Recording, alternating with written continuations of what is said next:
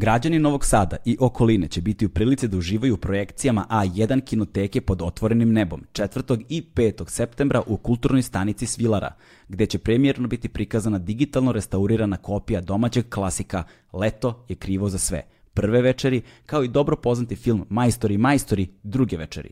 U slučaju vremenskih neprilika, projekcije će biti održane na istoj lokaciji u zatvorenom prostoru sada da predstavim moje sledeće goste. U pitanju su ljudi koje verujem veoma dobro znate, ljudi koji kreiraju jedan od najpopularnijih i vero, vrlo verovatno najznačajnijih sadržaja poslednjih nekoliko godina kod nas. U pitanju je naravno Newsnet, 24 minuta sa Zoranom Kesićem i od skora njihov podcast Newsnet podcast, a sa mnom su ovog dana gosti uh, Viktor Marković i Marko Dražić. Uživajte. Thank Hmm.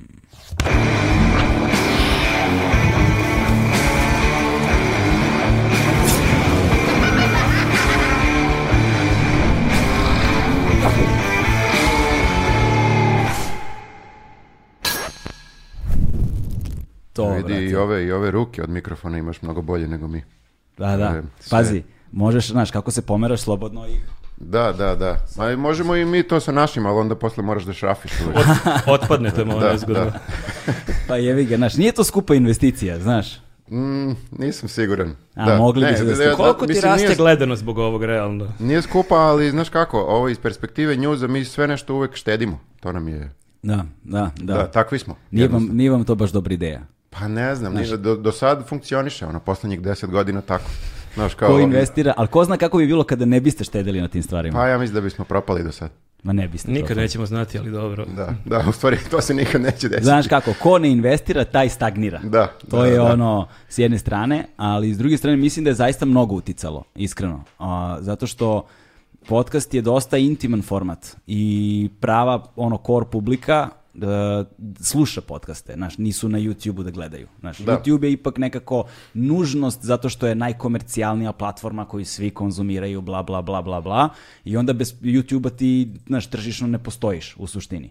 Ali core publika koja ima razvijenu kulturu slušanja podcasta, oni slušaju na aplikacijama. I mhm. onda ukoliko imaš dobar zvuk i ukoliko imaš sve što ti je neophodno da kad se gost pomera, šta god da radi, uvek ima mogućnost da ono bez ikakvog truda vrlo jednostavno ovaj, bude pri mikrofonu, onda nema mnogo zajebancije, konstantan je zvuk, ako naš, miluje te dok ga slušaš. Ne, neko ne u podcastima kad ljudi nemaju svest da ih mnogi slušaju, kad ono vidiš, kad on, ja slušam i onda shvataš da on u tom momentu rukama nešto objašnjava u čemu je fora, a ti to ne možeš da vidiš. A jeste, kao... ali baš će onda misli o tebi koji slušaš za vreme dok priča. Krajnje sebično, da, da. da. da.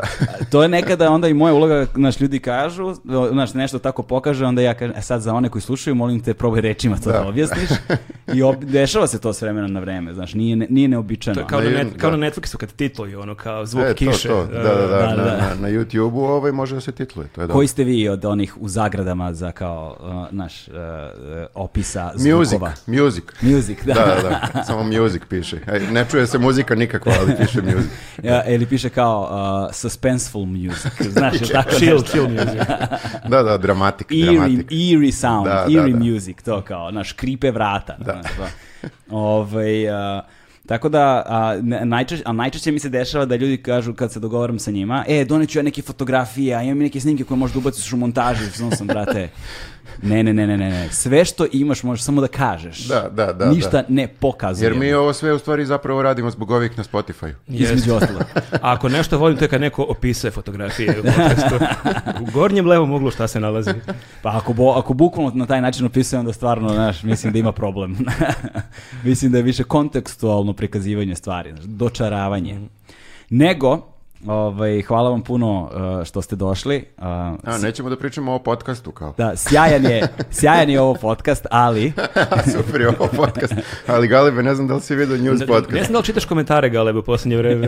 da, ba, pa da. Ne čitam komentare nikad. Znaš, mislim, kad kažem ne čitam komentare nikad, to sad ne znači da ono uh, neki komentar ne stigne do mene. To bi bila ono gnusna laž. Svako malo nar naravno što probije dođe, da li neko screenshot pa mi pošalje na Whatsapp, da li me neko od gostiju zove u u vašem slučaju je bilo, pričali smo, e, Nikola Vranjković me zvao, Aha, da, da. ne zvao, nego je poslao mi poruku na Whatsappu kao, Brate, šta je ovi... Na njega su naleteli komentari, na da, njega da, su naleteli. I mislim da je ovo dobra prilika da se mi javno izvinimo Nikoli Vrankoviću, on je tu bio... Kao ne Galebu, nego Vranković. Ne Galebu, Vranković. jer Vranković čita komentare, očigledno Galeb ne čita, jer je on tu ispao kolateralna šteta, zapravo to da, nije bilo da. ništa protiv njega, ali, ali da, šta se desilo? U, u News ima podcast i e, Viktor često zadaje neki zadatak za naše gledaoce i taj zadatak on nama nikad ne najavi, nego u trenutku kaže, e, ljudi, imam ideju i onda nešto ispriča i onda se mi šokiramo. Neki put i u na licu mesta smislim ideju, tako zato vam ne najavim. Ovo zvuči kao da si misli bukvalno 6 sekundi. Ne? Jesam. Da, da. da. I šta si rekao zapravo? Pa pozvao sam ljude,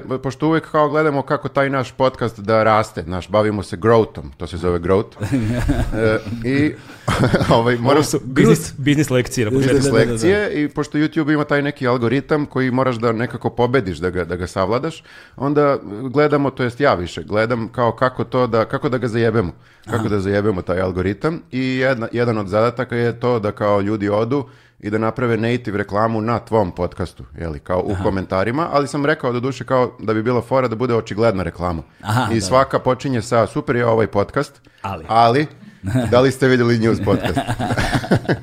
ovaj, a, Tako da, ali malo, je, malo se otrglo kontroli, u smislu nisam znao da će ljudi toliko da, da ostavljaju komentare. Ne, pa... Ja sam baš danas u kolima e, čitao baš te komentare na Vrankovićev gostovanji kao 90% komentara o njemu, pohvale, blockout i onda samo news podcast, news podcast, ljudi news podcast. Mislim, baš ovako van konteksta zvučiš šta je pobogu ovo, kao čemu je reč? Ne, em, em smo mogli, ovaj, em smo njega ovaj zbunili, em smo tebe mogli da iznerviramo, em smo nama mogli da napravimo antireklamu. Tako da u sledećem podcastu uh, smo zamolili ljude da ne ostavljaju nikakve komentare. Ali da pozovemo ovde sad ljude da ostaje komentare na vašem podcastu. E, može. Možda je to. Može, može. može. I, pa to je i bio jedan komentar isto, super je vaš podcast, ali ste gledali Agelast, a ali meni je, meni je super kako ljudi o, nisu do kraja ukapirali i onda su baš neki pitaju, ej, ali što vi ne volite Galeba? Mislim, ja da. je napisao, ne, stvarno, super je vaš podcast, ali ja stvarno volim i Galeba podcast, kao no hard feelings, kao pa daj, mi gotivimo da, Galeba, da. nije pojenta da ga napadnemo. Ne, ne, ne dobro je, ne, da, neki put, neki put ljudi ne skontaju foru, misle da kao ili moraš nešto da voliš ili da ne voliš, nema ono da. kao nekako...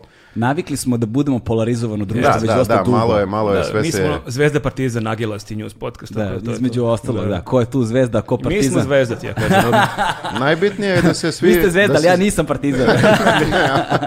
Ništa, ti si San Pauli.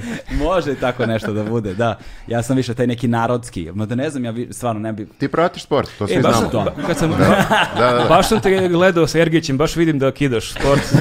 I imam i u ekipi jednog kolegu koji je isto stručnjak za sport. Što, gde, ne znam gdje. veliki, koliko si veliki stručnjak od 0 do 10? Ne, bukvalno tu sam negde na tvom nivou. Ja. E, ne, Najjači moment je bio... Gospodin čovjek. A, propos Viktorovog znanja sporta, e, Bobi Marjanović, koji je najviši naš igrač. Ne, ne upoznao sam ga, e, blejao sam sa njim. E, da, pa, da. e, jeste. Da, da, da, da čak se i trojke ste neke šutirali, sećam se. Jeste, imam fotografiju jednu sa Bobim Marjanovićem koja je ono spektakularna i evo sad kako ćemo dopišemo da fotografiju.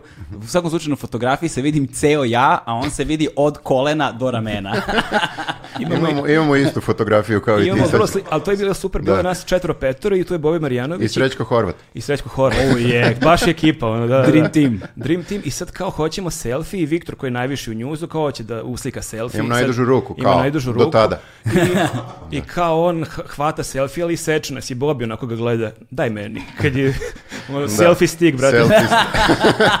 Tako da nas je baš lepo e, kadrirao. E, ali kako njemu stoji telefon u ruci? Ma šta kako mu stoji telefon, kako mu stoji moja ruka u njegovoj da, ruci? Jesi ti rukova s njim, znači meni je to bilo baš... Kao, nevjerojatno. jebote, koliko ja imam godina, jesam ja dete. Šta sam Znaš, ja ovo sad napipao, da, ali početak cele te priče, dok, znači, tad je Viktorović saznao ko je Bobi Marjanović, ali možda pola godine, godina dana ranije, kad Bobi dalje, najveća zvezda u zvezdi i čuveni košarkaš. Mi sad radimo... A on igra u zvezdi, ja? Igra u zvezdi, da, evo. Slično, slično pitanje, slično pitanje. Ja e, pričam tebi kao da skapiraš koliko Viktor nema pojma, ti kao još manje znaš. Ali par meseci ranije mi sa Kesićem pišemo emisiju i igrala zvezda neku Euroligu, ja upalim, kao ajde da bacim pogled na rezultat. I sad Viktor piše emisiju i Viktor na momentu, ljudi, ljudi, vi ste vi provali koliki je ovi čovek? Ljudi, bre, ko je ovo? Me kao, da, Viktor, to je Boje Marjanović. Ne, bre, ali on bukvalo ne skače. Da, Viktor, to je Boje Marjanović. Tad je bio još viši. Da, da. Sad se od skakanja u suko. smanjio se, smanjio Da, da. O, ja sam ga upoznao uh, kad smo putovali po Americi, snimali nešto i u Detroitu smo bili radili intervju sa njime i, ovaj, i onda sećam se kad smo se nas dvojice dogovarali, bio sam u zonu, brate, ja ne znam ništa o sportu, on rekao, zonu, nema ja nije, nije, nije, nije pričam ništa o sportu i onda me zamolio, samo ne mi posleš, molim neka pametna pitanja. Znači, ja sam bio pozvano tebra, ne znam ni šta bi te, ne znam ni šta bi te pitao, pa smo imali neki razgovor, bilo je to ovaj, simpatično, ali on je u to vreme snimao Uh, John Wick. Za John Wicka, da, da, da, mm, da, da John da, Wicka, da. da, ta scena mi je bila popularna. Dobra je scena, da, da, da. Ali ja sam zapravo upoznao, sad je, evo, jedna sportska referenca neočekivana s moje Aha. strane, ovaj, čoveka koji je viši od Bobana Marjanovića, kojim kada sam se rukovao, sad ok, ja sam bio i mlađi dosta i taj... Niži si bio. U, u, da, niži. Da. Pa možda i jesam, bilo je davno, bilo 2005. Znaš, možda i je. Sad, kad se završava rast? S koliko godina? Pa individualno, ja mislim. Ali ako je 2005, je to je Yao Ming možda? Jeste, Yao Minga sam upoznao, da. Vidi ga ovaj, ovaj kako zna po godinama. Da, da, ja, da. Bila je ona neka dijamantska liga, ali tako ne, ne, Diamond Ball, tako nešto se zove, jel da? Mhm. I to je bilo nešto kao nezvanično otvaranje. To čak bila 2004. Da sad to je bilo nezvanično otvaranje Beogradske arene. Sviđa mi se što mene pitaš, kao gledaš mene i kao, je tako pa, se zvala? Ne, kad, Dijamantska liga? Da. Pa ne, Briljanska liga se zvala. Pazi, platinasta liga. E, liga cinka i bakra. ovaj, Uh, um, to je bilo neko, bilo, bilo su dva događaja negde u to vreme. Mislim da je 2005. jer je bio i koncert Phil Collinsa nakon toga, čini mi se. A, mislim da su bile pripreme za Tino 2004. ali ne moramo se posvađamo oko da, toga. Da, da, da, da, da, da, da. To je, pazi, nisam ja, nisam u ja. U svakom slučaju bio si mali, to ćeš da, da U svakom slučaju da, bio, bili smo tamo i imao sam neku, nek, neku, neku gotivnu propusnicu jer nam je Ribok bio sponzor, a, a dolazio je taj američki Dream Team i bili su svi ovi neki, uh, um, kako se zove, kako se zove, uh, sad ću ti reći, taj, ne, ko je tada je bio, baš je... Iver, me, baš je Iverson me, Jeste, bravo, Alan Iverson, taj je, taj Njega je bio. pitaj sve. Da, da, da. Znači, da. Nemoj mene da gledaš ne, uopšte ne, ne, gledam, u slobodno da, mogu da, da. snimatelji da, da. mogu da. sad da me snimaju Viktora uopšte. Ono. Ovaj, I onda smo bili tu na terenu i bleli se i onda sam upoznao Jao Mingana na, na nekom treningu, nemam pojma šta je bilo, bio sam ono, te vidi jogor, taka koliki je. Znači to bukvalno nije realno. Što ne igra košarku, vidi ga koliki je. Ne, nego, znaš, ja sam u fazonu mi jedno da smo ljudsko biće, znaš, da, ono, da, i da, on da, i ja da. smo ljudsko biće jebo se, razumiješ? Da, da, kao da ste psi, ono različite, ista, da, ista da, rasa, pa skroz. Kao psi smo, ali to se završava i sve sličnosti između nas dvojice. I jebote, rukom sa čovjekom i njegova šaka mi je došla fazon do pola podlaktice. Jer... Da, tad nije bilo još selfije. Zamislite s njim kad bi on snimao selfie, kako bi to bilo. Iskustvo. To je još najluđe što je on kinez. Jer kinezi su obično, gledaš ih tako. Da, ali ih ima... Ali... Sam si ovome. Sad se čupaju, znate, kako znaš i ono. Ovo je ko sluša Viktor rekao. Ove, ovaj, pazi, im, im, ima ih u Kini ono, više od dve milijarde, evo te, znaš kao... Naš, Znam, ali kao... Koliko, znaš koja je hoće da imaš najvišeg i najnižeg čovjeka na svetu, vrlo verovatno tamo. Pa ne znam, nisam nikad tako posmatrao. A ko je, zašto smo mi onda sportska nacija? ne znam da li smo mm? sportska nacija. Ali ja volim slušam razgovor Galebe i Viktora o sportu, ja bih volio da ceo podcast sva dvojica pričate. Nas ima, nas ima tipa, koliko nas ima? Jedno, koliko, koliko hoćeš? Koga, koji znamo sport? Ne. Ovako vrsnih poznavalaca. Mhm. Srba i građana Srbije. Ima nas uh, ne, ali imaš ono teoriju desetak s, miliona. Svaki Srbi misli da može bude selektor. Ja mislim da sam sa dvojicom trenutno koji to ne misli i to je skroz okej. Okay. Kako ne, ne. selektor? Ja ne znam ni šta selektor radi. Šta je selektor? Ali šanse su 50-50 da bismo mi bili bolji selektor od ovih sad. Čekaj, pitanje, šta selektor radi? Selektor Selektuje ekipu, da. A samo to. I kao tu se završava. Pa on je kao trener, ali faktički on ne trenira s njima svaki dan, nego se oni okupe na 3-4 dana i onda on kaže ti, ti, ti igraš i smisli. I da dobija platu za to. Dražić je mislio da ćemo pričati o njuzu danas. Ljudi, ja, ja, nisam, ja nisam učio sad ove lekcije, sad šta je Ne, ne, ozbiljno, ne, mislim kao uh, uh, selektor dođe i kao, kao, Oni... ko u osnovnoj školi, ti, ti kao... Znaš... Ali malo postavi i neku strategiju, znaš, Aha. imaš 4-4-2, imaš 4 3 1 Do Beograda, do Beograda. Plus golman, je li tako? Četiri, četiri, jeste put golmana. E, to ti kažem. Da. Pazi, i da. on je morao da, da radi. E, to ti sve selektor radi. Za golmana nemaš neku veliku taktiku fazone stani na goli brani. A to ti to misliš? Zato Ali... nisam selektor. Debra, ja kad sam prvi put video kako ovaj pravi futbolski gol izgleda, ono kad sam mu se, ja sam ono kako ovde bilo ko bilo šta brani. Da, to bi mogao jedino Jao, Jao Ming da brani. To je baš uh, nevjerovatno saznanje kad si klinac i kad shvatiš da je gol 7,5 metara, a da je penal 11 metara. I kad ti u školskom dvorištu vidiš i kao nema šanse. Kao. Ne, Znači, ka, kako se ovo brani? Znači, ja sam bukvalno u fazonu da mogu mu reći da šutnem loptu i kao, znaš, niko je nikad neće odbraniti kad je penal u pitanju. Meni je i koš isto fascinantan, koliko je visok. Da, je. Koliko je visok znaš koš? šta je, 3.05 e, je visok, ali veća e, stvar kod koša koja je meni potpuno bila fascinantna, je što ljudi ne shvataju iz te udaljenosti da tačno dve lopte mogu da prođe. A, ti kad da, gledaš da, da, onda koš ve, veći jedva, za možda 20%. Da, da, da. ne, aha, bukvalno dve košarkaške lopte mogu da prođe i onda si u fazonu kako iko promaši trojku. Znaš, ono, to je da. sad ona matematička načina. Jedan puta koš, jednako dva puta prečnik, znaš to, kao obima lop, obim lopte, ovo ono. Ja u, ja u igrici mogu da zakucam, ovako ne mogu uopšte. Ja ne, ne nisam nikad igrao igricu sa loptom. No, ono, da, da, da, To. Ne, potpuno, ogromna je razlika. Jel da? Baš je ono. da, da. Ma da se preznaviš isto kao i kad trčiš. No? ovaj, a, zašto je koš 3.05? pa... Ovo je sad poslije kefalice. da, da, da, da, da. Uh, pa morali su se dogovore oko neke visine da bude dovoljno visok, a opet ne previše visok. I to je kao 3.05. E, ali vidi, Šta je na primjer, 0 fucking 3.05 je od uvek bilo, je li tako? Me, trojku su menjali, bilo je šest... Još iz antičkog vremena. Da. da, da, da, da još prv, prva olimpijada kad su igrali goli sa kamenom. Kad je Platon šutirao trojke, isto je bilo 3 da. da. To je fiksno, to je uvek 3 a da. trojku su uh, povećali.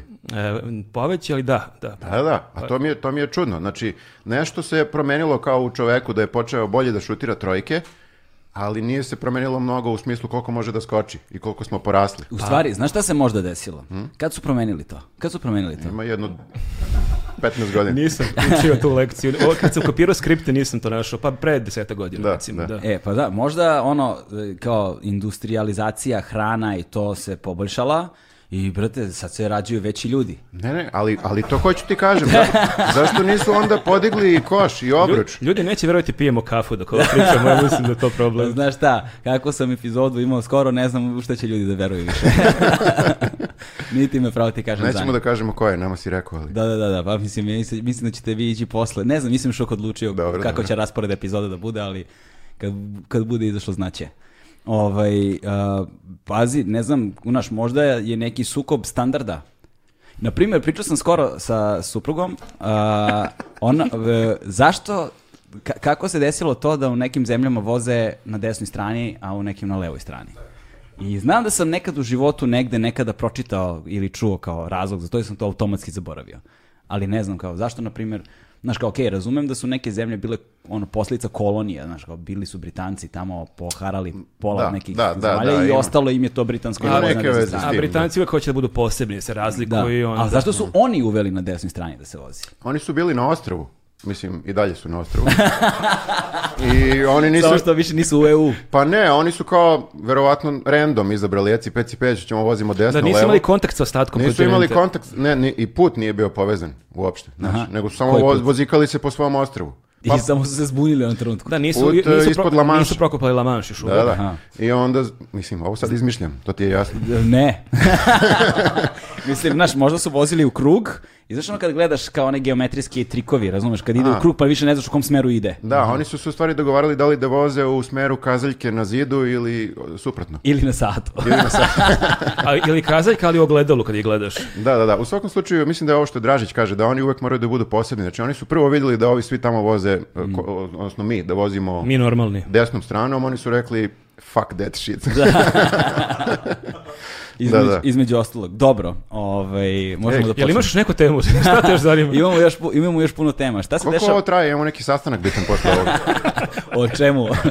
ne možemo da kažemo zato što je NDA. Da, to, Ali, sa selektorom neke reprezentacije.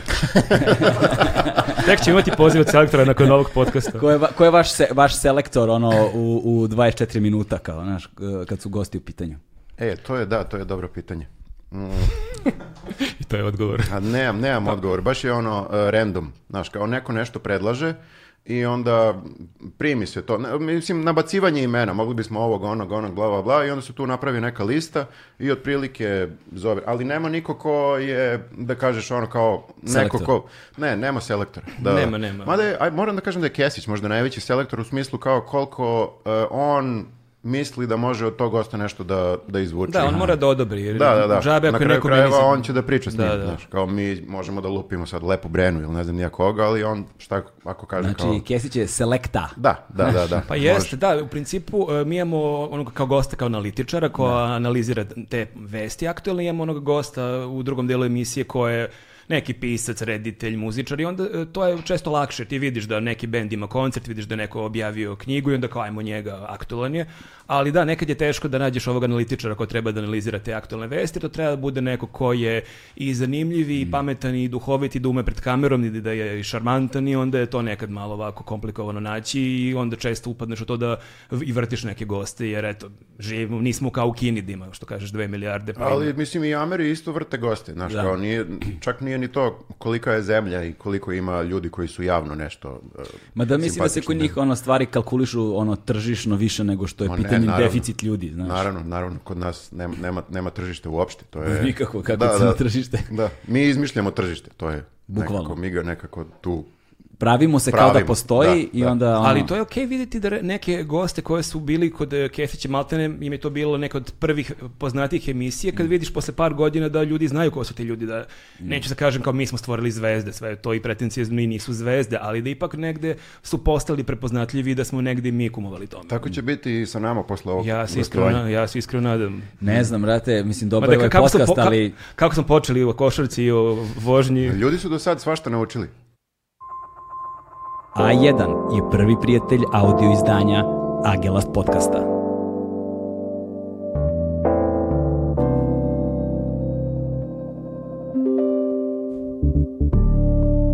To je tačno. Da, da, da, pa da. pazi, siguran sam da je neko nešto, e, ja jesam. Kad nešto ne znaš, što je, mi videli u našem podcastu, kao što ne znam ovo, zašto vozu engleskoj sa leve strane, uvek možeš da kažeš da ljudi u komentarima pišu. I onda, Ali onda moraš da čitaš komentare. Ne moraš uopšte, ali se oni prime kada imate Tako se kaže samo. A, Znaš, napišite to. u komentarima šta vi mislite. I onda ljudi vole da misle. Dobro, dobro, da, ali sad vaš posao je s te strane dosta ne, nezahvalniji, mislim, sad zavisi kako kome u suštini šta kome odgovara i na koji način.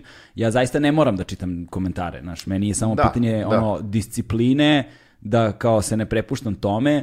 Nekad su ljudi skeptični prema prema tome kao, kao kako ne uspevaš da ne čitaš, ali zaboravljaju da sam ono u medijima baš strašno dugo i da sam se izdresirao da ih ne čitam još pre ono kad se pojavili.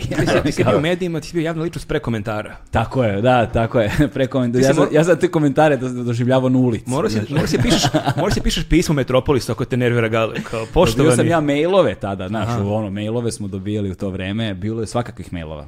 Stvarno svega i svačega bilo, znaš. Da, a mi smo se rodili ono kad su već postojali komentari, u smislu news. Aha, da, već da. bili, malo smo i ono, ne malo, nego i dan danas e, nam je tu ono neka inspiracija, nešto mm. nađeš u komentaru, neke, vidiš neke trendove, šta ljudi misle o ovome, onome i onda, da, moramo Vrate, da čitamo komentare. Stvarno, ja kad, da, ja kad, kad smo mi radili to tih prvih nekoliko godina, dakle, kad se YouTube pojavio, 2005. tako nešto? Šeste, da. Šeste, a da. Facebook 2007.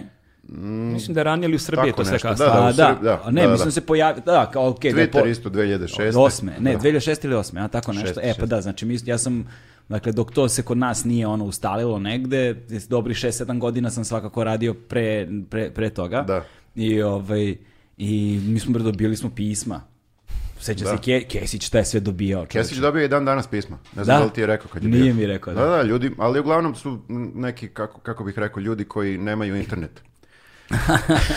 Kakav eufemizam. da, da, da, ajde tako da kažemo. Da. Ljudi koji nisu čuli za internet. Da. da, da, pa sad kao zamisli koji su to ljudi koji mu e, rukom šalju pisma i crteže koji su jako problematični. Zaista? Da, da, isto, rukom crtani crteži. Da, pa, da. da. Nisu, de, nisu deca crtala, nisu deca. Ne, ne, ne, nisu Pošto deca. deca ne crtaju rukama. ne. Svi se bave web dizajnom danas, nema. A, kao da, ti misliš na to, da, jel, a, ti što, viš da mi to nije palo u jednom jednom trenutku. Ali, znaš šta je fora, mislim, što kad je reč o komentarima, e, mi čitamo komentari zato što su komentari od starta bili nekako sastavni deo njuza, jer mm. kad je mm. njuzi krenuo 2010. 11. godine, mi napišemo tekst koji ima neku vrednost, neku mm. težinu, neki humor, ali je dodatak na taj tekst su bili komentari, jer si ti uvek, pogotovo u početku, ima one ljude koji misle da je ta vest istinita, pa se onda oni šokiraju, pa imaš one ljude koji im objašnjavaju da su idioti što su poverovali da je to, pa imaš one ljude koji ih troluju, tako da je nekako, da. taj tekst je nastavljao život kroz komentare, tako da smo mi onda od starta navikli da čitamo komentare, pa i sad kad imamo moj podcast. Da, i to, to ima veze s tim što smo uh, krenuli da rastemo, odnosno nastali, onda kad je internet nekako se već uh, e, zahukta šetao koliko da. toliko.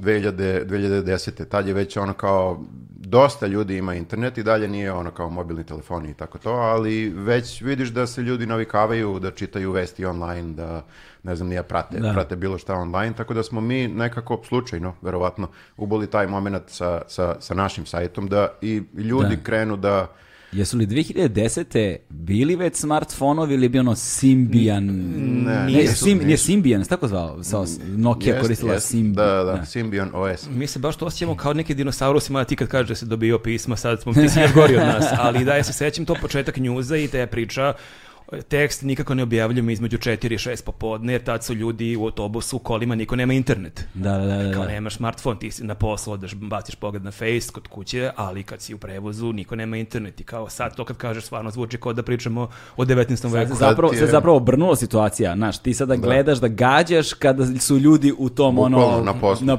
putuju, da, putuju od kuće do posla, da, da, da. obrnuto. Da. Na gazeli, ono, neko, pa to. ono, kolapsi je, čitaš, ono, znaš. Ta ti je, ta ti je bilo, ne znam da li znaš, ali ali trojka je bila tada 6-15. 6.25 Viktor. 6.25. Mm -hmm. A koliko, koliko? jebi ga, propade mi fora. A baš sam, baš sam, sam ovaj ciljao. zvučno jako stručno, Baš. Yeah, a? Znaš šta, imao si samopouzdanje nekoga ko zna.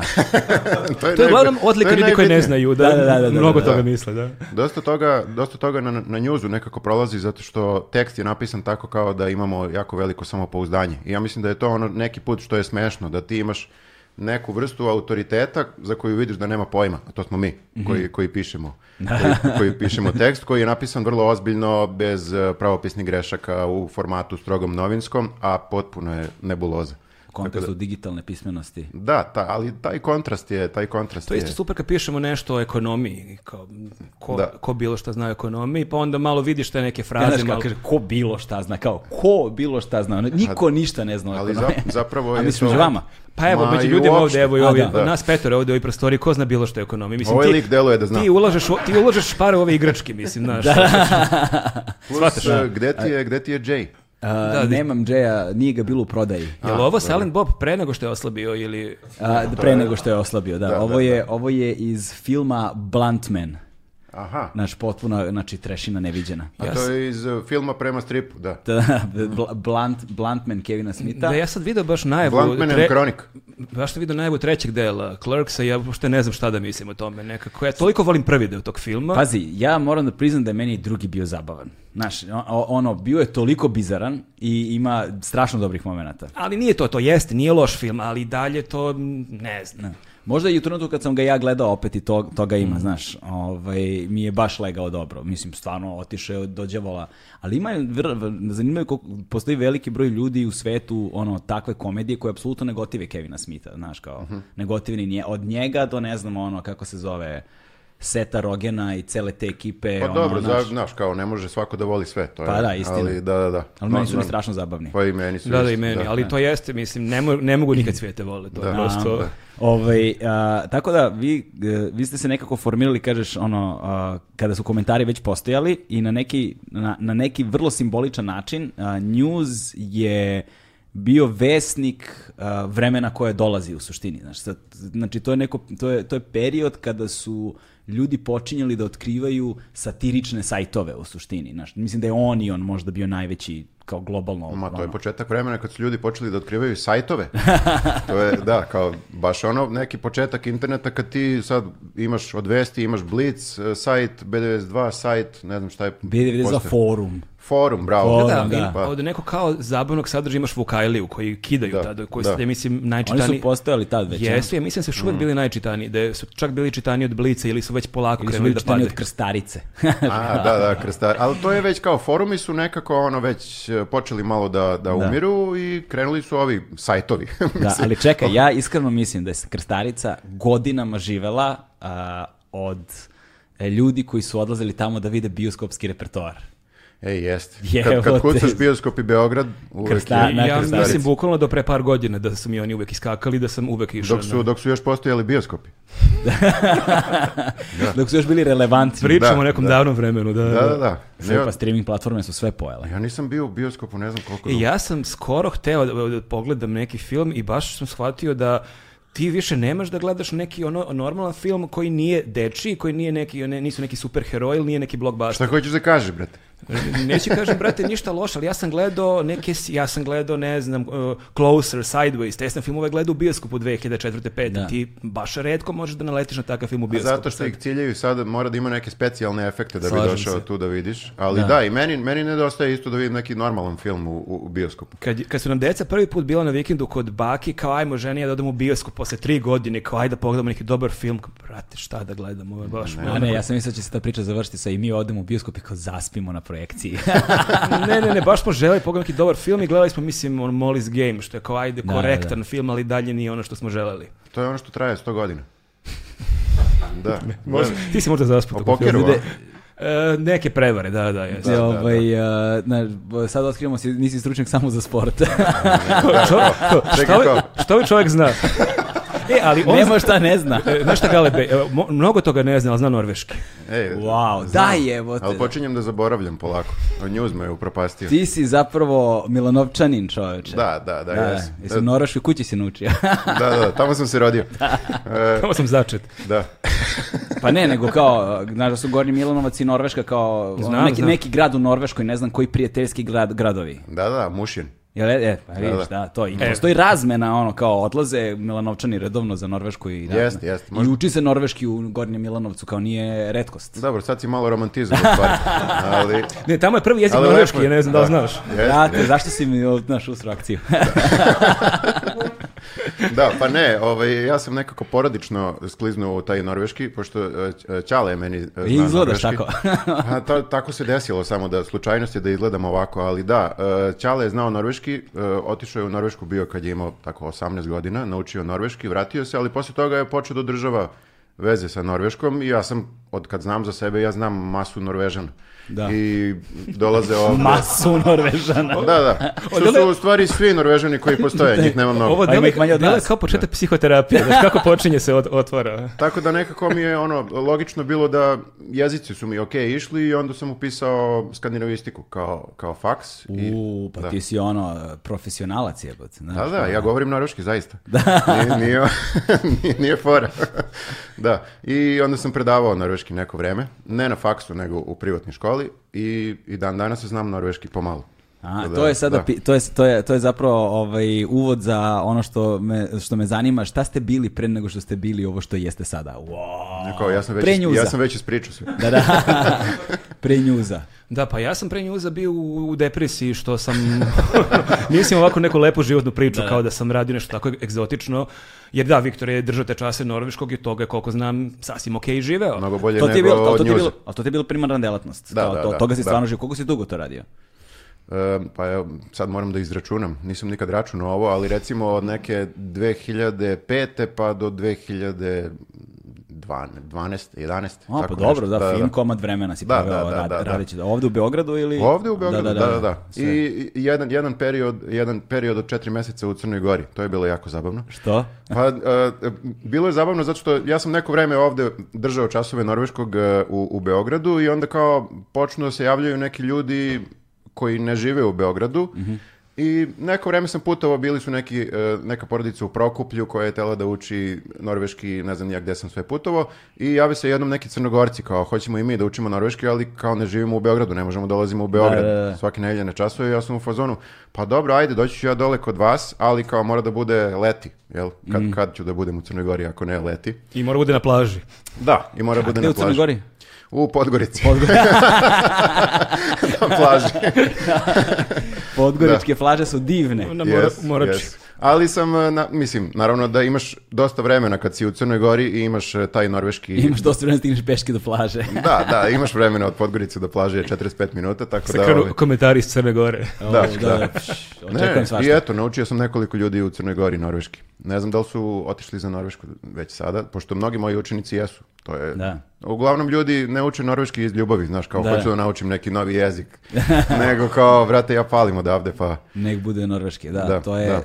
Ovaj, a ti? Uh, ja sam... Uh, osim depresije, osim odnosno zbog čega si bio u depresiji? Dobro, pa nije depresija prejaka reč, ali da, radio sam uh, u Blicu i... ok, sve je jasno. jasno, da da, da, da, da. Da, kako si prošao tu Ringier školu, Jeste, mali si ti prošao tu Ringier školu, ti si došao u startu na jednu dobru poziciju. Ja sam baš bio onako na dnu te piramide, tako da to onda... Da. Ne znam stvari šta je gore. Da li gore imati finu platu pa biti pod mnogo većim stresom ili ima, biti pod manjim stresom i onako biti baš nebitan. Zavisi pre svega od toga ono, kakav si čovek i šta su ti ciljevi u životu. Znaš, mislim da je nezavidna pozicija pozicija koju si ti bio zato što bez obzira kogo da šta god da ta pozicija je nezavidna. Znaš, prosto jeste. A pozicija na kojoj sam ja bio uh, je za veliki broj ljudi koji se na to lože sjajno mesto da naprave nešto u životu. Pa to je sigurno znaš. mnogima koji su bili na mojoj poziciji je san da jednog dana budu urednici nekog portala tu. Pa ne znam iskreno, znaš, maš, iskreno, iskreno ne znam. E, dok ja nisam po prvi put u životu dobio ono uredničke uh, odgovornosti koje on, on pozicije koje nose sa sobom tu vrstu odgovornosti a nisam imao svest o tome šta zapravo znači biti na toj poziciji. Ti možda, da možda ti... i tebi bio san da budeš na njegovoj poziciji da moderiraš komentare. Uf, jebote, da, obrati. Nisam od... Ne, ne, ne, molim te, nisam bio... Ne, to ti je... Ne, moment, okay, moment. nisam znao si to radio. Nisam to e, radio. ja, ja volim da ga zezam za to.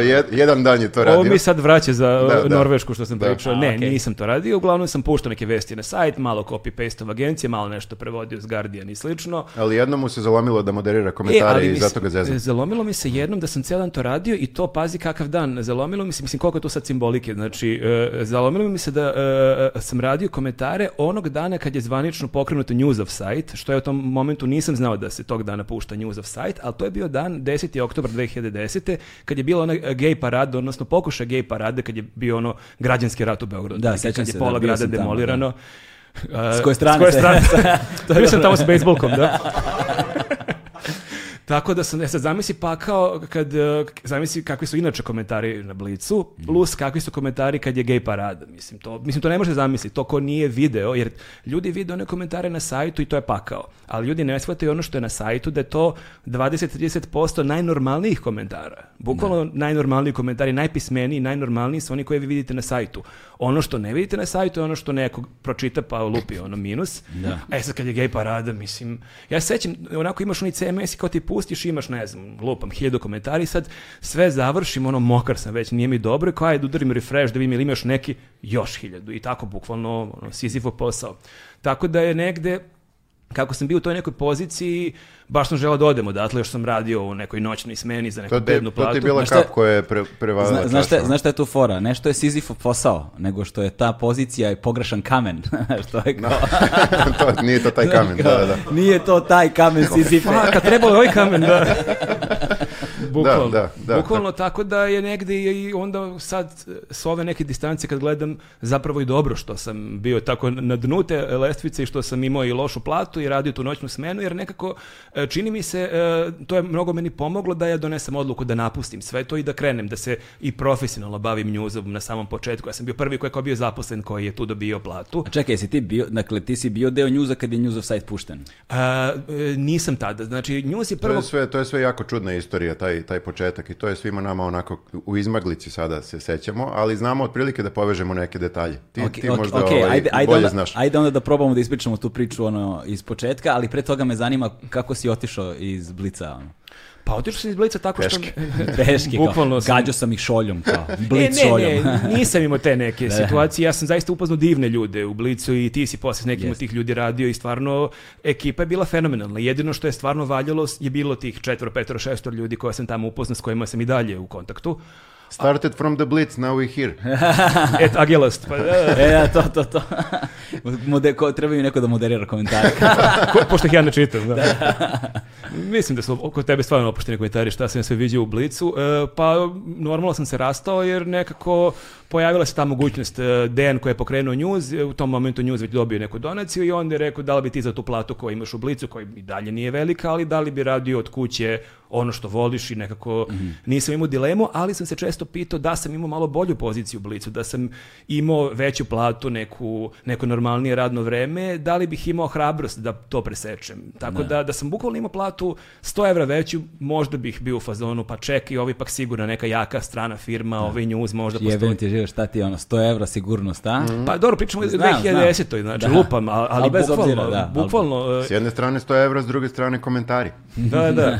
Tako da je neka stvarno onako u životu čak nekad možda i dobro biti baš jako, jako nezadovoljan poslom, jer ti onda bude mnogo lakše da se upustiš u neki rizik. I to može da bude zapravo jedno pravilo koje se preslikava na svakodnevni život. Znaš, ljudima je loše, ali kao da, znaš, sad, ono, pod opasnošću da zvučim grozno, kao da im nije dovoljno loše da preseku, nego taman Italijani imaju toliko da se trude da to malo sačuvaju. Mm. Znaš, i onda se nalaze u nekom stalnom uh, stanju ono ne, nepromenljivosti. Znaš, ne, znaš, imam utisak da sve promene koje su se dešavale promene, mislim sad znamo kolike su te promene bile i da li su uopšte bile promene, ali kad god se dešavao, neka, kad se god se generisala zaista nekakva kritična masa koja je bila spremna nešto da uradi, dešavalo se kada ljudi nisu imali apsolutno ništa.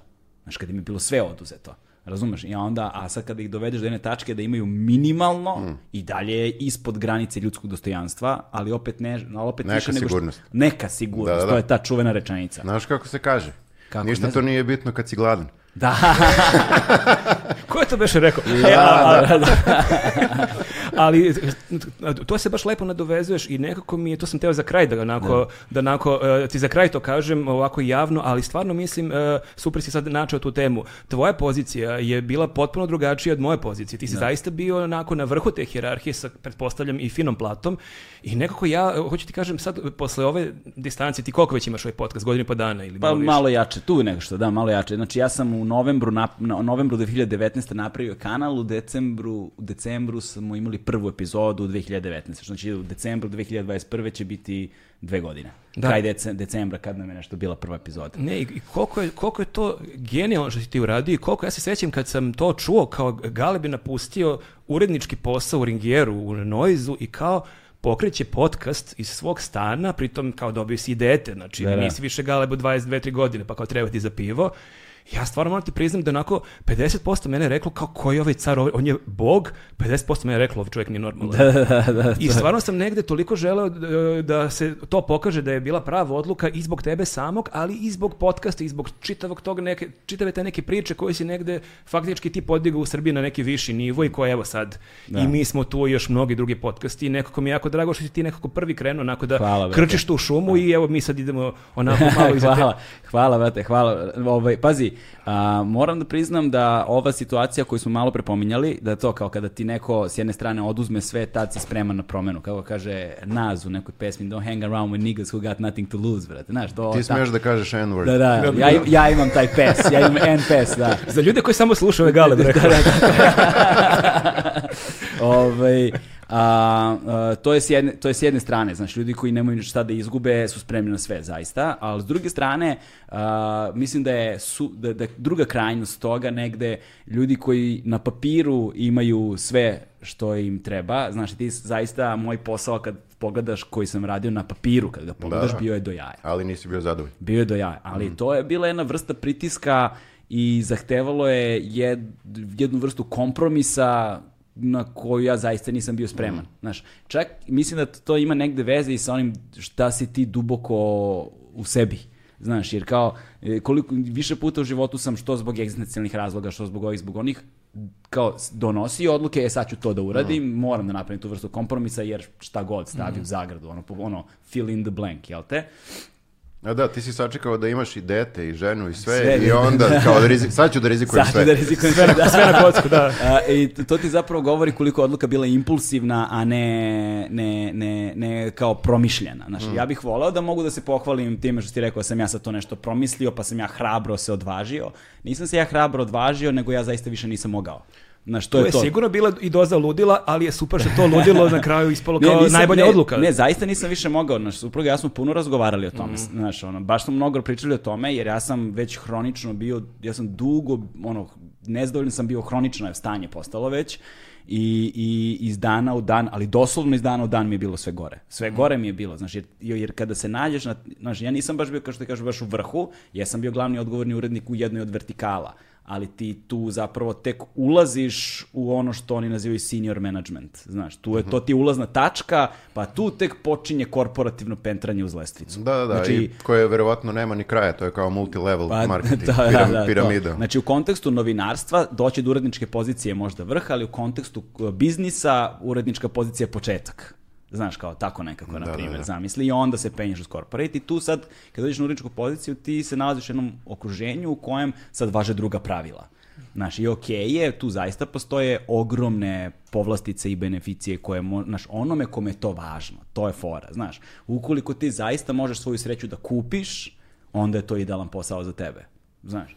Ali ukoliko se vodiš bilo čime drugim, i ole, ono, imaš drugačiju vrstu kompasa, onda je ovo nešto što se samo okrene protiv tebe. Misliš da ne bi mogao svako ko je sada urednik da ih pozovemo da prekinu sa tim i da dođu da naprave svoj podcast? pa to već ne znam, znaš, to već ne znam, to već da, ne znam, ali da. sam siguran, siguran sam da postoji ogroman broj ljudi na uredničkim pozicijama kojima nije lako. Da, da, pa ne, ja sam ona... siguran da nikom nije lako, ali kao ko može sad da kaže ja ću da probam nešto drugo, odnosno probat pa ću, pa ne probat ću nešto sam, to je ipak je rizik. Pa Međutim, pa jeste rizik, ali kažem da. ti, nije bio kalkulisan rizik u tom kontekstu, da, znaš da, da sam da. ja nešto, znaš, ja sam samo, ja sam, ono, bilo je, znaš, alternativa je bila još gora. Mm. To je fora. Ali da si kalkulisao, da si racionalno probao da vagaš pitanje da bi ikad Da, e, verovatno ne bih. Jer ja sam da zapravo dugo vagao. Znači, ja sam i pre Ringijera vagao. Ja sam dugo mislio i nikako da se odvažim. Saću, saću, sutra ću za dva meseca. Ajde sačekam do kraja godine pa da vidim sledeće godine. I tako dalje. I to se onda nikako da se desi, mm. nikako da se desi, nikako da se desi. I onda izgleda da je bilo potrebno ovo što me baš gurnulo preko ivice i onda sam me ono, bio ono, znači, do or die, znaš, sad ili nikad, znači, nema, nema, nema šta. Tako da to je, to je poruka svima, kao stavite sve na kocku. pa ne mogu kažem stavite sve na kocku, ali... Šta je najgore što može da se desiti? ali, ali rizik jeste sastavni deo napretka. Da. Znaš, I New jeste. Pa jeste, mislim, jeste. Da. znaš, ti moraš da doneseš odluku i da u nekom trenutku kreneš. S tim što je lakše rizikovati kada e, imaš manje da izgubiš i kad si u nekim godinama da prosto nije sve na tebi, da si samo, da samo tvoj život na tebi, to kad kreneš da imaš i porodicu, kad si podstanar, je to je već da, da, mnogo da, teži, zato meni ta tvoja odluka bila još onako da. i za veće poštovanje i za već, veći prst na čelo. to, ali znaš šta je, ali znaš šta je bilo, znaš, ali, ali, zanimljivo je, recimo, a, ja, znaš šta je tu još dodatno gore bilo, pošto sam ja kao ne, ne znajući da li će od podcasta išta biti i ovi drugari koji ra rade... Te koji nisu, te koji da, nisu normalni. Ne, Voja, Voja, si, Voja si Marko, Marko je tu od početka, Voja se pridružio, jel Kesić baš bio prva epizoda koji si radio, a? Da, da, sa Kesićem je, pošto on, on, je, on je uh, gledao, slušao podcast i bio fazonu Tebra za, sa startova me u knjižari. Tebra ništa te ne čujem. Ne, Tebra, tebra ništa te ne vidim. Ako pogledate prve epizode, shvatit ćete u kom trenutku je Vojas došao. Kao samo je ovaj, neko pomerio kameru malo levo. samo je neko kao sklonio, sklonio svetlo, kaže ne možeš da stojiš ispred svetla, budalo jednaka u sen, znaš, praviš sebi ono kontra. Da, da, on u stvari sve vreme drži kameru da ne da, padne. Da, da, to, da, između ostalo, kao, znaš, i, ni, kao u fokusu sam i vidi se gost. Ne? I nije naranđasto sve. Ovaj, a, a, ja sam kao pristao gomilu nekih tezgi, znaš, kao sad, pošto sta, mene su i ranije stalno zvali za neke tako komercijalne tezge, ja to sve uglavnom odbijem, šta ću ja tamo, ne znam ništa bih radio, ne, ne znači mi te pare ništa, s obzirom na to kakav je posao, ali ja sam kao pristao, eto, znaš, to je bio kompromis. Sad ću pristati 6-7 tezgi koje su jako dobro plaćene, da ja zgrnem neku lovu, da mogu, na primjer, prvi šest meseci da premostim, dok, eto, ako, se ovo, ako ovo ne uspe, nađem neki posao. Hmm. Ovaj, ja 31. januara dam otkaz, 31. januara tačko, tačno dam otkaz. Ovaj, a, i Odeš da, na bolovanje? Ne, ne, ne, nisam išao na bolovanje jer mi je tad išao bio probni ugovor. Tako a, da nisam dobro, morao... Dobro. Na sve su mislili. Pa znaš šta je fora, probni ugovor ti je šest meseci, ukoliko uđeš u šesti mesec, ugovor postaje trajni i onda ne znam, otkazni rok mi je bio nešto 120 dana, nemam pojma. Mm -hmm. I onda sam bio fuzon, a ovako ako si dan pre šest meseci, onda ti je 48 sati ono, da se da, pokupiš da, da, da. prnji da odeš, ne moraš nikome ništa, razumeš. Mm -hmm. I, ovaj, i ja 31. dam otkaz, to je bio, ja mislim, petak i u ponedeljak eh, je već bio koji drugi, treći februar ovaj, i u februaru korona, vrat. I kako je bila korona, oni otkažu, sve tezge mi otkažu, znaš, mm. otkažu mi sve tezge, ušteđevine, malo što smo imali, ovaj, za 20 godina rada u medijima ostalo mi je par hiljada evra od svadbe. Sam kupio ove mikrofone i to što vidiš. A pa I... dobro, bitno je dobro, da. se, dobro se oženiti. Znači, da, o, o, da, da. o, ovi su mikrofoni miraz. Zapravo. Da, da, miraz, tako. Jeste. Pazi, ali ja sam recimo od uh, Njuzavac i Kesića sam za svadbu dobio između ostalog jedan veliki usisivač koji su onako oni otvorili i onda su ga umotali u neke maše, tako su ga vukli njih desetora. Tako jel, da bi... jel, jel barem ono Kirby? Najjeftiniji, bukvalno ono 3000. Fora je bilo samo da ga umotamo tako da se odmah vidi da je usisivač. Aha, aha. Znaš, kao crevo je bilo umotano isto, da, da, da, da se vidi da je crevo. I sve, sve, da, da. Kao, šta li je ovo? Ali bi bilo bolje još da, kad si ti ženi, onako da su ljudi donosili ove stalke mikrofone. To, to, to, to. Eto, sad znate ljudi, rock čeka rođendan kad bude. Ovaj, i, I onda se desilo, nemam posao, a, nemam ušteđevinu i kao nemam tezge, znaš, i, i kao imam samo podcast i razvlačim jednom nedeljno stvari I, i onda otvoriš sobi. profil na OnlyFansu. Bukvalno, brate. Da, da, to je i onda mi umre bogati ujak i ostavi mi milion da, da, da, da, Tako da u martu i aprilu 2020. godine je ono, živjeli smo od mm. ženine plate, znaš, ono, plaćali kiriju toga, kao stavili su oni moratorijum na kredite, jel te, plaćam kredit za Fijata, pa kao, znaš, kao, nisam imao tih 120 evra mesečno, razumeš, kao plaćam, o, da, da, plaćam, da. pla, stavili moratorijum na kredite, a, pošto je bio lockdown, dete nije išlo vrtić, pa nismo plaćali vrtić, znaš, kao... Ti si baš profitirao te profit, znaš, samo sam gledao šta se, e, znaš, gazdarica nam, vrate, nije, ovaj, nije, nam, nije nam skinula kiriju, kiriju smo morali da plaćamo, Aha. tako da taj te, teret pao, ali imali smo za dve kirije, jer je dete tu bio prvi rođendan, pa smo od toga plaćali kiriju. Tako da svi ovi prvi gosti u podcastu, oni ništa nisu dobili para. Koliko mi dobijamo? ne, ne, prvi gosti su plaćali 100 evra da dođe kod gada. to, to, to, to, to, to, to, to, to, podcasta, to, hvala. Da, da, da, Tom Ke, Sawyer faza. Od Kesića sam dobio da. šolju. Eto, to vredi, znaš koliko? Šš, sa, je, sa autogramom. Ako je on pio iz te šolje, to probi da, da to prodaš. To bilo u emisiji, ta šolja. Jeste. E, pa to ti, to ti vredi. Inače, da. ove ostale neke kopije i tako to. Ništa. Ni, mislim, znaš, kao vrede 500 kinti, ali... Da, da. Tako da, zaista, i onda smo napravili, i, uh, pa sam, onda sam napravio Patreon i tu sam zaista zahvalan svim ljudima koji nas podržavaju na Patreonu, oni su nas bukvalno ono, spasili uh, i uh, naravno, kada je krenuo lockdown, ne, gomila ono, brendova koji se bavi eventima i tako dalje, ukinuli su im eventa, ostali mi neka lova, tako je, i onda su me, me zvali automatski kao Red Bull me tako zvao i oni su tu od početka i bukvalno, ono kako se kaže, noć je najmračnija pred cvitanje, razumeš, bukvalno kad je bilo najgore, bum, u sedam dana se sve razrešilo u aprilu prošle godine i vrate sad sam ono, ja, znaš, da, znaš da ja i dalje, dan danas, se budim i kao ne mogu da verujem da ne moram da idem na posao. Znaš, to mi je posebno, ne mogu se dalje navikam da mi je ponedljak isti kao nedelja ili subota ili kao da mi je, znaš, sve jedno mi je potpuno. Da, da, da, pa dobro, ali posao ti je daleko od... Da, da, da, od zove sobe. Juče sam recimo odspavao i ustao sam kad je Kako došao i da prešao sam u sobu. Trotinetom. A ti to 100% prije ili ti malo nedostaje da ipak vidiš kolege tu i tamo? Ne, nedostaje mi uopšte. Kako, koje sam ja kolege imao? Znači, ne, ne, ne, ne, pazi.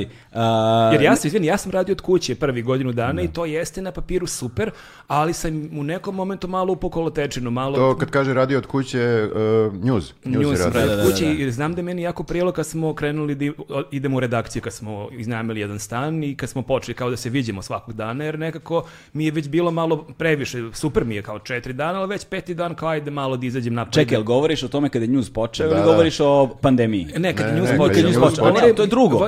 Generalno rado od kuće govorim, da mnogi ljudi to ideali analizu i on jeste im nekima stvarno prija i ima mnoge prednosti, ali mi se čini da čovjek može da upadne malo kolo tečinu ako to traje tako mesecima. Meni, meni pakao, meni pakao. Ja ne mogu od kuće da radim uopšte. Znači to je sad kad smo radili, morali smo da radimo online za vreme pandemije, mm. bukvalno sam teo da se ubijem. Ono kao, mislim, Uh, Jasno mi je, ne da. ovaj, e, nekako mnogo mi lakše ide kada dođemo na posao i kao tu na licu mesta nešto pričamo, smišljamo, bla, bla, bla. Mada mi na posao kad dođemo nismo nešto mnogo pričljivi. Da. To nam je nekako svima, malo smo introverti svi. I, Sva ali, sreća, pa imate Kesića. Da, da, mada i on ume da, se zatvori. On, da, da, ume i on da, da ućuti. Ljudi misle da. kao vi u njuzu sve vreme to sipate forice, to je nonstop neko, neko ludilo, ali... Par puta se dešavalo, to je dobra fora, kad su pravili neke intervjue o, o, kao, ka, o tome kako u stvari izgleda rad u, u njuzu. I sad kao pošalju nekog novinara, uglavnom danas ili ne znam nijako je sve slao, E, i taj novinar dođe onako sav srećan kao aha, znači this is where the magic happens, ono, otprilike sad ćete vi ceo dan tu da, da sipate da, forice. Ne lekli se da. na forice, kao sad ću da umiremo sve da, da, da, satima. Da. I mi koji sedimo za kompovima i ćutimo satima. Da, da. Ovako i kao nešto kuckamo, e, u stvari se dopisujemo jedni s drugima. Znači, da, kao, da, da. sedimo u istoj prostoriji, ali kao četujemo tu potpuni na bolid. sleku. da. Bilo je još veće ludilo kad smo radili sa Kesićem, a tada je jedan naš drugar u sobi pored e, sa jednim kolegom pisao jednu seriju, ajde sad ne otkrivamo koja je serija u pitanju, ali nije komedija. I sad njih dvojica vrište od smeha, bukvalno vrište iz te sobe, a mi koji kao, a oni pišu neku dramu, da. a mi koji pišemo komediju, onako pričamo, normalno četujemo, tu i tamo I se... nismo, znaš, da. da tu i tamo, se kao... neko osmehne, ali da, da, da. Onako da, i... Da, zapelo je nešto i onda kao ne znamo kako da napravimo nešto i on se tu ozbilji i kao, šta sad, evo ti sad tu se ćuti neko vreme, a iz susedne sobe urnebe se kao. Da, da, da. O, dvojica koji pišu neku istorijsku dramu, nešto kao umiru od pa Istorija ume da bude smešna. Ume, ume, ume svakako, da, da, ali baš neko ulice, vjerojatno bi rekao, je, ovdje su njuzovci. Ko je to rekao, beše? Prvi put tragedija, ponovo farsa. M, uh, Kad Woody Allen. Sljedeće pitanje. da, ovaj, a, dakle, ali razlika je u tome a, e, da li je rad od kuće prinuda ili, ili je, znaš, ono, ili imaš neki svoj projekat pa kao trenutno ti je, trenutno je kao nužda neki način, ali gledaš način kako da se, da to napreduje, da se izmesti, da, znaš, kao gledaš kako da napreduješ, znači imaš prostora da, za, za napredovanje, za pomeranje, da je u velika, velikom broju slučajeva zavisi od tvoje odluke, od tvoje spremnosti ili od tvoje snalažlj, snalažljivosti. Ma ne, ko, može, ko može da radi od kuće svaka čast. Ali kad je, je lockdown, to je nužnost, ne, to je ono, da, da, zaključan da, da, si, da, da. ali ja sam recimo, ništa se ti ne pitaš. Čuo sam da mnogi pisci, recimo, koji žive od servisanjem u inostranstvu, da imaju taj fazon da je, jedan stan iznajmi da im je to kao ofis i da onda oni svaki dan idu na posao i tamo Druga je priroda posla druga je priroda posla, znaš, tu ti je, znaš, ja, e, pisanje je rudarski posao. Ja iskreno verujem da ne postoji teži posao od pisanja. Ono, naš, posebno kada govorimo o ozbiljnim, recimo, nekim književno-umetničkim delima, kada govorimo o visokoj umetnosti tog... Sta, Misliš tog... na, na ne. Dakle... ne. Ovo, ovaj, sad će Welbeck i Mal, fanovi, razumeš? Malo sam da pričali o da Welbecku, pa znam šta. Da mi se nakače na grbaču. Ja moram da kažem da meni Welbeck ok, ako budu Welbeckovi fanovi neko napadali samo galebo. Ovaj Um, dakle, da, dakle, Te, rekao zak, si da je zak, zak, pisanje komedije najteži posao i da se najviše diviš piscima komedije. To Znaš kome se ja najviše divim kad je pisanje u pitanju? Ljudima koji imaju dobro da pišu dijaloge. Aha, ja isto. Dijaloške forme. To, na, ljudi prihvataju zdravo za gotovo dijaloge kada ih vide, kada ih pročitaju. Teško kada je, nešto, zato što kao, u, često se desi napišemo nešto i kao to su dva robota koji razgovaraju. Ja sam da. shvatio, pošto smo mi nešto pisali i, neke, i neku komediju i neke serije i trudimo se da malo i više to pišemo i shvatio sam u jednom trenutku da kad pišeš na srpskom neki sitkom, da hteo ne hteo taj dijalog će u nekom momentu zaličiti ili Sinišu Pavića.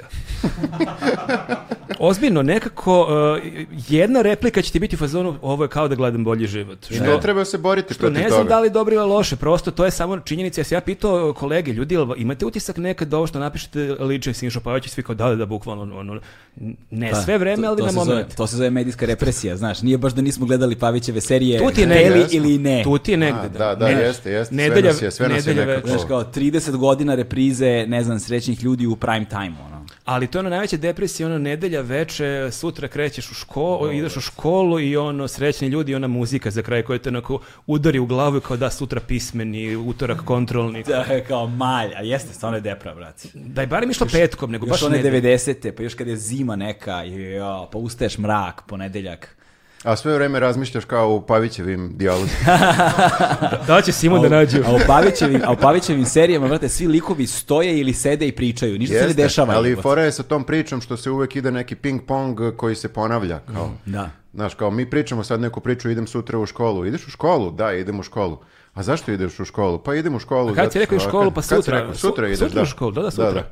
Sutra. Šta, da, I onda uleti oni Boki Milanović, kako se izvao. Sa onda, pesmom od 3 minuta. I onda otpeva Katarinu 4 minuta.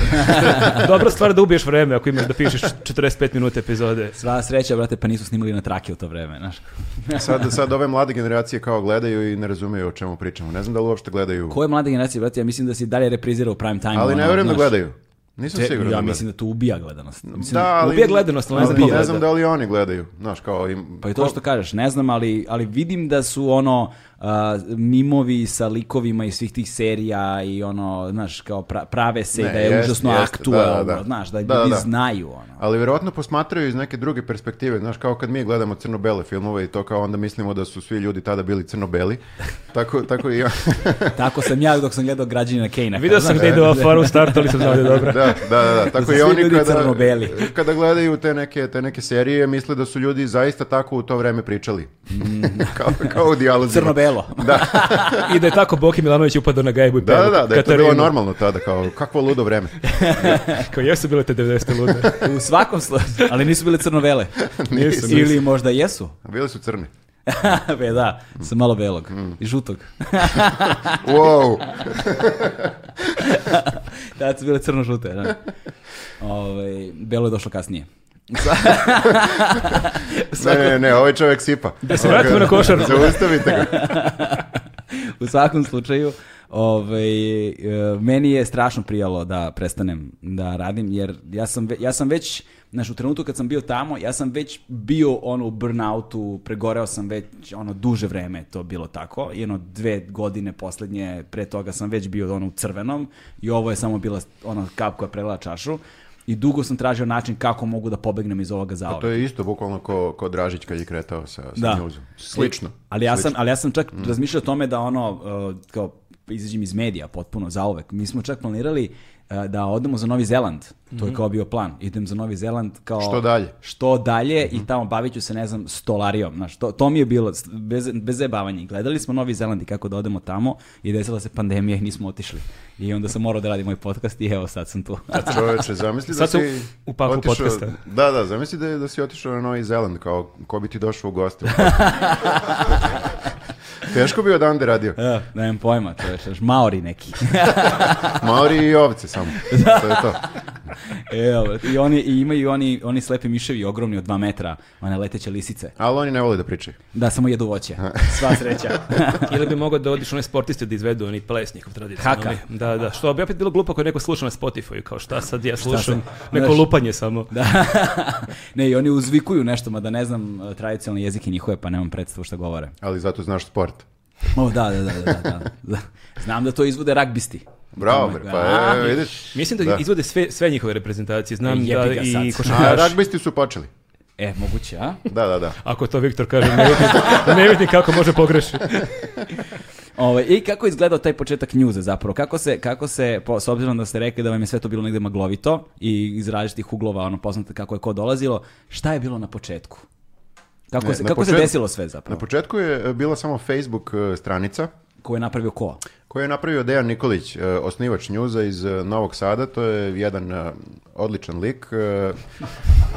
Teo sam da kažem ogroman lik, ali sam se zaustavio.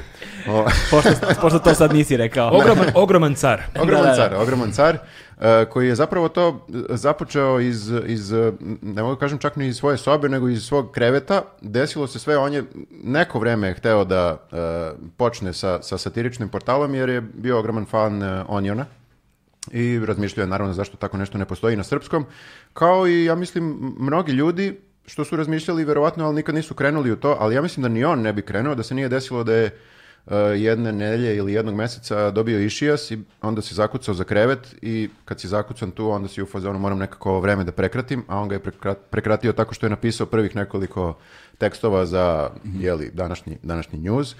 Eh, koji sad iz ove perspektive deluju jako čudno ti tekstovi, ali to je to. Da, da, znaš, da. kao... Koji su to tekstovi bili? Koji su bili prvi ja... tekstovi ikad napisani za news? Mm, to je, vidiš, to je, to je dobro pitanje, ali ja uvek, ja uvek zaboravim. To je toliko nekako su čudni naslovi iz današnje perspektive, ja ne mogu ni da ponovim eh, te naslove, ali eh, tekst koji je meni, na primjer, privukao pažnju, je bio tekst o uh, stewardesi jata, a, a naslov je glasio kao užas u avionu Jata, starija stewardesa služila putnike.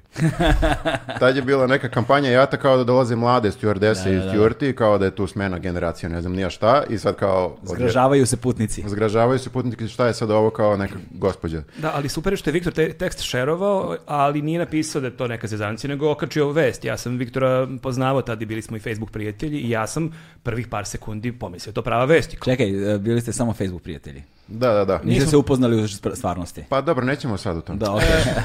E. Bili smo se upoznali. Bili smo nešto više od prijatelja, Marko. Ali, da, da.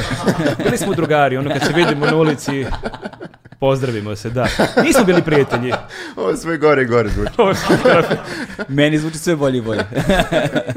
u svakom slučaju, pustimo sam mene i Viktora. Dakle, Viktor je to okačio na Facebooku, ali nije ništa nagovestio šta je u pitanju, nego evo, okačio kao da je neka prava vest i ja sam otišao na taj tekst i prvih par sekundi sam stvarno mislio da je u pitanju prava vest. Što je super u stvari upoznavanje sa njuzom. Mm. Da, da, da i, i da je... onda sam nakon par rečenica shvatio je to neka zezancija, ali to je meni zanimljivo što nam često neki čitoci kažu, mnogi ljudi koji nas vole se sećaju ono kao gde si bio tog i dana kad se to i to desilo, e pa kao gde, šta si Sećaju radio? Sećaju se prvog teksta koji su da, kao na, koji je bio prvi tekst jer mm. uglavnom se ljudi u prvi tekst poverovali, barem na mm. kratko, i onda je meni zanimljivo da kažem da smo i mi autori, kas, kasni autori njuza takođe imali to iskustvo iskustva. Tako da, da sam eto, ja to poverovao i onda sam baš pitao Viktora šta je ovo, baš delo je super i onda on rekao, znam nekog ortaka koji zna ortaka koji je to pokrenuo i onda smo i Viktor ja počeli tako polako da, o, da pišemo. Ortak koga sam ja znao je zapravo napravio prvobitnu verziju sajta njuza. Aha Nebojša Radović, Enijak, sad je trenutno u... U, u... pozdrav za Nebojšu. E, znaš ga. Da, da, kako po ne zna Nebojšu. Naravno, mm. naravno. Ovo, ovaj, sad, je, sad je jako uspešan čovek, ja volim da mislim da je to... Zna Schwarzeneggera. Zahvaljujući njuzu. Zna Schwarzenegger i Murinja. E, prošli put kada je dolazio, prošli put, ne znam. Ali, ali prošli put kada je dolazio Minić. u Beograd, a, a, da. doneo, mi je, donio, doneo mi je limited edition a, duplu ploču lateralu s albuma grupe Tool, to mu neću nikada zaboraviti, tako da pozdrav za Enijaka. E, pa Enijak je... je zapravo neki prvi kompjuter, ili tako nešto? Neki da? stari kompjuter, mislim da čak prvi, da, da. Jeste, i, on, i to je, on je napravio prvu verziju uh, sajta Newsa, 2010. godine, jeli? E, I to je isto, postoji priča iza toga, ja ne znam sve detalje, ali znam otprilike da ga je Dejan već neko vreme ubeđivao da ne može, ne mog, ne može da ostane news na Facebooku kao neke životinje, da, nego da, da mora da, da postoji sajt. E, I on ga je ubeđivao da napravi taj sajt, ubeđivao, ubeđivo, međutim Enijak e, kakav je već radi sto stvari u isto vreme i da. nikad nije dolazio da napravi taj sajt, dok ga jednom e, Dejan nije namamio kao je, dođi moja žena pravi, e sad taj deo mi nedostaje, pravi odlično odličnu pitu sa sirom. E, gibanicu. Gibanicu, da. I namamio ga kod, kod sebe u stan. I nije, nije, ga pustio, nakon što je ovaj pojeo tu Nije sve pojeo. namamio ga na gibanicu. da, nije ga pustio dok... Sada dok, pisaš, dok, ne bojiš kao nekog psa, kao, da, do, do, ga hranom. Dok ne pojede sve. Da. da, da. I, uh, eh, jeli, kao nije, nije ga pustio do narednog eh, jutra dok ovaj nije napravio tu prvu verziju WordPress. Eh, što se sajt. dešava 10. oktobra 2010. onog dana kad je gej parada u Beogradu i kad sam ja u paklu jer čitam te komentare. Dakle, to je bukvalno onako kao kad bi se snimao neki film i kao za to vreme... Ono, da, paralelna scena, da, kao Beo paralelni tok Beograd, ranije. Novi Sad, šta se dešava. Da? Ali nije, nije povod za puštanje njuzovog sajta gej parada, nego je povod to što je Dejan toliki geek da je moralo da se, da morao da se pusti sajt 10.10.2010. 10. 10. Aha. 10, 10, 10 u binarnom kodu 42. A, ok, autotoperski vodič Ko je čita da Adamsa znao. Da, tako je, da, tako da, je. Da. Odgovor na sve pitanja ovog Jest. sveta, da. Tako da mi svaki put kad kažemo da je zbog toga, svi ljudi nas pogledaju ovako i kao, hm, Zanimljivo. ne znam, da, meni da li imaš to... još anegdota? Anegdota da. stoperski vodiš tamo, tačno iza tvoje glave. Ne, ne, ja znam da ti to ceniš, ali da, da. kao da. ovako kao ljudi... O, to vređaš Galebove gledalce. Da. da. da, Tako su i ovi naši sponzori Hul, Huluvu, ovaj, zapravo Huluvu je super inteligentan nijansa plave boje za autostoperskog vodiča. A, da, wow. ja vidim poznato mi nešto. Da. Ne. Nema veze, idemo dalje. Da, lakše dati ime kompaniji Hulovu nego Zaphod Bibelbrox. Između ostaloga. U svakom slučaju, e, po, potrefilo se da je gej parada tog dana i potrefilo se da je 10. 10. 10. i tog dana kreće sajt njuza sa nekim Uh, nekim fotonjuzom, ja mislim, u tom trenutku, gde je fotomontaža jednog sveštenika koji probija policijski kordon. Pošto to nije bilo ranije. Ne, to, to je bila prava fotografija. Prava da, fotografija a... gde je Dejan njemu dodao svemir ili lightsaber. Enijak, lightsaber i na, napisao neki, opet neki jako nešto, geek, geeki naziv. Jedi podržali Jedi, nešto. Star Wars i neš, nešto je bilo, neka fora. Ja, I ja mislim da je sajt pao već prvog dana. Da, gomila geekova se je, je kliknula na, na, tu vest i da, i mislim da je prvog dana bila nešto posta 10-15 hiljada neka, za ono vreme ludilo da, da poseteš da, da, prvog da. dana sajta. To su, pazi, to je mim pre mima. Pa, Jeste? Na neki da, način. Da, da, ajde kažemo da je tu negde. Ne znam kad su mimovi ono se zahuktali, ali... Ali, ali rekao bih da su posle 2010. Sigurno, sigurno. Da, ali je. Uh, e, zanimljivo je što u prvom tom nekom periodu njuza jak, jaku podršku te neke prve online zajednice u Srbiji uh, je njuz imao. U smislu kao da su svi čuli u isto, u isto vreme za to, verovatno zato što ničega nije ni bilo na netu. I svi su nekako hteli da i oni se uključe, nisu pitali uopšte ni za kakve pare, kao ni mi, što smo se uključili, a nismo ni razmišljali da će biti nekih e, para od toga, li da ćemo da živimo od toga.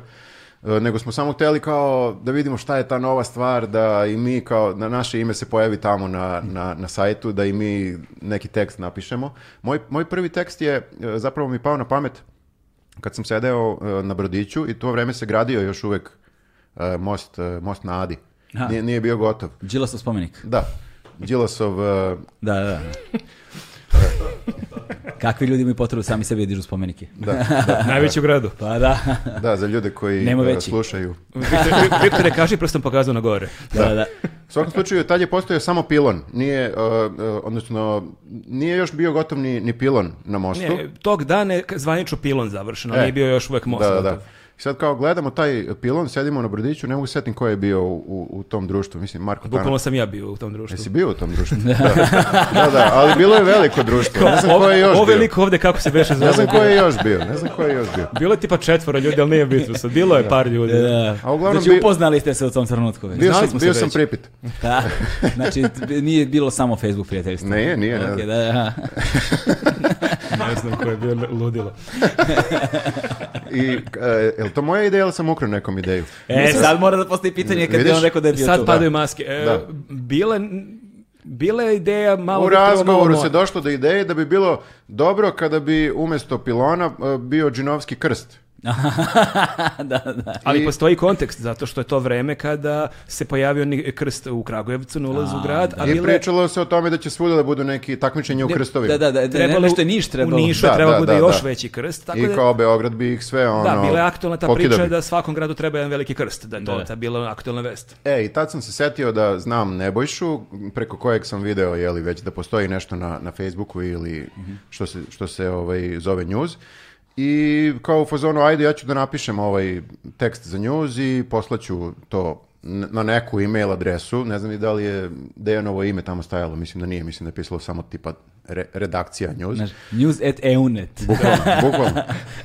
I kao, pošaljem ja to, taj tekst koji sam by the way napisao tako što sam eh, copy-pasteovao pravi, pravu vest, samo zamenio neke ključne reči i ubacio da će tu biti jeli kao krst, dodao da će gore biti pravoslavni restoran koji će da se rotira sa... E, kao na kapi Beograda, ono. Konobarima koji će biti obučeni kao sveštenici i tako da. Post, postni meni, sredovi pet. Sredovi petko, postni meni. Bilo je gomilo neki kao, jeli, detalja bizarnih, ali kao pravi tekst... Je li eh, bio legit, ono, da. Legit skroz novinarski. Dejan se nam, naravno oduševio kao bio je fazonu, ti si jako pismen. I ja sam bio fazonu, jebote, Viktor je baš pismen. Da, da, da, da. da ali... Copy-paste je čudo. Mm -hmm. Jeste, vam treba i to znati.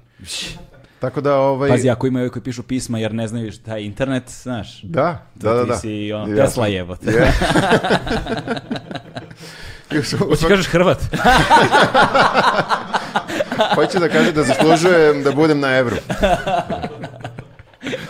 U svakom slučaju, taj, taj tekst je kao nekako, uh, ok, prošao, ali meni je bilo više nekako interesantno i jako uzbudljivo da vidim koliko ljudi sad reaguje na taj, na taj tekst. I dalje mi je smešno. Hrvat priča norveški.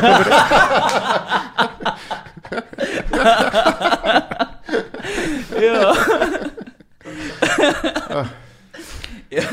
Za one koji slušaju, Galeb da je skinuo naočare. Ajde, Hrvat, reci nešto od norveškog. I jekavski norveški, kako zvuči?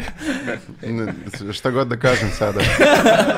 Kako da se vratimo sada u ovu kako, kako se kaže krst na, krst na mostu Kako se kaže na križ na norveškom? Kako se kaže krst na mostu na norveškom? E, stvarno, kako se kaže? E, kroz po bruen. E, sad, kao može kažeš tako da hoće, ali ja, da, bilo, ja im, da. bilo na serija. Serija, bravo, serija jeste, jeste. jeste. Ovo nije lago, znači A. Da. drugi deo je sigurno takav. Da. ok, i? E, u svakom slučaju, meni se to jako svidi i ja posle toga pošaljem još nekoliko tekstova koji su bili manje više uspešni i onda, onda Dražić otprilike vidi kod mene da ja nešto Dražić tu šerujem. bude u fazonu ako može, Viktor može svako i onda da. i ja krenem da pišem. da, da, da. da. Uh, I njegov prvi tekst isto je nešto ok, ok prošao. Tad je već kao postojao sajt. Znači to u tom trenutku negde se pojavio sajt i u nekom trenutku nakon što smo poslali ne znam nijakoliko tekstova i on i ja, uh, pozove nas Dejan kao ajde da se upoznamo, da se vidimo I mi kao, ajde, on u tom trenutku, jeli, radi, ono, moderira komentare na blicu. Ćuti Hrvat. ja držim norveški preko Skype-a, kao to, Hrvat. I evo te, jel ne koristiš neko Skype? Ja mislim da to umrlo načisto, a? Mm, pa ima sad ljudi... E, koriste u Crnoj Gori. Mi smo imali, ne, ne, ne, nevjerovatno, mi smo imali kao neke sastanke s ljudima iz Crne Gore i njih dvoje su bili u fazonu, ajmo preko Skype. Kao, brate, ajde. Jeste, da... oni i ovi ljudi što pišu pisma rukom. Oni koriste Skype. Tako da, ovaj, Za e, familiju iz Čikaga. Da. I onda se nađemo sa, sa Dejanom, gde u razgovoru s njim e, vidimo da je on zapravo ozbiljan u tome da News postane neka prava, jeli, kao medijska da. kompanija. Naravno, Dejan je vrlo uh, veliki megaloman. Ne. Da. Veliki megaloman je možda pleonazam, mm. ali, ali on je veliki. Tako da. da. Uh, Jeste, on je veliki megaloman. Jeste, i jedno i drugo je tačno. Uh, je on u nekom trenutku... Jedno te isto je tačno. ne, pazi, nama je, nama je bilo... Ovo je druga najbolja fora. Galeb će da umre do kraja podcasta. Nema veze. U, u nekom trenutku, nama je u tom trenutku zvučalo prilično nebulozno da on uopšte kaže da ćemo mi svi kao da živimo od toga u nekom trenutku, mhm. jer nam je bilo... Ali to izgovara jako sugestivno, jer on naš stariji onako vidiš da zna više od nas, radi nešto, zarađuje, vidiš da ima neko iskustvo i taman počne da mu veruješ. Da, kao, nije okay, ludak. Da, nije ludak, ovaj čovjek ima neki plan, ali u tom momentu kad ti polako počinješ da mu veruješ da on ima neku ideju, on izgovara onako krajnje sugestivno, mi ćemo jednog dana živjeti do ovoga. Mi kao uje. Ovaj, da, da. Ovaj čovjek nije I kao normalan. i to ćemo dobro živjeti, kao u smislu ono, dobre plate sve i kao razvićemo se u ne znam nija šta, ja mislim da je već tad pominjao neki kao ono e, kabl, kabl. E, njemu je san od uvek da imamo jedan e, kabl, odnosno, jeli... Opti, optički. Kanal, kao ovaj kabl. Kanal da. na kablu, kanal na kablu gde ćemo moći da, kao, jeli... Kao, naš Comedy Central. Naš Comedy da, da. Central, da. Što idemo polako prema tome, ja mislim, ali smo nekako skliznuli. Ali smo baš na početku tog puta. Da, da, da. Jako, Tipa imamo podcast. Da, Uglavnom sve to je jako zvučalo nama kao, da, ovaj čovjek ne, ne deluje kao ludak, ali možda jeste ludak i kao, ok, rastanemo se uh, sa njim. Jeste, Izvinite, ste gledali ovaj serijal što se pojavio na HBO, uh, e, Into the Storm? Mhm. dokumentarni da. o QAnon ovim frikovi, frikovima što su ušli u, u, aha, u, u američki aha, parlament. Aha, ne, ne, ne, ima, ima dokumentarni film o njima ko su, kako su nastali to. Dobro, nije Den baš takav, sad odmah se ali, ali oni su mrtvi ozbiljni, znaš. da, da, da. E pa, e pa, nije imao tako, šubaru tako, i nije bio gost, znači ne, nije da, bio da, bučan da, kao ne, liko. Nisu, da. nisu ni ovi. da, da, da, o, znači ozbiljni. Ko je Q? Ozbiljni liko. Da, da, da. Dobro, dobro. Okej. Okay. I u svakom slučaju, posle nekog vremena, Dejan zapravo pozove Marka, e, jer je video da od mene nema vajde, verovatno. Pozove Marka i kao u fazonu hoćeš da za platu uređuješ e, sajt njuza, jer već, kad, već tad je bilo gomila ljudi koji su slali tekstove i on nije stizao otprilike da probere šta je dobro, šta nije, da, da oceni Uh, ja jako pijem brzo vodu. Znači... Nema veze, brate, shidriraj se samo ti, blago meni. Da. Uh, I Dražić uh, prihvati to, sad ti možeš da kažeš, pošto sada ovaj deo liči na ovaj Galebov deo gde je. Aha. Pre, prelaziš. Stati from the bottom, pa dobro, već sam rekao da sam yes. treš, da, da. Već, I, onda, I onda je, da.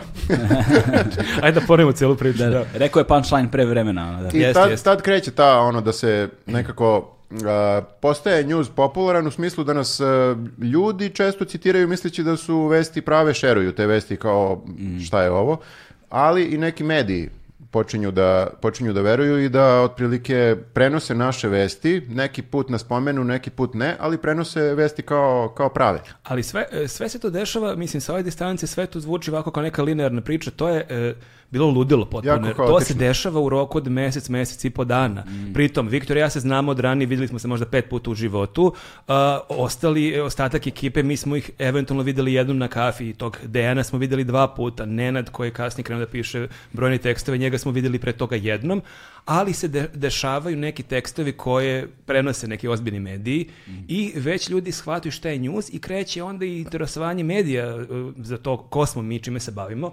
Tako da onda kreće i pozivi od jedan put da mi idemo u Dnevnik, e, RTS, Pink, Oko magazin, što je nekako mi nismo imali kada da se saberemo, jer bukvalno je to bio nama neki ventil, tu napišeš neki tekst, dobiješ neke lajkove, dobiješ neke komentare, tebi je to cool ne. u da. tom trenutku odjedan put kao je ko će ide sutra na dnevniku. Čekaj, šta ste radili u dnevniku ili... Uh, u, u, dnevniku se pojavio Nenad, koji je, Nenad Milosavljević koji je napisao uh, priču o Ajkuli, to jest tekst o Ajkuli. E, molim ti ispričajte tu epizodu za one koji ne znaju, ali mislim, znaš, ja pa, ne poznajem nikoga ko ne zna, ali... Da, da, da, pa to je jako čudna epizoda u samom startu, jer taj tekst nema neku veliku poentu. Mi se kao uvek trudimo da svaki tekst ima neku poentu, kritiku nečega ovoga ili onoga, taj tekst je više samo zabavan sam po sebi, jer u tom trenutku jeste postojala neka Ajkula koja je u Šarmel Čelip šejku uh, ujela nekog ili ne znam ja. Čak je usmrtila, mislim. Dvoje usmrtila. Turista. Ujela. da, da. Ujela ih za srce. Da. Morski pas. Uh, u, u svakom slučaju, tekst je bio taj, eto kao, razmišljali su i Dejan i Nenad da li da ga uopšte puste, jer je kao samo zabavan, jeli, Srbin skočio sa litice e, u more, slučajno pao na ekolu, ubio je, spasao Pritom, sezonu. Nenad nije bio u Šarmel Šejku, tamo nema nijedne litice. Znači, da. startu dosta da ima rupa u tom tekstu.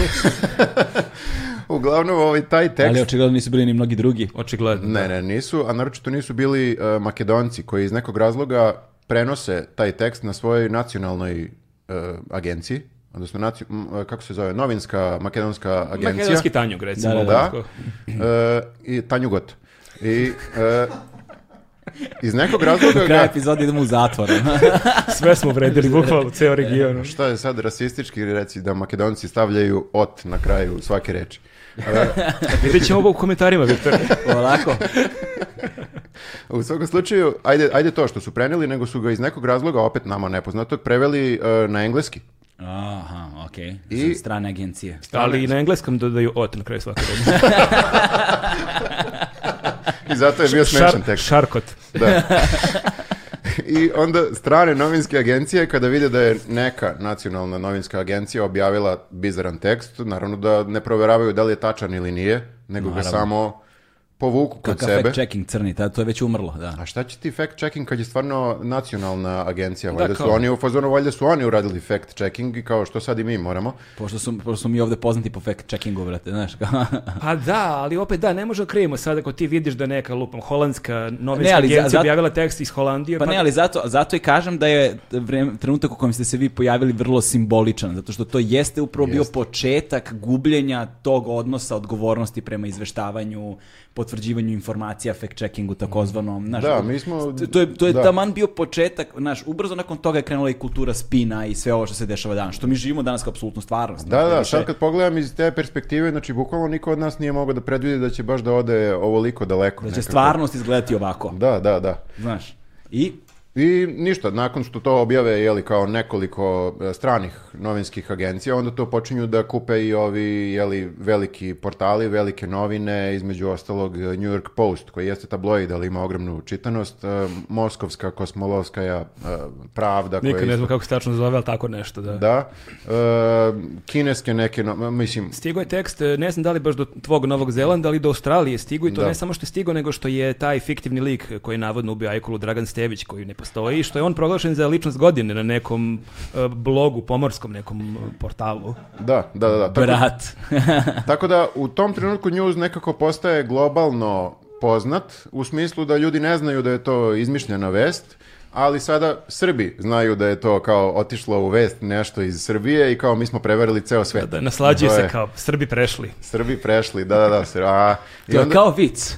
Da, Srbin, da, Amerikanac, da, Rus, Francuz. U, da, naš, da, da, da. ali, to, ali to je najluđe što negde u osnovi taj tekst, ako ima neku poruku, to je upravo ta naša obsesija time da je Srbin uvek najpametniji i ne. to sprdamo zapravo u tom tekstu, a negde su reakcije naših medija upravo to potvrdile. Da, da, Jer da, znam da je Nenad baš rekao da je ne znam, u, dao negde intervju, ne znam u kojoj, u kojim novinama je to bilo i da je pisao naslov e, čovjek koji je prevario ceo svet.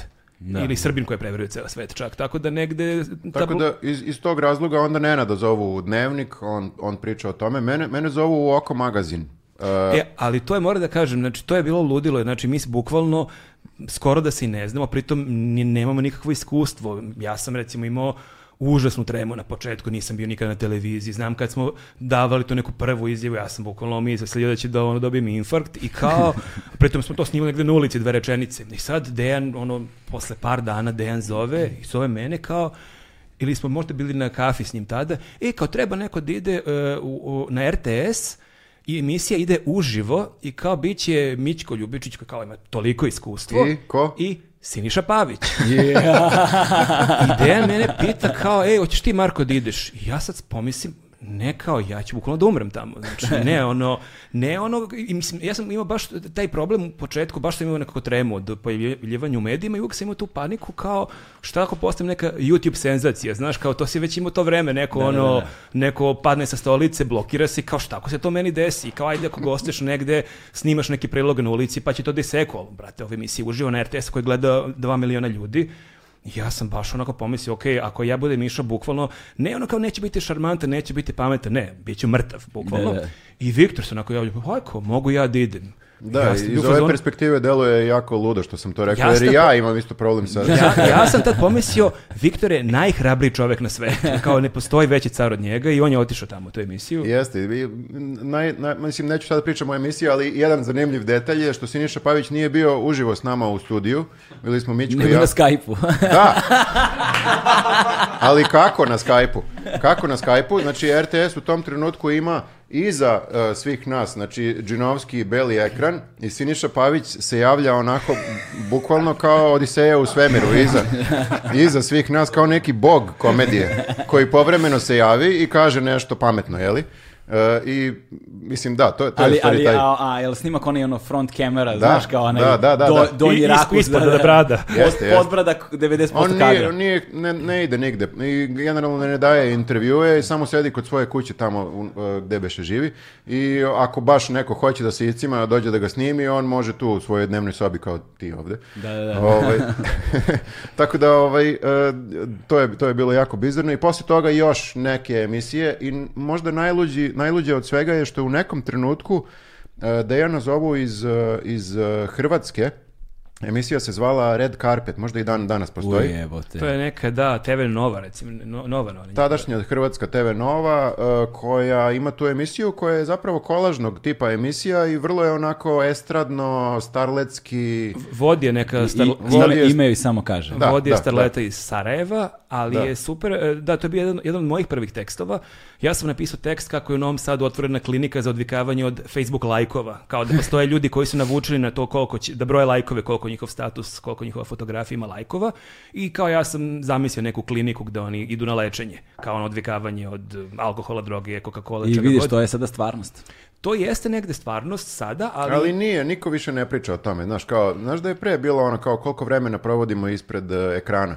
Priča se o tome kako dosta Kad si zadnji put video tekst e, kao koliko sati provodiš dnevno ispred ekrana? Pa nisam video ne znam kakav tekst, što... ono, ali, ali sam, sam video s fazom 10 dokumentarnih filmova na tu temu. Znaš, kao ono... Koje evo... si gledao na ekranu? Da, da. Koje, koje si gledao na pa ekranu. Pa to da. ti kažem, nema više ono kao, predali smo se. Ne, ne da. brojimo više te sate, jer kao možeš da brojiš samo sate kad nisi ispred ekrana.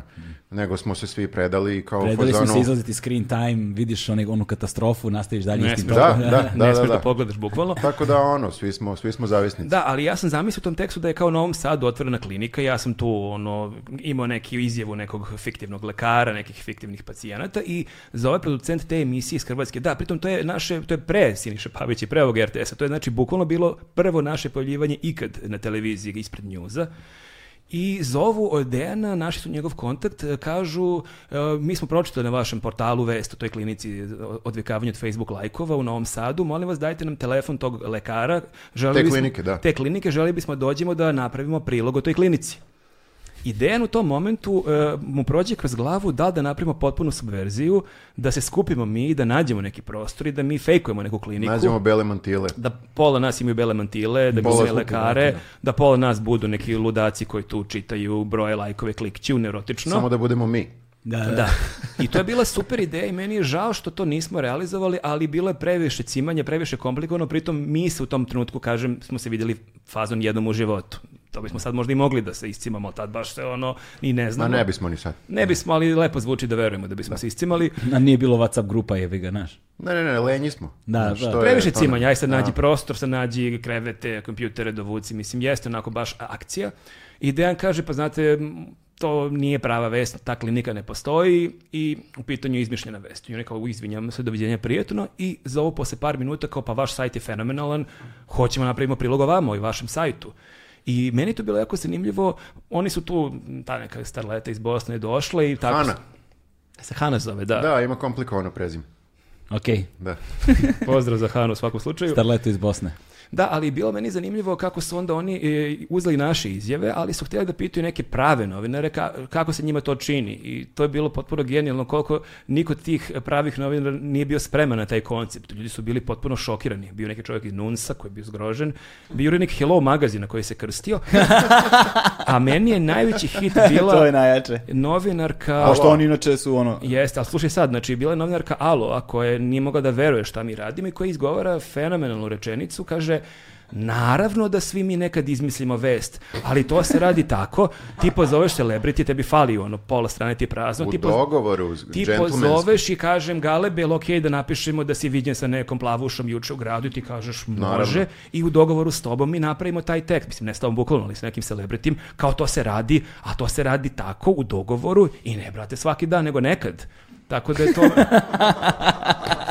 Čekaj, to koliko je to genijalno. Pa, da, da, da, da to je kao znaš, najnormalnija da, stvar. Da, znaš, ali znaš da oni to, tim tabloidima su to radili kao za lovu, u smislu ono, imali su tipa neke cenovnike. Oni svi rade za lovu. Ne, ne da oni dobiju plate za to, nego se ti tekstovi plaćaju, tip, znaš, ono, imaju rangove celebritija i kao dobit ćeš da, ovo da, da, tekst, da. ovakav tekst, naslovna strana, du, duplerica, da, da, da, da god, i onda ono, e, mogu da izmislim ovo, dobit ćeš 5000 dinara za izmišljen tekst. Da, da, da. Znaš, kao ako je male, ono, stubac jedan, ali, ako, ali ja bih da izmislim o tebi ne znam šta i da stavim na naslovnu stranu, mm. a to onda košta ne znam koliko, kao i to sve, ono, ili se dešava da se dogovore sa njima kao, e, slušaj, dođi ovde, kao paparaco, ja ću ovu da gurnem u bazen, znaš, i onda će naprave neki, neku fotore. Mislim, Ma sami celebrity, da, ono, sami kao, zovu do, dolaze, zovu i kao, e, treba mi neki tekst o meni, izmisli mi nešto, Tako je, da. na primjer, ovne. I to god. je onda isto, to se plaća, da, da, sam, da, da. samo u suprotnom smeru. Tako da, ali nama je, kad smo to čuli, kao da novinarka, iz, mislim, 2010. No, no. Da. odnosno, izgovara to kao najnormalniju stvar, to je nekako dodatni, dodatni, dodatnu komediju je dodalo na ceo da, da taj da, prilog, koji je, by the way, bio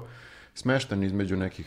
Bili su bukvalno emisija ono Sadomazo klub u da, Osijeku da, da. i ne znam swingerska žurka u Rijeci, da, a između zakon, mi, da, da, između da, mi, da, koji da, apsurd brate. To da. je ono, znaš. Mi jedini obučeni u toj emisiji. Da.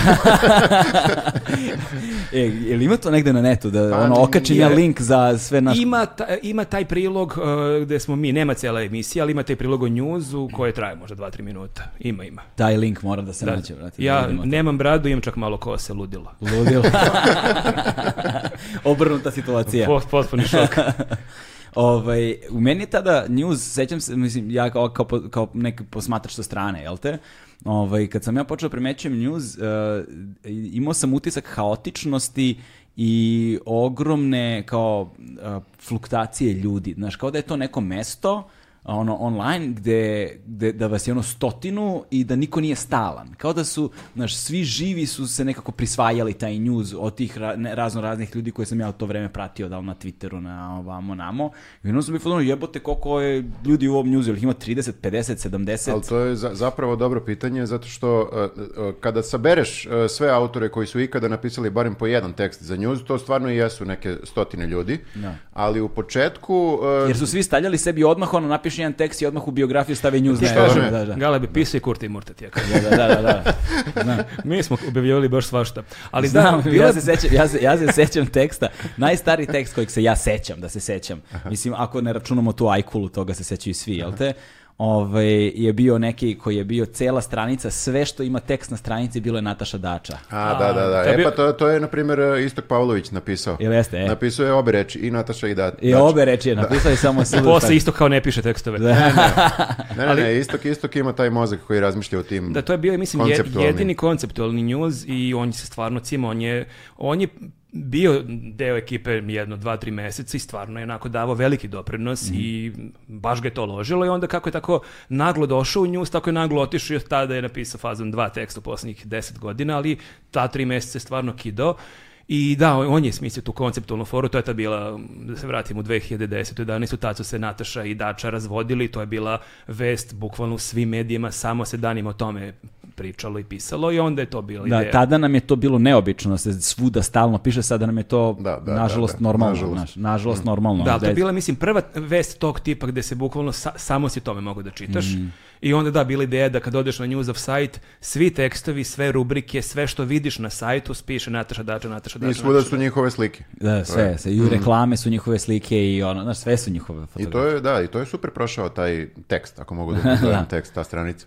Da. da. Konceptualni tekst. Konceptualni, da, da, da. Konceptualni. I sada, da, dakle, u tom trenutku, d, d, u kom trenutku vi postajete ono homogena ekipa koja je vrlo fokusirana na to što radi i kako e, Newsnet, e, u kom trenutku dolazite u kontakt sa Kesićem? Kada se dešava to sve? Kako izgleda taj razvojni deo, ta, ta etapa vašeg grada?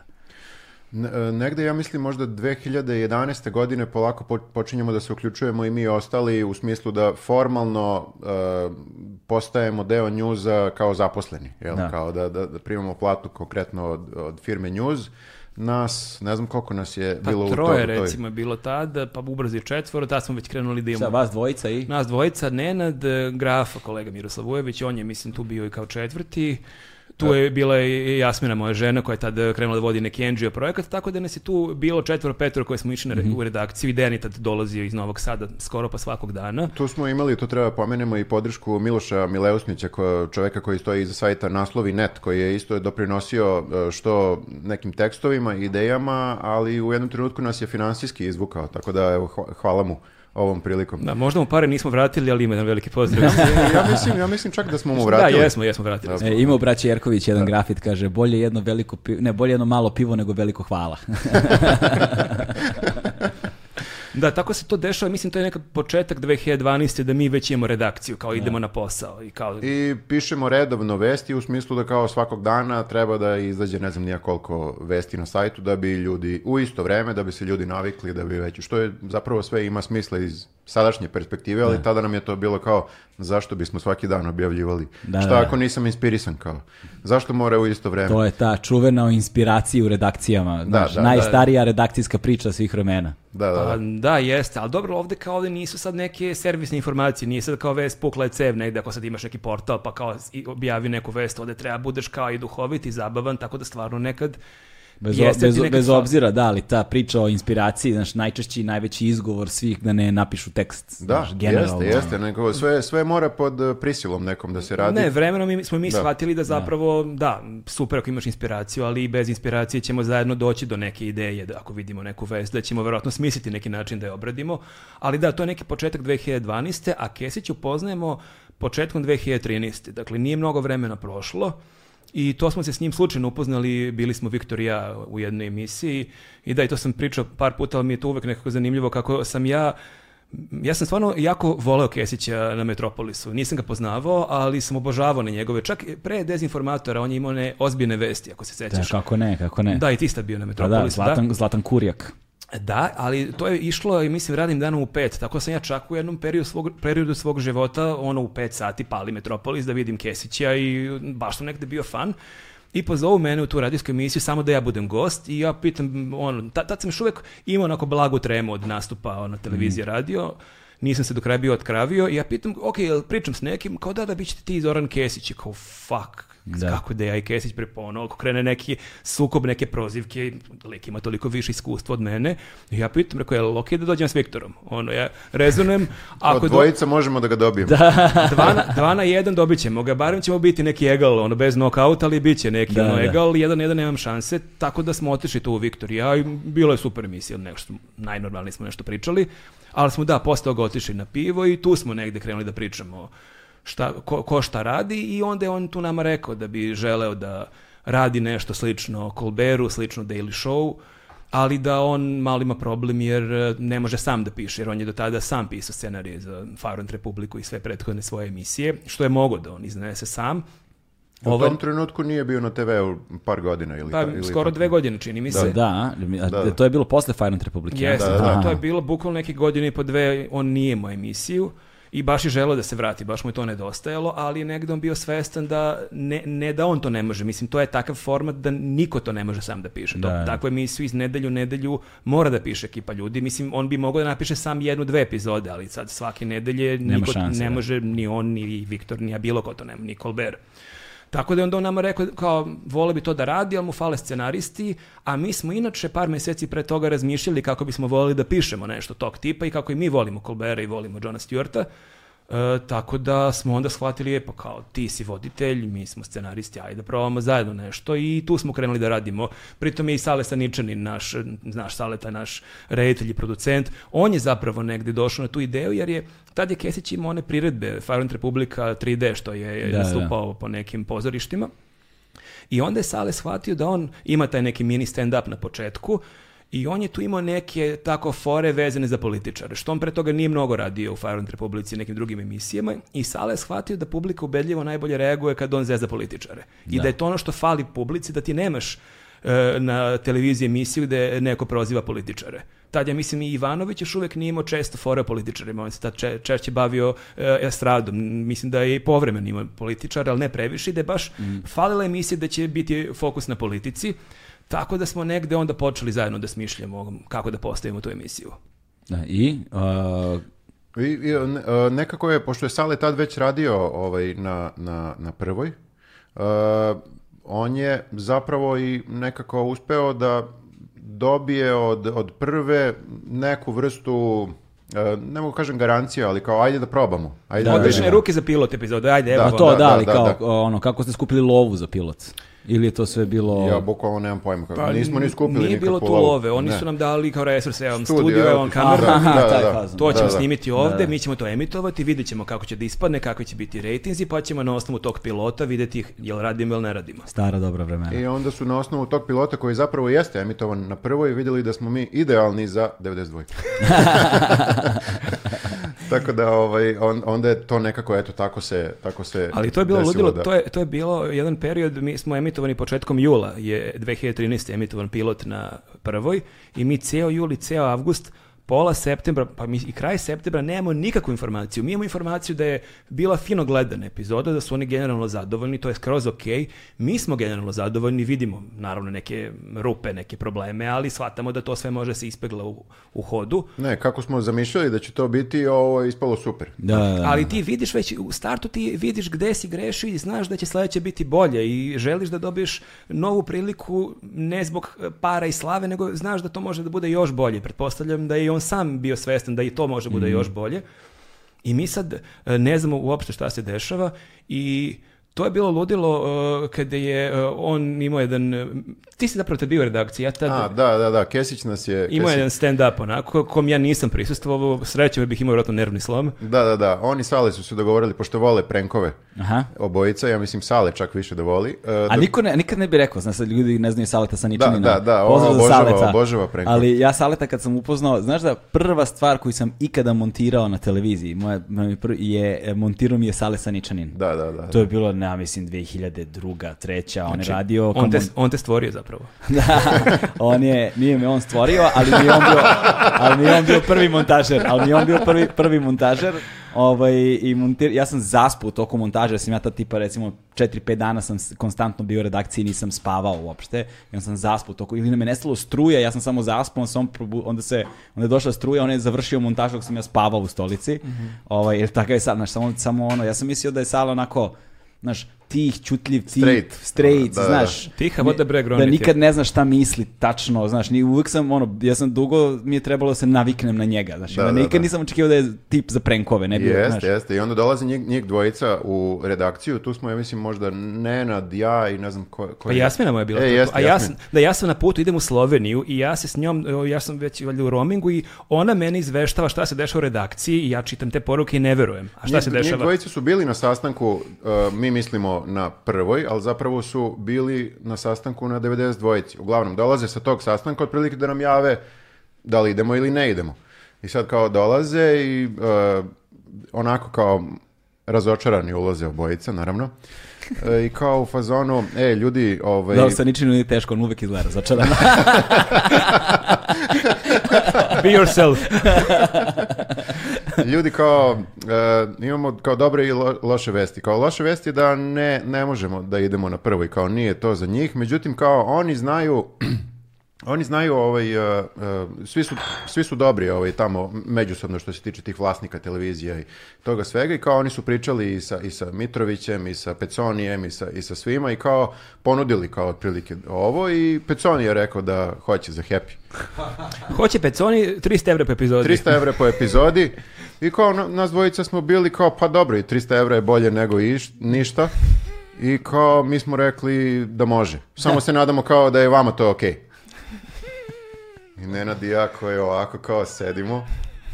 Raz, već, već u glavi razmišljamo, znaš kao evo te ja delim 300 evra sa 17 ljudi. Pritom idemo na happy Da. Da, da, na happy kao gde bi išla ta emisija na happy Kako će gledaoci happy primiti, prihvatiti tu emisiju? Tako da ovaj, nisu nas srećom dugo držali u to. to Verovatno su videli naše face. Ali to je trajalo sigurno neki 20-30 minuta. Ja sam da, manje, šta... manje je bilo, ja mislim, jer možda, u stvari tako nešto, ali mislim da smo se nas dvojica u, u početku ono, uh, zamrzli u da, tom, da, da. u tom izrazu lica da, vi ste šokiranom. Po, da, mislim se nenadano polu posvađao s njima da onda krenuo Kesić da, da njega napad ušao lik šta fali Happy šta, šta ti znaš o njima jesi radio neka tamo. Peconi je gospodin čovek. što ne bi radio šta? Da. Kad smo da. već kod Peconija ti na gajbu ulaziš kroz restoran. ne, ne, ne, mogu da otkrivam lokaciju gde živim. dobro, dobro, dobro, dobro. Sad ljudi gledaju sve restorane u Beogradu. Gde, gde, gde je Viktor? Sad gledaju koja se to drži peconi. Da, da, da, što nije, da. I, što ima, nije... ima, ima dosta restorana koji drži peconi, tako da nisam mnogo otkrio. A, Okay. E, uh, u, u, svakom slučaju, držali su nas neko vreme u neizvesnosti i onda su na kraju, valjda videvši da ne mogu više da nas muče i da, da ćemo da dobijemo srčku obojica i, i Jasmina, da ovaj, izvadili su pivo i rekli, ma dajte ljudi, zajebavamo se, 92 je pristala, uslovi su ti i ti, nećemo ići na prvoj, ali kao koga zabole. Ali bože moj. Tako da, da. Na, vi ste na da. kraju bili negde znaš, i zajedno smo dosta vremena proveli tamo Bogu iza leđa u, u, da, da, da, na, u šumi, u da, šumi, na, šumi, da, na autoputu. Ovaj, Zvuči jako pogrešno. Da, da. hej, vas dvojte ste dobri drugari sa Facebooka, znaš. Da, da, ovaj, da, da. Uh, I tamo u šumi dok smo se družili. Zarađivali neku sjeću. Da, da, da. A sreće pa je autoput blizu. Sve će, Srećom pa je posao prijao svima. Ali vi ste negde bili zapravo posljednji bastion nekakve ono nade tamo, po, posljednji ono čuvari vatre, zaista pre nego što je ta 92-ka zaista totalno otišla u ono Ali sve to mimo naše volje. Pa da. No. Kao što nam se i sve od početka njuza dešavalo mimo naše volje. Mislim, to je isto zanimljivo, treba da, da pomenemo i to da e, kad smo već kod toga da nam se stvari jeli, dešavaju tako, u jednom trenutku nas zovu sa uh, iz Share konferencije, to je bilo jeli, 2011. godine ili tako nešto i kažu ej e, vi ste super, dobili, do, rešili smo da vam dodelimo nagradu za društveni aktivizam na, na, na mrežama. Aktivizam na društvenim mrežama. Da, da, aktivizam na društvenim mrežama. Mi smo u fazonu, Jesmo mi aktivisti? je to okej? Okay? Je to cool reći? da, tako da to nam se desilo odjednom da smo postali neki aktivisti, a da nismo ni, ni bili svesni i stvarno smo dobili tu nagradu. Ali na... slična priča bila par meseci pre ili par meseci posle kad su nas zvali iz UNSA kao udruženje novinara Srbije i kao dobit ćete godišnju nagradu za uređivačku politiku. Mi smo bili fazonu, mi imamo uređivačku politiku. A ne, prvo smo bili fazonu, neko nas zajebao. Da, da, bili smo ubeđeni da ga na kamera. Mi se dođemo i kao, evo, sad smo mi vas navukli na foru, još mi vidi, videli to je nagradu valjda dobila pre toga Olja Bečković, neki stvarno ozbiljni novinari, kao sad Newsnet. I mi smo onako otišli tamo i sve vreme Ali smo... pažljivo. Znači, pažljivo, kao. bukvalno ako ulete neke ono konfete, haha, preveli ne. Da. smo vas da... Nabi, nabili vam sa Saničin i Kesić traumu sa prvog prenka. To je bilo da, pre, to je bilo pre, to je bilo pre, pre da, njih ali da, dobro. Ali ništa nismo naučili. da, i dalje smo bili naivni. Da. Očigledno. Da. Ali u svakom pa... slučaju i to što kažeš da, da smo ostali poslednji bastion da. na 90 dvojici, opet kao mi ništa nismo uradili da bismo to postali. Samo smo kao bili tamo dok su drugi odlazili. Ali je da. neverovatna ta neka paranoje u kojoj su bili ljudi e, i što opet ne krivim te ljude kad ti vidiš da se gasi jedna, druga, treća, četvrta emisija, naravno da se ti onda možda pitaš a kako je tu još uvek Kesić i onda su ljudi tražili i od Kesića i od nas odgovore kao da mi imamo neki odgovor, pa da ono nekim tribinama i vidim po društvenim mrežama često vas neko pita kao, ok, aj reci mi sad među nama iskreno, na koju foru ste vi još na B92? Da, kao sigurno imate neku vezu, neko Sada, je rekao... Imate neki deal sa Vlašićem. Jel, da, da, da, da, je da, to, jel da da imate neki deal sa Vučićem, sa ekipom, ne, nemoguće da tek tako imate emisiju? Pa neko jedino objašnjenje koje ja imam uh, je to da uh, je jako teško, e, mislim, teško je skloniti i ostale emisije, ali humorističku emisiju je, koja je prilično gledana, još teže skloniti, jer kao zašto bi napadao komediju, zašto bi napadao humor, zašto bi uklanjao to, tu već kao ljudima nešto klikne da nešto nije, nešto nije da, da. Pritom su oni par meseci pre toga imali tu situaciju sa Oljom Bećković gde da su stvarno bili i protesti, to je bila stvarno mm. velika vest i strani neki ti posmatrači su i to videli, tako da mislim da i njima nije trebalo još jedna krizna situacija, još jedno gašenje, još neke pa da, popularne da, ti, emisije. tu više faktora igra, igra zapravo ulogu, a znaš, negde je i komedija kao ventil ono važna stavka, a s druge strane to je, gled, to je u tom trenutku najgledanija emisija na 92-ci. Pa znaš. jeste, ali kasnije smo videli da to nije, nema nikakve nikakav, eh, kako I, bih I Olja Bećković je bila gledana, da, znači da, nije da. to jedini Da pa da, kriterijum. mislim da je Zojka posle postala, kako smo izvali, groblje rejtinga, znači to je ono... Jeste, mhm. ali kao uh, i dalje je to bilo nebitno, da li si ti gledan ili, ili nisi, u smislu da te da. zadrže zbog toga. Da. Vi, ste, vi, ste, je... vi ste zapravo dobili strahovito snažno prisustvo online onog trenutka kada ste počeli na YouTube-u da, da kačite sve, znaš, to pa, je... Ne, mi smo, pazi, od, od, relativno od početka smo počeli da kačimo, ali i YouTube ima svoju tačku negde kada eksplodira u Srbiji, da. kada to kreće, znači prvih možda par godina nije nešto bilo to na YouTube-u gledano. Ali znaš što je fora, mislim kačali, da je bilo ali... neophodno da se uruši potpuno poverenje u tradicionalne medije, znaš, ljudi su počeli da, da biraju šta gledaju online relativno skoro. Pa znaš, jeste, televizor je do skoro bio glavna stvar u domaćinstvu. Navika, navika, je, navika da. i to, da, da. znaš. I jeftini internet, verovatno, u nekom trenutku, a nismo ni, ni primetili. I dalje mislim da mnogi ljudi, mi koji smo mnogo više na netu, verujemo da kao ljudi sve manje gledaju televiziju. Mislim da zaista van tog nekog našeg balona, zaista ljudi dalje gledaju televiziju. Ne, to istraživanje pokazuju. Ali da, je. skače YouTube definitivno. Znači, uh, gledaju televiziju i najveći razlog je zato što, uh, mislim, nisam da oni gledaju toliko koliko se zapravo najveći procenat komercijalnog novca novca znači tržišnog novca, ono 75% je i dalje u tradicionalnim medijima. Da, da, da. Ali problem je u tome što se novac ne kreće tržišno Znaš, mm. inače u suprotno ne bi mhm. imao 30 godina reprizu jedne te iste serije Pavićeve, razumeš, na, na, na, na RTS-u u vreme kada imaš licencirano ono od Peaky Blindersa do ne znam čega. Da, da. Znaš, nema logi, logički, tržišno nema smisla, što ti samo indiku, znaš, indukuje da se lova ne kreće tržišno, prosto, da, da, da, znaš, da, da, da. I onda... Ali ima i da. stvar u tome da ja mislim da čak i deseta repriza boljeg života u prime time-u na RTS-u 1 je mnogo gledaniji nego što bi bili Peaky Blinders. Pa, znaš šta, ja se, ja, se, ja se ne slažem, sa, ja se ne slažem sa tim tim, što mislim da, znaš, tu, tu onda podcenjujemo publiku. Ja mislim da ljudi vrlo dobro umeju da procene i da razumeju kvalitet, samo što im ga niko ne pruža nigde nikada.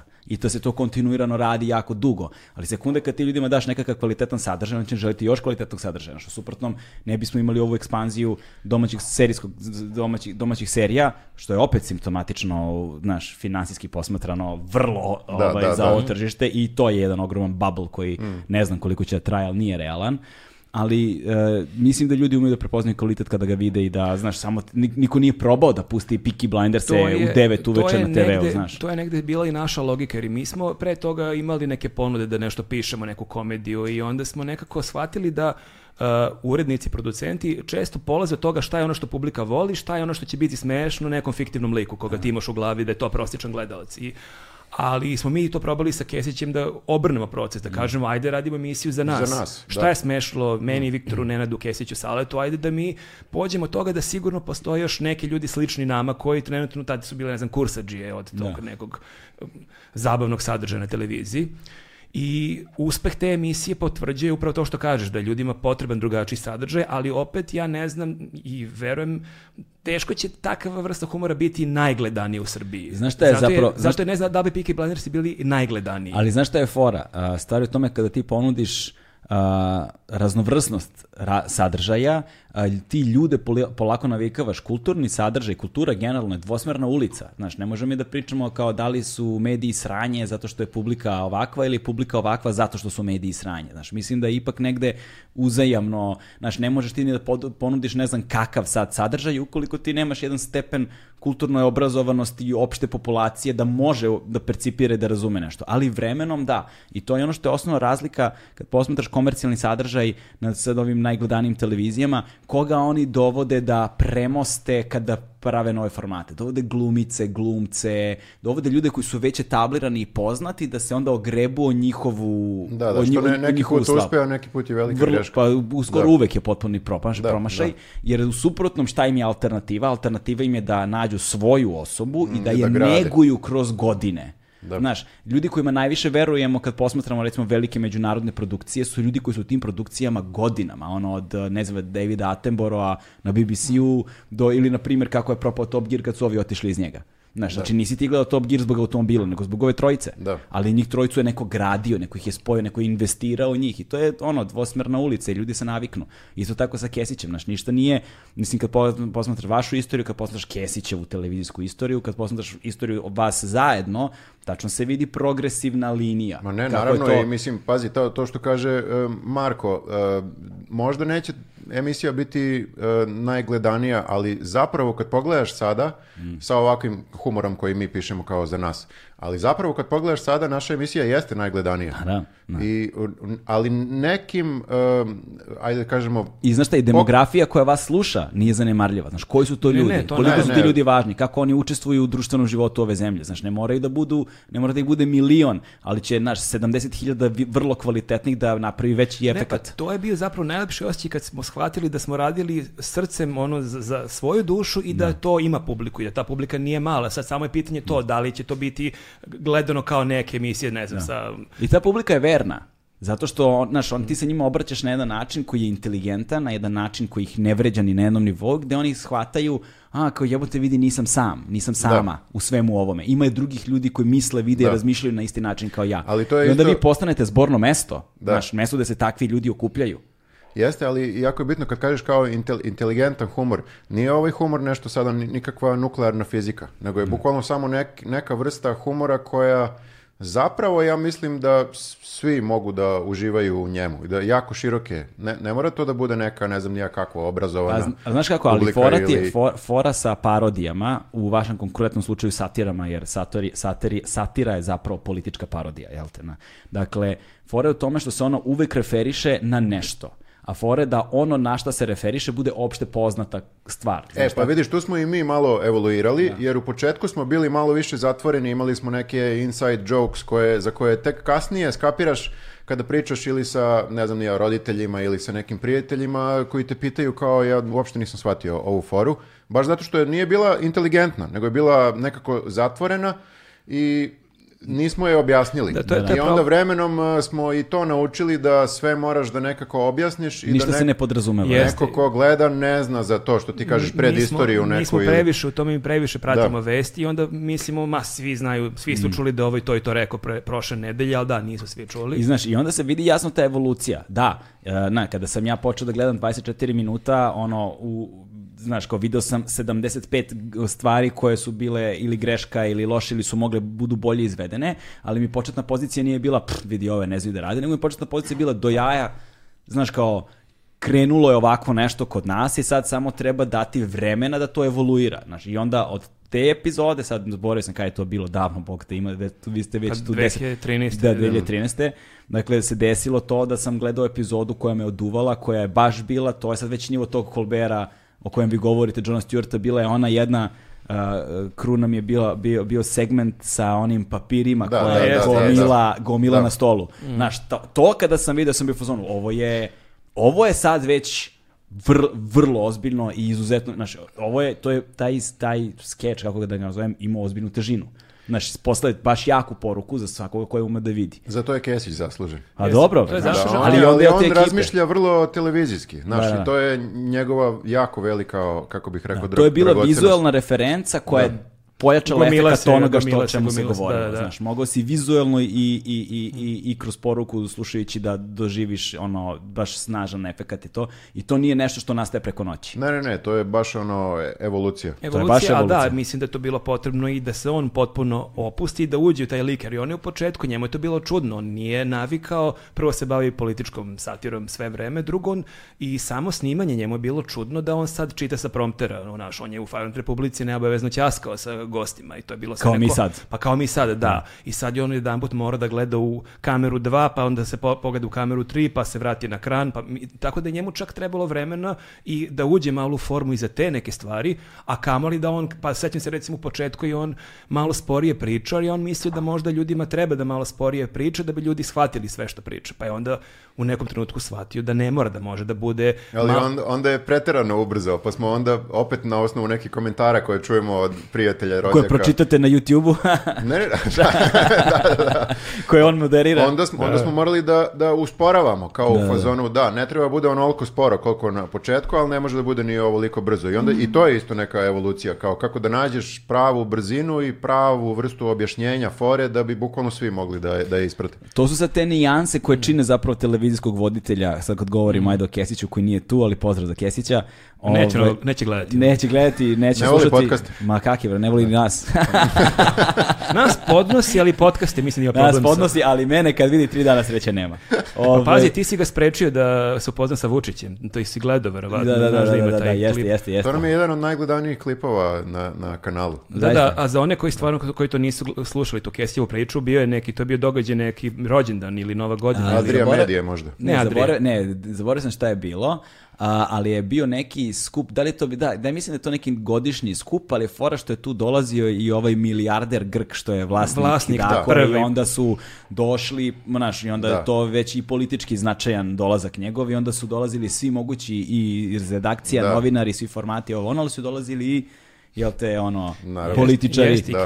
video sam zajedno Vučićevića i Vučića jednog pored drugog uživo sam ih video ono i bio sam u zonu da Da. da, da, ali fora što je on sta stvarno popio koje pivo i što je on video Vučića, prvi put u životu ga je video i on je u tom momentu... Ja sam ga tad prvi On je tad da. u tom momentu bio u fazonu, sad ću da mu priđem da mu nešto kažem. I on je krenuo ka njemu i u tom momentu si ga ti uhvatio i on je se okreće ono, gale, desi brate, o, desi kućio i tu se s tobom zapričao i magija, da. magija je nestala. Možda sam ga i spasio. Jer bi neko, rekao, neko bi rekao, ljudi, vidio sam Kesića i Vučića jednog pored drugog. Da, između ovo. mi je zanimljivo da čujemo ovu priču iz Galebove perspektive. Ja se ne sećam. Mislim, sećam se da sam ga sreo. bio sam, tek sam ja bio pijen. da, da. Nije isključeno. Ali ja se, mislim, sećam se da sam ga sreo, sećam se da sam video Vučića i Vučićevića zajedno ovaj, ta scena je dosta smešna, ali... ja bih volao da vidim uh, Vučića, Vučića, da. Vučićevića, Galeba i Kesića zajedno. zajedno, kako stojimo u krugu kao i delimo joint da, tako prepričava neko sa da, da, da, strane. Da, da, da, da, Ali to je da neko vidi, niko ne bi mogao da to prepriča, kao ko bi ti verovao. Da, Željko Mitrović bi mogao da prepriča. Ona se iz drona video. da. Oblet, o, obletao je oko nas. Ovaj, tako da ta, ta evolu... I to je ono što, da kažem, razlika između vojitelja i glumca kada onaj unajmiš. Znaš, uh, vojiteljski skill, taj, da ti hendluješ kamere, da hendluješ i ear ako imaš nekog iz redakcije, ono, nekoga iz režija ti govori, da hendluješ gosta, način na koji se otvaraš prema svemu, da pritom na sve to umeš i da postaviš pozu, da akcentuješ stvari kako treba, da govoriš brzinom koja odgovara, a da sve to zajedno i plus još milion drugih stvari deluje savršeno da si šarmantan. Tako, deluje savršeno prirodno, mm -hmm. da ne deluje kao da se nešto trudiš, cimaš, preznojavaš, to takva vrsta rutine zaista zahteva godine. I znaš šta je, mislim da je još jako važno. Mislim da je ključna stvar, e, pošto recimo i, i, i nas pitaju nekad kao jel vama malo smeta što ste vi u Kesićevoj senci ili imate neki problem. Mislim da je jako važno i kad smo u pitanju mi iz njuza i Kesić, što nekako niko nas nije imao onu ambiciju da bude ono drugo. Mm. Niko nas iz njuza nije želeo da on bude Kesić, da on bude vojitelj, pa da se osjeća kao eto ovo sam mogao da budem ja, ali spletom okolnosti nisam.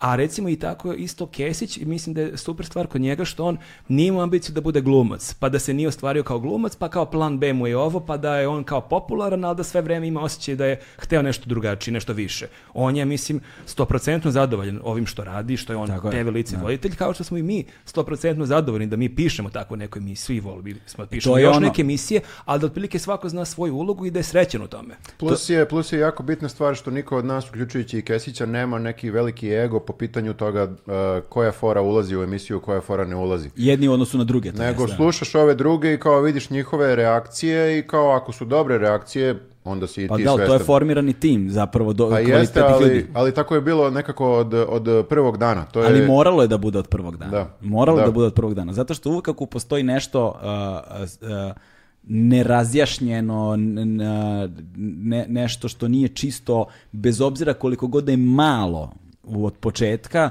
to malo vremenom dobija na težini. Mm. Znaš, uzmi jebi ga ovu čašu vode koja ima, ne znam, 100 grama, drži je ovako ništa, naš, drži je minut, već malo, dr, posle pet minuta Imaš počne ruka da dobre da analogije. To, posle sat vremena mali problem postaje veliki, znaš, ne možeš više da držiš uopšte, znaš, a kamoli deset godina.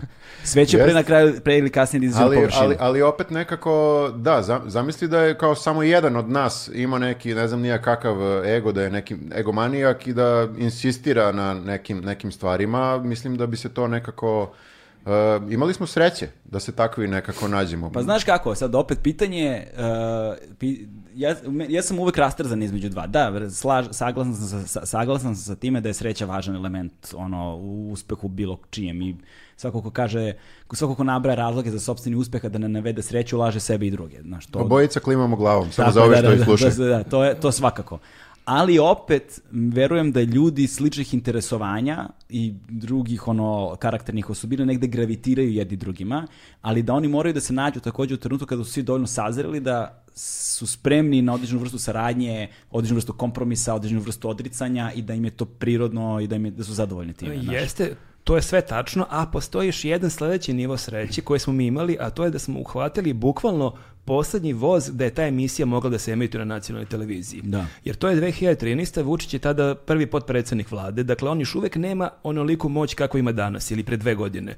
To je još uvek ono neko vreme kada on jača, ali uspe, e, televizija je imala dovoljno hrabrosti da tu emisiju pusti, prva emisija je bila super gledana, druga emisija je bila super gledana i tada je već ta emisija dobila neke fanove i ubrzo se desila i Olja Bečković, taj problem sa njom, tako da mi se čini da smo osim tog faktora sreće da se mi skapiramo u mi njuzovci, pa mi s Kesićem, pa mi sa Saletom, pa svi tu negde da zajedno nešto uradimo, da je postoji taj još viši nivo srećnih okolnosti da smo se mi pojavili bukvalno pola godine kasnije mm. ili ne bože godinu dve dana kasnije mi ne bismo nikad dobili šansu. Ali ja opet verujem da ukoliko ste se vi našli na taj način, možda ne bi bilo to na taj način u tom formatu kako ga sad vidimo, ali bi sigurno izbilo negde drugde na neki drugi način. Jer, jer sva ta sreća i sve te prilike koje se otvaraju, na kraju dana, ukoliko si dovoljno dugo prisutan i uporan, prilika će se vremenom negde na neki način ukazati.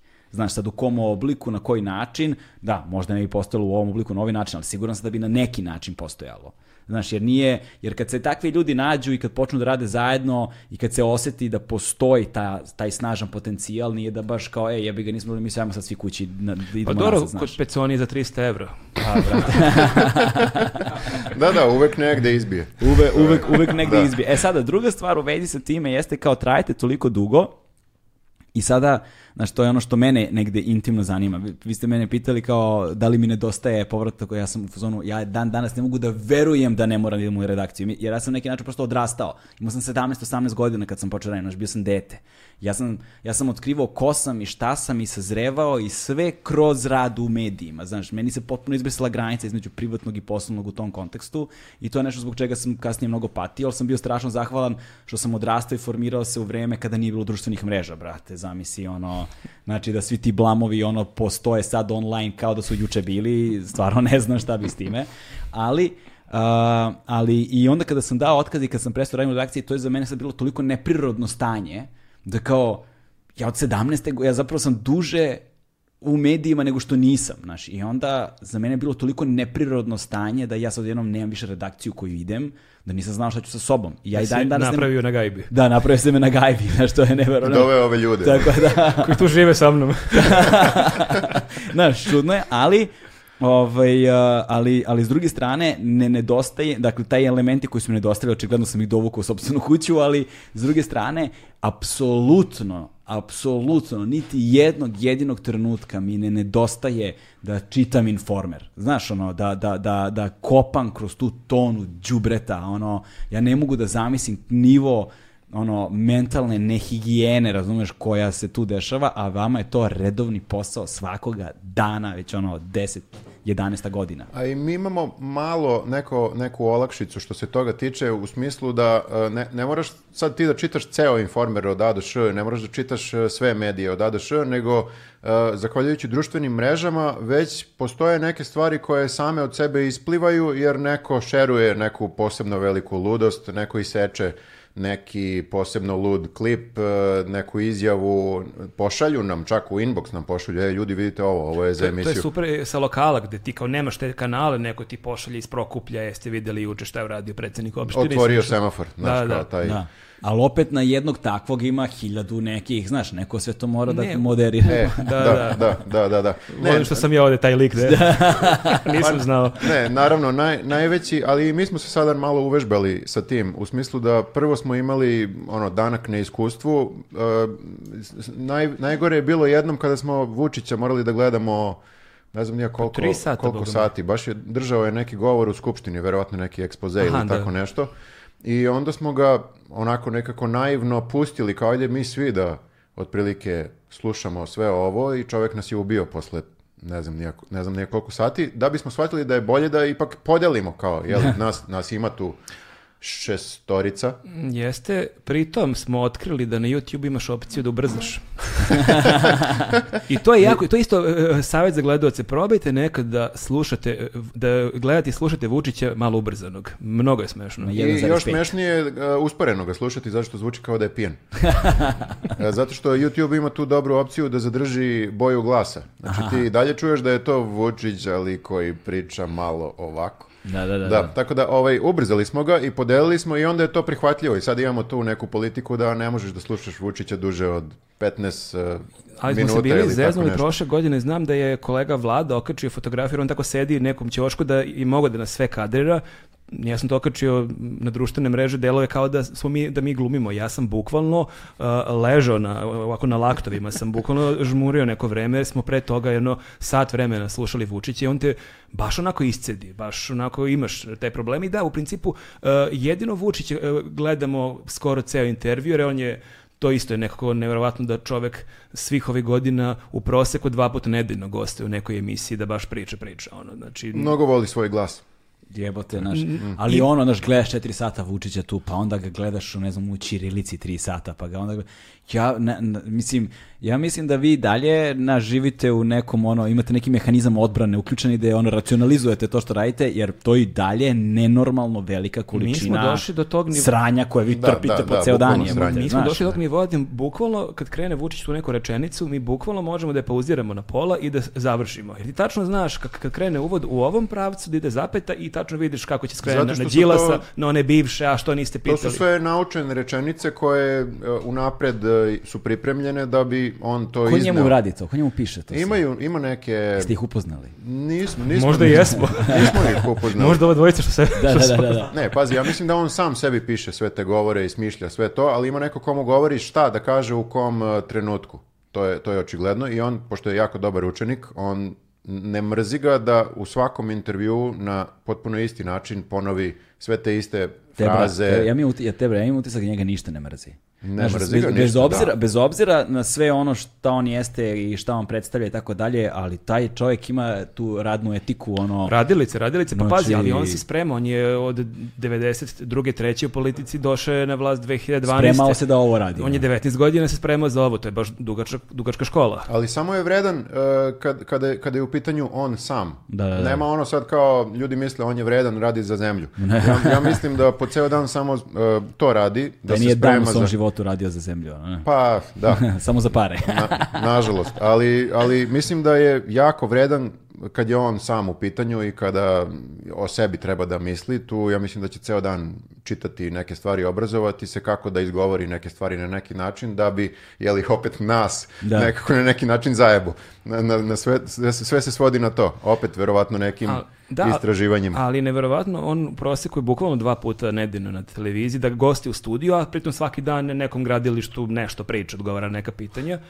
I meni... Nekom gradilištu, mislim stvarno. Pa ne, ali ti svaki dan imaš u nekim vestima njega negde na ulici da nešto priča. Znači, on je dva puta u studiju, ako je ono jedan na jedan, RTS, Pink, Happy.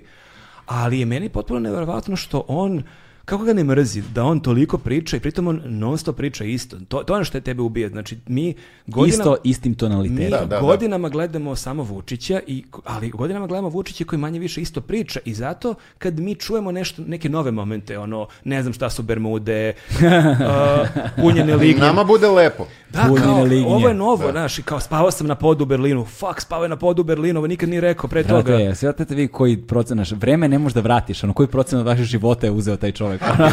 jeste, jeste, zajebano je. Da. Zajebano je, vrate. Da, da, da. Znaš, i, i psihijatar mora da ima svog psihijatra. Znaš, ono kad, pa da, ono kao... Sekundarna traumatizacija znaš, ono, se pa, to da, Razumeš, kako vrate. kažu, ono, kako ti na samrti prođe ceo život, ono, nama će Vučić proći nakon njegovi govori. Ono. Zamisli to, jebem ti život, brate. Da, ali da ne ispane sad da je ovo najteži posao na svetu, mislim, svaki posao ima neko lice naličje. Mislim da prosto, da, da ljudi često onako kad gledaju površno, dele da je naš posao fenomenalan i stvarno stvarno jeste fenomenalno, 90% našeg posla jeste fenomenalno, radimo sa super ljudima, zezamo se, uh, radimo mnogo toga. Trajete. Trajemo, radimo news, knjigu, smo napisali knjige zapravo, emisiju, ali da, Možete kupiti u svim boljim knjižarama. Prava istorija sveta. Za ove koji slušaju, da- Galeb je podigao knjigu našu. Tako je, u pitanju je knjiga Newsneta Prava istorija sveta. Prava istorija sveta. Ako kupite ovu knjigu narednih pola sata, dobijete gratis istoriju Srbije koju niko još nije imao da napiše. Apsolutno. Ali da, hoću samo da kažem, da, svaki posao ima neko naličje i to jeste naličje ovog našeg posla, ali ajde, ne možemo mnogo se bunimo. Stvarno. A znaš što je najgore u stvari kod toga? Ne ni to što ti slušaš njega kako se ponavlja i tako to, nego ja, na primjer, sve vreme razmišljam da li je moguće da samo mi ovo vidimo, da ova prevara ovoliko dugo traje i kao to, to totalno je očigledna prevara i kao kako, kako je moguće da se već 10 godina... Prvo, iskreno mislim da ga niko ne sluša toliko. Ja, e, a, ajde, ako bismo, ajde ovako, ako bismo uzeli, napravili spisak ljudi Uh, i postavili na taj spisak top listu ljudi koji su najviše sati svom životu proveli slušajući Vučića kako govori. Dakle... ne, ne, mi pobeđujemo tu. To Razumeš? Znači, na drugom mestu je on. on je na prvom mestu. Vi ste odmah za njime. Ako ima neka nagrada, evo da se prijavimo odmah, znači ono da dobijemo. Ej, dobili ste da. nagrade za koje niste znali da ste zaslužili, tako da who knows. Tako da e, taj deo je u stvari najgori. Ne to ponavljanje, nego to što traje toliko i što je nekako toliko očigledno, meni je barem to najgore, gore i sam u fazonu ovo postaje sve gore i gore, a nekako je toliko providno i toliko je lako za provaliti, pa taj deo mi nije, da. nije jasan. Ako kako. psihijatri imaju svoje psihijatre, šta su vaši psihijatri, to je šta su vaše terapije, ono pražnjenja tog ono idiotskog sadržaja? Mm. Mislim, Dražić je otkrio trčanje, ono, posljednje, to sam ja provalio. Ja sam otkrio trčanje, da, ali ne znam da li to meni baš terapija... Možda još uvek nisi naučio da je to zbog toga. Moguće, ne, mogu bi da kažem da je to, ali mislim da je to generalno neka moja potreba, da ja se malo osavim, malo trčim, lepa aktivnost, možemo i to, i to je poslije da pričamo, ali... A se plašiš da će to da nas odvede? Plašim se da ne bude podcast o trčanju, jer ja kad da. da. pričam, mogu bih mnogo da pričam. Pa, znaš šta, ne, ne, Nisam siguran da, mislim, jesu mi nekad malo neupotrebljivi kad gledamo Vučića toliko dugo, mm. ali ja zaista mislim da je uh, jedan od razloga što mi ovo dalje radimo i što i dalje mislim da to radimo dobro. Naravno, u svakom poslu imaš neke oscilacije, ali mislim da generalno i dalje ovo radimo dobro. To što mi stvarno ovo volimo i što uživamo i što i kad, uh, i kad imamo takav težak dan, kada nas on onako bukvalno psihički iscedi, ti dalje negde znaš šta si preradio i s kim si radio i kako ti je bilo. I radit ćeš nešto drugo tog dana što je da. isto da. zabavno, a a na neki način vidiš da ima neku poentu i da i da, i da te ispunjava na neki način. Mene da. ispunjava da. ovo svih ovih 10 godina koliko, koliko sam u ovom. Kako vam se poslu. pokazala promena ono sa odlaska sa, sa, sa frekvencije na kabl mm, Fenomenalno, zaista. Da. Zaista fenomenalno. Mm, baš smo onako šokirani u smislu, mi smo se pripremili na to da će gledanost da padne, mm -hmm. ali ni, jeste se desilo u prvom nekom trenutku prvih možda nekoliko meseci i sad se vratila na, na staro, što je meni Sjajno, nevjerovatno. Da. da. mislim sad smo baš onako jako, jako gledani. Znaš, u velikoj meri, uh, otkako sam ja počeo da radim svoj ovaj, podcast da, i javljaju mi se ljudi, znaš, sad prvi put dolazim do ogromnog broja naših ljudi u dijaspori, znaš, to ranije nije bio ono slučaj A, I posebno svi ti neki naši koji su ono iole ljudi koji imaju iole nekakav moralni kompas, znaš, oni generalno imaju odbo, odbojnost prema sadržaju u kojoj dolazi Srbiji, vrlo biraju šta slušaju i gledaju. Mm -hmm 90% ljudi koji mi se javi kao je šta god da mi, da mi šalje neku poruku, uh, uglavnom rečenica počinje sa kao, naš, ne gledam i ne pratim ništa iz Srbije, osim ono 24 minuta i kao, znaš sad, kao ne znam, pratim tebe ili ovo ili ono. I news podcast. I news podcast, da, i news podcast, znaš, kao tvoj podcast je sjajan, ali... Ali si video šta ima. Šta ima i news podcast, vrat. Tako da, ovaj, vi zapravo jeste ulazna tačka i kao neko mesto koje bez obzira na satiru jeste mesto gde ljudi rekapituliraju šta se desilo u svetu politike generalno u toku prethodne nedelje, tako da vaša odgovornost nije samo u kontekstu kao humora, kao ventila, znaš, nego vi na neki način i o, o, informišete javnost time što, znaš, kao otkrivate, ono, vičete car je go u kontekstu kao ali, ali opet, očiglednu e, istinu i za lažno, i za, i za još banalnije laži. Ali opet je tako postalo nekako mimo naše volje, znaš, da, da. kao, da. opet e, i ono što smo ostali na 92-ci sami i sad što smo nekako e, kako bih rekao, na tom kablu koji je jedini koji je koliko toliko informativan, Uh, opet je sve se dešava nekako mimo naše volje. Ja generalno ne volim tu vrstu odgovornosti jer onda moram da razmišljam previše o tome šta ćemo zapravo da mhm. kažemo i koja je naša poruka iz, iz, iza svega da, ovoga, ti... umjesto da razmišljam o tome da to bude smešno, jer to bi trebalo uvek da nam bude pa, da. nekako da. na, na, na prvom mestu. Tako da, ali vremenom sam i ja naučio da prihvatim tu vrstu odgovornosti, iako nisam tako zamišljao pa da, to je nezgodno ako, te, ako shvatiš da te ljudi preozbiljno shvataju, onda možeš i ti sebe da kreneš preozbiljno da shvataš. A da. mislim za ovo što radimo da to baš ne treba. Moramo uvek da... da se podsjećamo kao je ljudi, ovo je sve šala. Pa to, to, je, to je potpuno očigledno, posebno kada se uzme u obzir recimo ti neki, ajde da kažemo, uh, uh, onako slu, te neke situacije koje su snažnije odjeknule u javnosti, da kao odjednom oko nekih stvari, kao humor je strava, ako ne diraš ovo, ovo, ovo, ovo, ja mislim da je humor negde ono sveto područje da ništa, naš, ništa ne sme da bude van domašaja humora, jer to je ono, to nam je civilizacijska barijera iza, iza koje kao ne smemo da idemo. Znači kao ne postoji sveto područje za humor, sve, apsolutno sve mora da bude podložno za jebavanju. Jeste, samo, sve. samo što je to e, što je e, tema osjetljivija, to si na tanjem ledu i to moraš da imaš e, bolji humor. Tako je. Jer da, to je da. ono što je pričaju kao u teoriji da li postoji neka tema koja treba da se izbegava, da u teoriji zaista sve može da bude tema, ali i mi sami znamo ako ćemo da se bavimo nekom temom, da bismo to provukli da mora da bude Mnogo dobar fora. E da, i u tom slučaju ka, da, da pomenemo onda ovu situaciju, šta je bilo beše sa crkvom, e, ne, šta ste, šta, e, sad ono kad da, je krenuo, da, da. svuda po gradu ovi grafiti Jest. protiv Kesića i šta ti ja znam, ali, malo ste čuli ali, u žicu ali, finu. Ali super mi je kako se ti grafiti, kako i oni žive svoj život, znači ima si ka, e, grafit, e, kako beše, ne, Zoran Kesić je kesa govana, pa onda neko napisao kesa bombona, pa tako. pa neko dodao Zoran Kesić kesa bombona od govana, pa neko promenio u Goran Vesić, pa onda neko promenio ne Zoran Kesić. Kesić kao roman, e, da, da, serijal da. ceo. Borba traje, borba da, traje, da da, da, da, da. A Kesić je tu najviše nagrabusio u smislu da... Uh, on je front, on je lice, da. On je front, on je lice i... Uh, A e, ko je napisao to? pa zapravo on najviše pa- pisao, tako da... ta fora nije genijalna, da. ali nekako smo mislili da će proći... Ajde samo ispričamo ljudima koji ne znaju šta je Aha, fora i šta da, se da, desilo. Da, ajde. Moramo stavimo u kontekst. Pa kontekst je taj da u principu, e, to je bio početak prošle sezone gde smo mi 80% emisije se bavili uh, Vučićem i našom delegacijom u Vašingtonu, ono sede na onih oklici kod Trumpa i nama je bio kompletan fokus na tome. I to je bilo urnebesno i to smo pisali dva dana. ali se... kod Trumpa, zaboravio sam na da, tu da, da, da to je bilo stvarno strašno. Potisnuo si, bilo tu masa još nekih videa, mislim baš je to bilo to je bio, to je bio stvarno neki super prilog koji smo mi pisali, nam je bilo beskreno zabavno. Dešava se da istovremeno pada Milo Đukanović i mi ćemo sad dovesti našeg drugara Đuro Radosavovića, crnogorskog pisca, on će da priča o tome.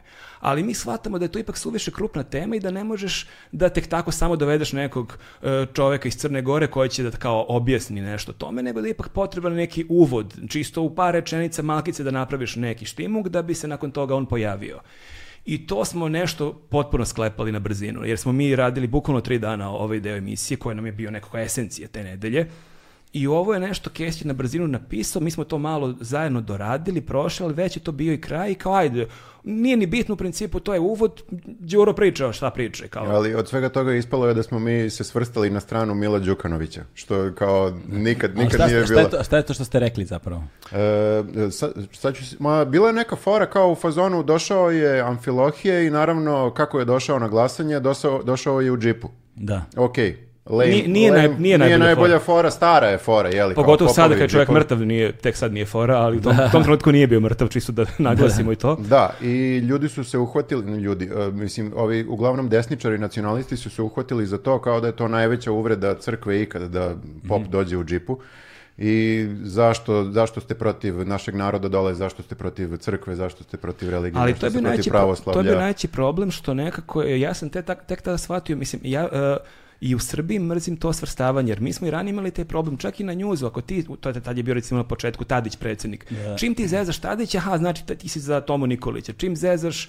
ovog, ti si za onog drugog. To je ja ona polarizacija o kojoj smo govorili na početku, znaš. Ja sam nekako mislio da sasvim normalno, naravno da niko nas pobogu nije za Milo Đukanovića, ja sam mislio da se to podrazumeva jer smo i na njuzu. A rekli smo i to, nismo ništa objasnili, se ne... nismo da. objasnili. Nismo do kraja da. objasnili, ali nekako, da, nismo to, taj prilog nije najbolje ispao, ja sam toga svestan, ali čak i da smo taj prilog bolje napisali, pisali, u tom momentu je u Crnoj Gori, a i u Srbiji. Atmosfera je... A to je bilo, to je meni posle druga rekao, to je bukvalno kao rat, imaš mm. četnike i partizane i ti ne možeš da malo ne voliš četnike, malo ne voliš partizane. U toj situaciji ti moraš da biraš stranu i čim ti bilo šta kažeš loše o jednoj strani, automatski si za ovu drugu stranu, što nama tada nije bilo na u toj meri jasno, tako da smo mi eto tu svrsteni da veliki fanovi Mila Đukanovića, mislim, pobogu.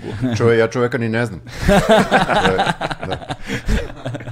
da. tako da je, da, to je, mislim, to je stvarno bio pakao. Znam da radi ovako rukama ako Mr. Burns. Da, da, da, da i da se znoji mnogo. Da, ja znam da, da voli basket, ono, ali da čak i ne znam mnogo Milo Đukanović. Mislim, je dosadan. To je meni jedan kolega iz Crne Gore govorio kao, Vučić priča narodski njega narod razume, on ih hipnotiša kao Đukanović. On hoće da bude intelektualac. Kao neki intelektualac birokrata iz socijalizma i on kao priča neke fraze koje pola ljudi ne kapiraju. On te samo tako hipnotiše svojim pojavom, tako da, da, da.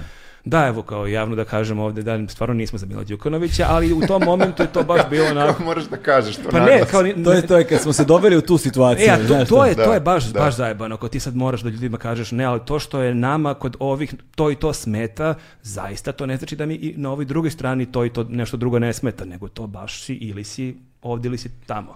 I to da. je ta vrsta odgovornosti zapravo o govorim, kao, znaš, koja se negde vremenom nameće, niste je birali, niste je tražili. Znači, činjenica da, ti, da mi sad živimo u vremenu gde moraš da naglašavaš da kao je šalimo se ili da odjednom za humor nema više ono, razumeš, ima zabranjenih zona.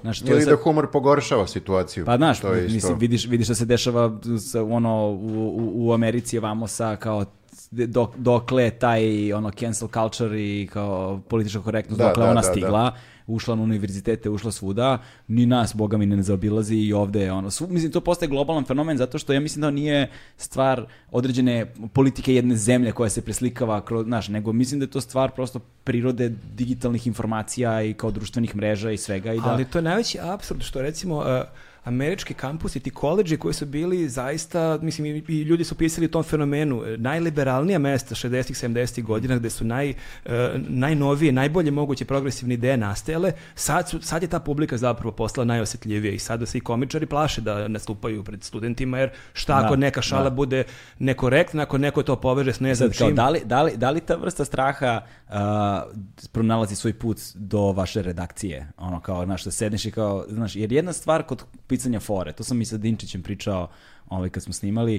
Jeste da ti moraš da imaš svoju slobodu da probaš foru, prosto moraš da imaš tu vrstu slobode, znaš, ko izbaciš nešto iz glave, šta god daje, mora bude bez filtera, je bi ga, ne bude sto sranje, sto prvo će da bude da valja nečemu, a onda ona ta mora da doživi svoju evoluciju da bi stigla do nečeg dobrog, znaš, kao, da li sad se dolazi u te autocenzure da ti kao padne nešto na pamet, ali kao, pff, ja, e, ali samo da se, bolje da ja ne a, čočkam ovo. Ali Dinčić ako nastupa iz večeri u večer, on može da 5-6 večeri ima tu foru koja loše prolazi da je batali Kesić recimo to kaže u emisiji, to ne možeš sad, to, da. to si već Mi rekao. Mi to moramo da provalimo pre nego što on izgovori jeli, na, na televiziji, da. da. kako će ta fora da prođe, u smislu da li će biti shvaćena onako kako mi želimo da, da bude da. shvaćena. I neki put će stvarno desi da nam promakne nešto kao što je promaklo to sa, sa, sa, ovaj, sa džipom. Da. Uh, ali eh, šta, šta sam teo da kažem pa eh, i da da ali kao, je, da li se ta da li se više, ta vrsta pritiska ono u, umuvala tu znaš šta nije to je uvek postojalo kod nas mislim barem kod mene znači nisam nisam ni ja ono kao eh, pre svih ovih uh, cancel cultura i ne da. znam ni ja cenzure i autocenzure i svega nisam ni ja tad bio kao u fazonu idem pa ispaljujem sve što mi padne na pamet to je valjda neka vrsta autocenzure koju svaki čovjek ima da... Ko, ko se zove zdrav razum. Zdrav da, da, da, razum, neki kao ovo znaš kako će proći ova fora, a ovu foru bolje da zadržimo u našem malom krugu prijatelja, jeli kao, koji već znaju da ti praviš takve fore i ne, neće pomisliti o tebe I da si... I često su najbolje fore dok mi radimo emisije, one fore koje nisu u emisiji. Najviše se smejemo na njih, ali znamo da ne možeš to da kažeš na televiziji. A smeješ se baš zato što su potpuno pogrešne. Pa da. da, da, da. Potpuno pa da. pogrešne, ali ti ta... znaš da je pogrešna i smešno je kad čuješ Viktora ili mene ili e, Nenada koji izgovara nešto što apsolutno nije njegov lik. Ali... Nemaš, nemaš vremena na televiziji da objasniš zašto je tebi to smešno, da. kao i zašto, kako ima, bi trebalo ljudi da To je neka vrsta ventila, kao smeh na sahrani. Znaš, s neke, s neke strane strane moguće, ono, i to je ta moć iracionalnog u čoveku bez ja to, to je ono u što ja negde verujem da kao da razumem koncept uh, političke korektnosti u velikoj meri. Ima tu stra, sva, strahovito dobri stvari. Ali s druge strane, na šta oduzimanje slobode da ono eksperimentišeš i misliš, znaš, jer, jer na kraju dana, znaš, ja sam odrastao ono okružen diskriminacijom na milion jednom nivou, ali znaš, i, i nisam ja mogao da vodim tu boru protiv vetrenjača da se sa svakom budalom objašnjavam, nego jednostavno uključiš ono senzore na je, vrlo jednostavan parametar, a to je ko je tvoj motiv iza toga? Da li si ti to rekao jer me mrziš ili si ti to rekao zato što ne znaš ono, i nisi da. razumio? I onda se ljudi hvataju zato što je neko rekao pogrešno ovako onako, meni je samo važan motiv. A se izvlači, motiv. Iz, izvlači se iz konteksta. To, to, tek, to. to tek. Jer ti kad imaš neki, neku atmosferu koja je jasno svima kakva je, pa on čak tebi proziva na neki način koji je možda nekorektan, tebi je jasno to da on nema lošu nameru i tebi je to možda smešno. Da. Ali ako to neko iseče 12 sekundi, a evo šta je rekao čovek. Ali, evo šta je rekao čovek. Uh, o makedoncima. Da. ali Znaš, sve, sve to ne postoji kad si gladan i Čekaj, što se pretvorio. Da Galija da da Makedonac. ne, e, koji ću da kažem da verovatno je razlog za, za, za sve to što je toliko malo otišlo to predaleko je to što je sama uh, uvređenost, osjećanje uvređenosti je isto može da bude adiktivno. Da. I da ti zapravo juriš da se tog dana uvrediš. Da, da, da, na nešto što je neko rekao, da upecaš nekoga, da ti to bude yes, pa kao... Pa to je sad na Twitteru sindrom, ali recimo... Ja... Izvini, samo te, izvini što te prekidam, samo zaboravit ću. nisam makedonac. Da, da, nisam makedonac. Ne, ne, to, ne, to, ne to, nego, nego, da, viš da nemam ot ili hoće. Galebot.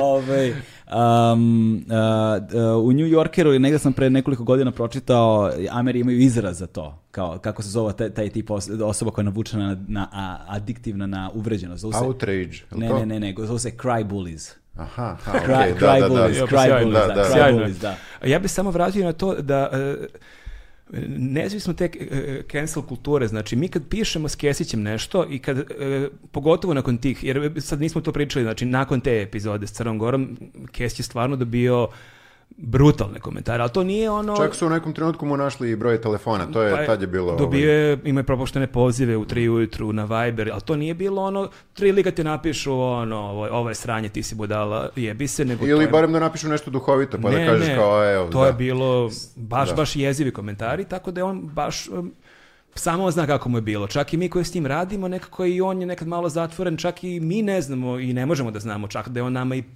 pričao kako se osjeća, to i dalje mi ne možemo da osjetimo.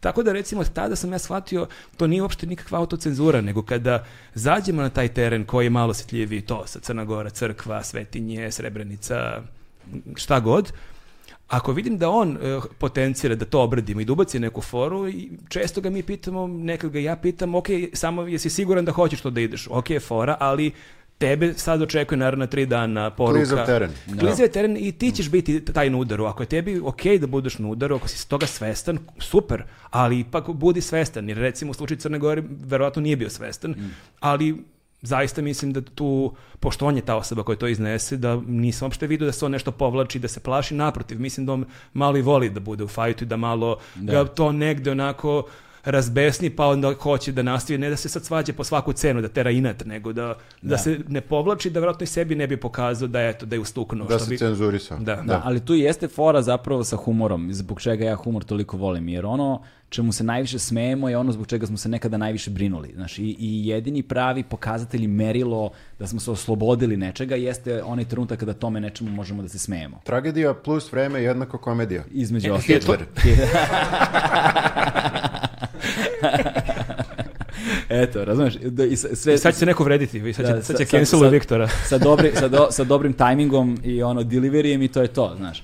I ovaj, i s, jedne strane, s, jedne, s jedne strane, apsolutno to, ali s druge strane, znaš, ljudi kada vas toliko dugo prate, kada vas toliko pomno prate, na taj način uh, i, i naš, investiraju se, naš, identifikuju se kroz vas. Vi ste sad postali apsolutno neodvojivi deo popularne kulture koje čini negde za brojne ljude je jedna od važnih tačaka identifikovanja sa, sa, sa ne znam, ono, ideološkim, političkim stavovima, znaš, kao Kada, opet, kada, mimo, kada, opet mimo naše volje. Da, ali kada se razgovara, znaš, kada se ljudi nađu pa kao, uh, ovaj, znaš, kao, ako slušamo istu muziku nismo potpuni stranci, mhm. znaš, kao, znaš, postoji to, znaš, u odnosu na sadržaj da, koji da. konzumiramo, da. negde se, ono, merimo, negde su to kvalitativne odlike na osnovu kojih ja donosim, naš sopstvenu odluku, da li si mi ti ok ili ne, kada dođeš i kažeš, ovaj film je dobar, ova muzika mi je dobra, ova, ovo gledam na TV-u, meni to mnogo znači. Znaš, i vi ste u toj kategoriji, ljudi se određuju odnosno na vas i tako da vaša pozicija tim pre, ono, zahteva s jedne strane upravo tu vrstu ono uh, uh, uh, kao kao znaš te te zadnje linije odbrane kao naš baš tu treba da budete i kao da ne popuštate i činjenica da kao se to desilo al da Kesić i vi niste popustili zapravo je nešto što kroz vreme mnogo govori ali o vama. mislim da je isto jako važno ono tu se izgrađujete. Jeste, ali isto jako važno mislim da mi ne budemo toga previše svesni, jer to, ja bih se plašio ako bismo mi krenuli da se tripajmo, da smo mi zadnja linija odbrane, jer bismo da. time mi krenuli sebe mnogo ozbiljno da shvatamo, da. pa bismo možda mi potpuno promenili pristup koji sad imamo. Da, dakle, da, mi da, da. zaista se ponašamo kao da je situacija normalna, mi radimo naš posao najbolje što možemo, kao i da. tokom prve, druge, treće epizode. Kad si ti imao mnogo veće medijske slobode, tad si imao ti utisak nedelje na B92, imao si ono poligraf, imao si razne, e, kaži prosto, imao si razne emisije gde se... Sad imaš blicov poligraf. Da, da. E, sad je, sad je bukvalno... Čak i, se, čak i zanimljiviji od ovog.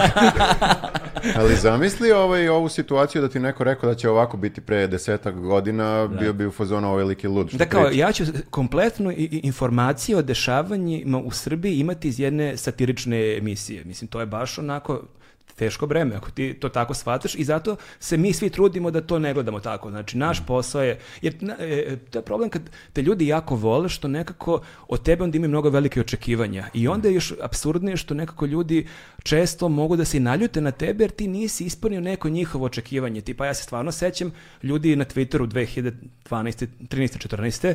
koji su glorifikovali Kesiće 24 minuta, da su u jednom momentu nešto krenuli komentari, pa ne, mislim, neće Kesić izvesti pusti Narodnu ulicu. Definitivno, ne, ne, ne, on je, on je komedijaš. Pa kao, čekaj, u kom momentu smo mi rekli da ćemo da izvedemo ljude na ulicu? Jer ti stvarno očekuješ jednog duhovitog, šarmantnog voditelja da lepog. bude lepog, seksi, nada sve seksi. Nada... Madi Che Guevara je bio seksi, možda su da su tu neku paralelu da. našli, ali jel ti stvarno očekuješ da će Kesić da digne revoluciju, pa si ljut na Kesić i na nas, jer se to ipak još uvek po Bogu nije desilo. Da, to je ta ono politizacija svake moguće pozicije dru, u društvu, znaš, to je, to je, to je ono, znači i, i između ostalog razloga, jedan, jedan od razloga zašto smo, smo, sam pokrenuo ovaj podcast na ovaj način, jeste zato što sam između, žel, želeo da pobegnemo od toga. Želeo da revoluciju. Znaš kao, pa ne, kao ne, želeo sam da pobegnemo od toga, kao jebote, gde god da odeš, da god da pustiš, ljudi referišu na kao dnevno političke situacije, na ovo, na ono, naravno, znaš, znam gde živim, sve sam se da ne živim, s vremena na vreme uvek neku epizodu posvetim, da će doći neko iz krika da nešto ispriča ili ćemo mi na ovaj način da govorimo mm -hmm. o nečemu što prolazi, ali opet gledam da to ne budu ono vremenske setljive epizode u kontekstu da za godinu dana neko može legitimno ovo da pusti da ništa što je, znaš, kao ne, aktuelno sada ne bude bajato i za godinu dana. Znaš, da možda neka aktuelnost bude povod da nekoga dovedeš, ali daj da pričamo u širem kontekstu. Bilo bi samo heavy ako Vučić bude aktuelni za 20 godina. Nadam se u tom smislu da neće biti aktualne. Znaš, kao sad kraj, o, sad kraj ove epizode, ne, sad kraj ove epizode, a mi ono sto, naš, e, vinjak. Na, naš kao vinja, vinjak, e, spavamo, razumeš, čelo na stolu, one, kako se zove, one Superman poze i to. Da, da. Znaš, to bi, ajde da pričamo malo o trčanju. Da, ajde, ajde, doći ćemo ponovo za 10 godina da vidimo kakva je situacija. Zapamti ovo, kako je sad bilo. Da, da, da, da zapamti ovu sobu, ako ćeš, naš mentalna slika. Ovaj, e sad, s druge strane, uh, uh, format uh, e, 24 minuta takav kakav je jeste, on sad traje već dosta dugo i vi tu, ima on svoje subtilne nijanse, način na koji se rubrike ono, imenuju, ne imenuju, menjaju, da, menja, da, da. menjaju način, naš, e, iskačete malo iz formata recimo koji su, koji su postavili to na taj isti Colbert ono, A i e. oni su se promenili, sve je to sve, pa sve, jesu, da, jesu, da, se, da. jesu se promenili da, nego govori, naš, vi nemate, na primjer sad, sad ne znam se, kao, ne, ne, e, sad ste počeli da imate kao, kao centralni kao pis, kao, naš, ranije je to bilo malo a, malo drugačije i to zaista sve dobro izgleda, ali s druge strane ono imate jel te ono dve knjige, jel koje koliko? Tri. Tri, evo te, mm. tri knjige. A, ali a, ovo imate, je... imate da. podcast, da. razumeš, da, da, imate da. podcast i sada to je ono što smo pričali uvek postoji taj strah od rasplinjavanja u kontekstu kada svi dobri komičari kad počnu da rade više stvari paralelno, onda počinje da se razvodnjava negde, ali sva sreća vi to držite jako dobro ali ovaj, vaš podcast je strašno zanimljiv, zanimljiv fenomen. si, gleda, pod... si gledao ikad naš podcast? Jesam, brate. jesam, jesam zapravo, dva, tri sam odslušao, ovaj, kada ste počeli da izbacujete na podcast aplikacije. Da, ti znači, pre, da, toga, da. Naš, pre toga, ne znam, ali problem je u tome što ste vi to nešto, ono, horor neredovno radili, onda nisam pojma... Mhm. Jesmo, sad smo redovni, ali u početku ali je bilo ono... Recimo, nema ničega, ne znam, da. dva, a... tri meseca, da, četiri da, da, meseca, onda izuđu kao tri epizode u jednom danu. Jesmo ono, šta je ovo? Iz nekog razloga ljudi vole kad izbacuješ to redovno. To smo nije, shvatili. to, nije to iz nekog razloga, znaš. Možda bi ti mogao, recimo, galebe svakog petka da objaviš. Pa, znaš ako razmišljao sam o tome. To je, ali to je isto kao, o, znaš, e, št, ono, jedna od glavnih odlika, ne znam, on, vrhunskog restorana je što uh, uvek računaš na isti kvalitet hrane. Ista Karadžorđeva, da. Ista Karadžorđeva, tako, mm. znaš. I ta situacija kao dođem i vrhunski klopam u nekom restoranu i onda dovedem prijatelje i bude sranje, to je blamčina neviđena, znaš. I onda nisi spreman da rizikuješ na taj način. Ljudi se vezuju za formate zato što postoji određena ono predvidljivost na, sa kojom mogu da računaju da te uklope u svoju svakodnevicu. Znaš, oni ako računaju s mojim epizodom svakog petka u 8, brate, svakog petka u 8 i onda naš publika koja je tu negde anticipira I to je jedno očekivanje koje zaista treba da se I mislim da ono, kod podcasta super stvar što ti vremenom, uh, mislim ja vidim kako ljudi dalje ne kapiraju podcaste, to vidim Bano. kod ti ne čitaš komentare na svoje podcaste, ali meni su hit komentari na podcastima kao ajde galebe ćuti malo pusti gosta. E, ljudi ne kapiraju da podcasti nisu TV forma i da to nije sad ti postaviš meni pitanje i sad ja žvaćem pet minuta, ti klimaš glavom, da je nekako da, da publika vremenom podcaste sluša zbog voditelja, da je pa, to što ti imaš... Ne nek... se, Baco, idi dalje, mislim imaš pa ne, a, ali, ja sam neke podcaste gde... Imaš dislike, news, dislike da. report u Gasi, imaš, imaš news, news podcast. podcast da. Tamo gosti nikad Nije, ne pričaju. Ne, da, da, nema gosti. To, je, da, da. to, je, to je dobra stvar e, kod, kod news podcasta, ne moramo da razmišljamo o tome ko će doći u goste. Otprilike moramo malo jedni druge da ubeđujemo kao otprilike ti si sad sledeće nelja, što moram ja, brate, ti, ja sam bio sad, kao ne, ne, ne, moraš ti.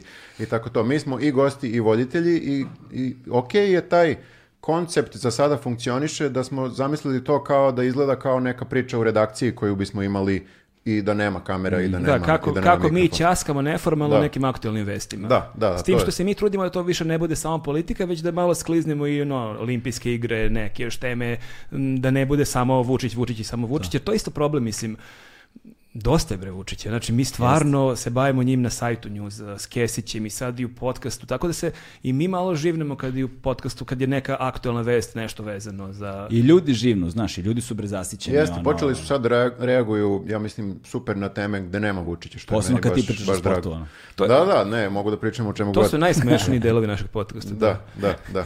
da. Kako ste komentarisali olimpijske igre? E, ja srećom nisam bio tu. Nije bio tu Viktor, ali tu je bila koleginica Elisaveta koja je, znam, možda te, tek malo više od Viktora u sportu, tako da isto bilo jako zabavno kad smo njoj objašnjavali šta je basket 3 na 3, a šta je košarka i kako to nije isti sport i kako je ovo sad novi sport koji se igra. Tako da, bilo je u svakom slučaju zabavno. Da, fascinantan je uspon tih momaka 13. A, kako znam.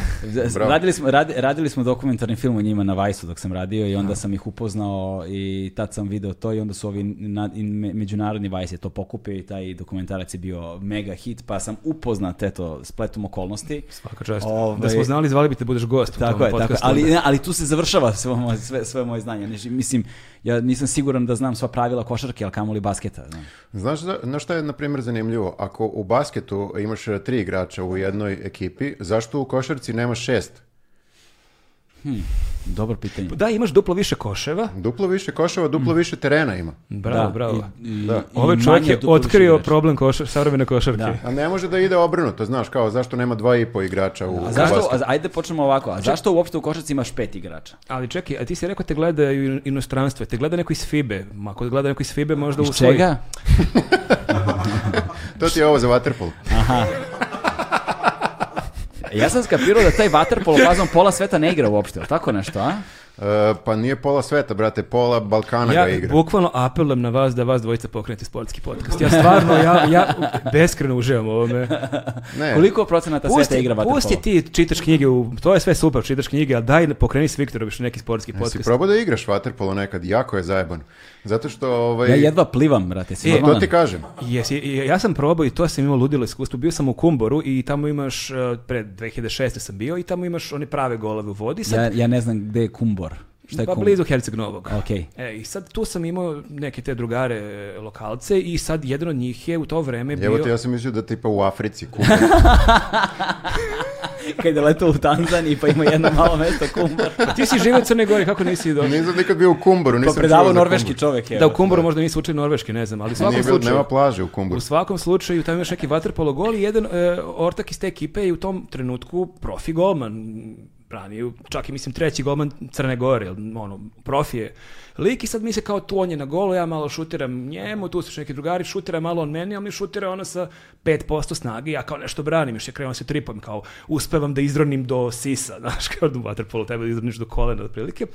Ja mu kažem, ajde molim te, baš me zanima, aj mi najjače što možeš šuter i penal, čisto da vidim kojom brzinom ta lopta ide. Ja bukvalno nisam ono video. Ali, ali bukvalno nisam video. Ja ga pitam, čekaj, vrati, tebi ovako šutiraju cijeli život. Tako da je to dosta težak sport. Mislim, ali tu ne šutiraju, oni da gađaju tu. Znaš, nije šutiranje. A znaš koji je meni bio najveći šok kad sam bio klinac? Šutiranje je nogom, je li tako? A to misliš, tehnički, meni tehnički rukom. Ali šutir, a šut je i, mislim, ja znam da šutira šutiranje nogom. Jeste, šut je i u basketu isto. Da, i u ali bi trebalo da je nogom. Bukvalno da. kafu da samo da ih slušam. Znači, meni najveći šok kad sam bio klinac bio kad sam shvatio da e, vaterpolisti ne stoje u bazenu. Ja sam mislio da... Vidiš, ja sam mislio da ja imam. A sam imao, imao sam sam, a, to posle mi ne imao sam 8 godina, mislim da je to olakšavajuće. Koliko fali do dole? Pa fali dovoljno da ne možeš da staneš. Ali, gledaj sad ovo.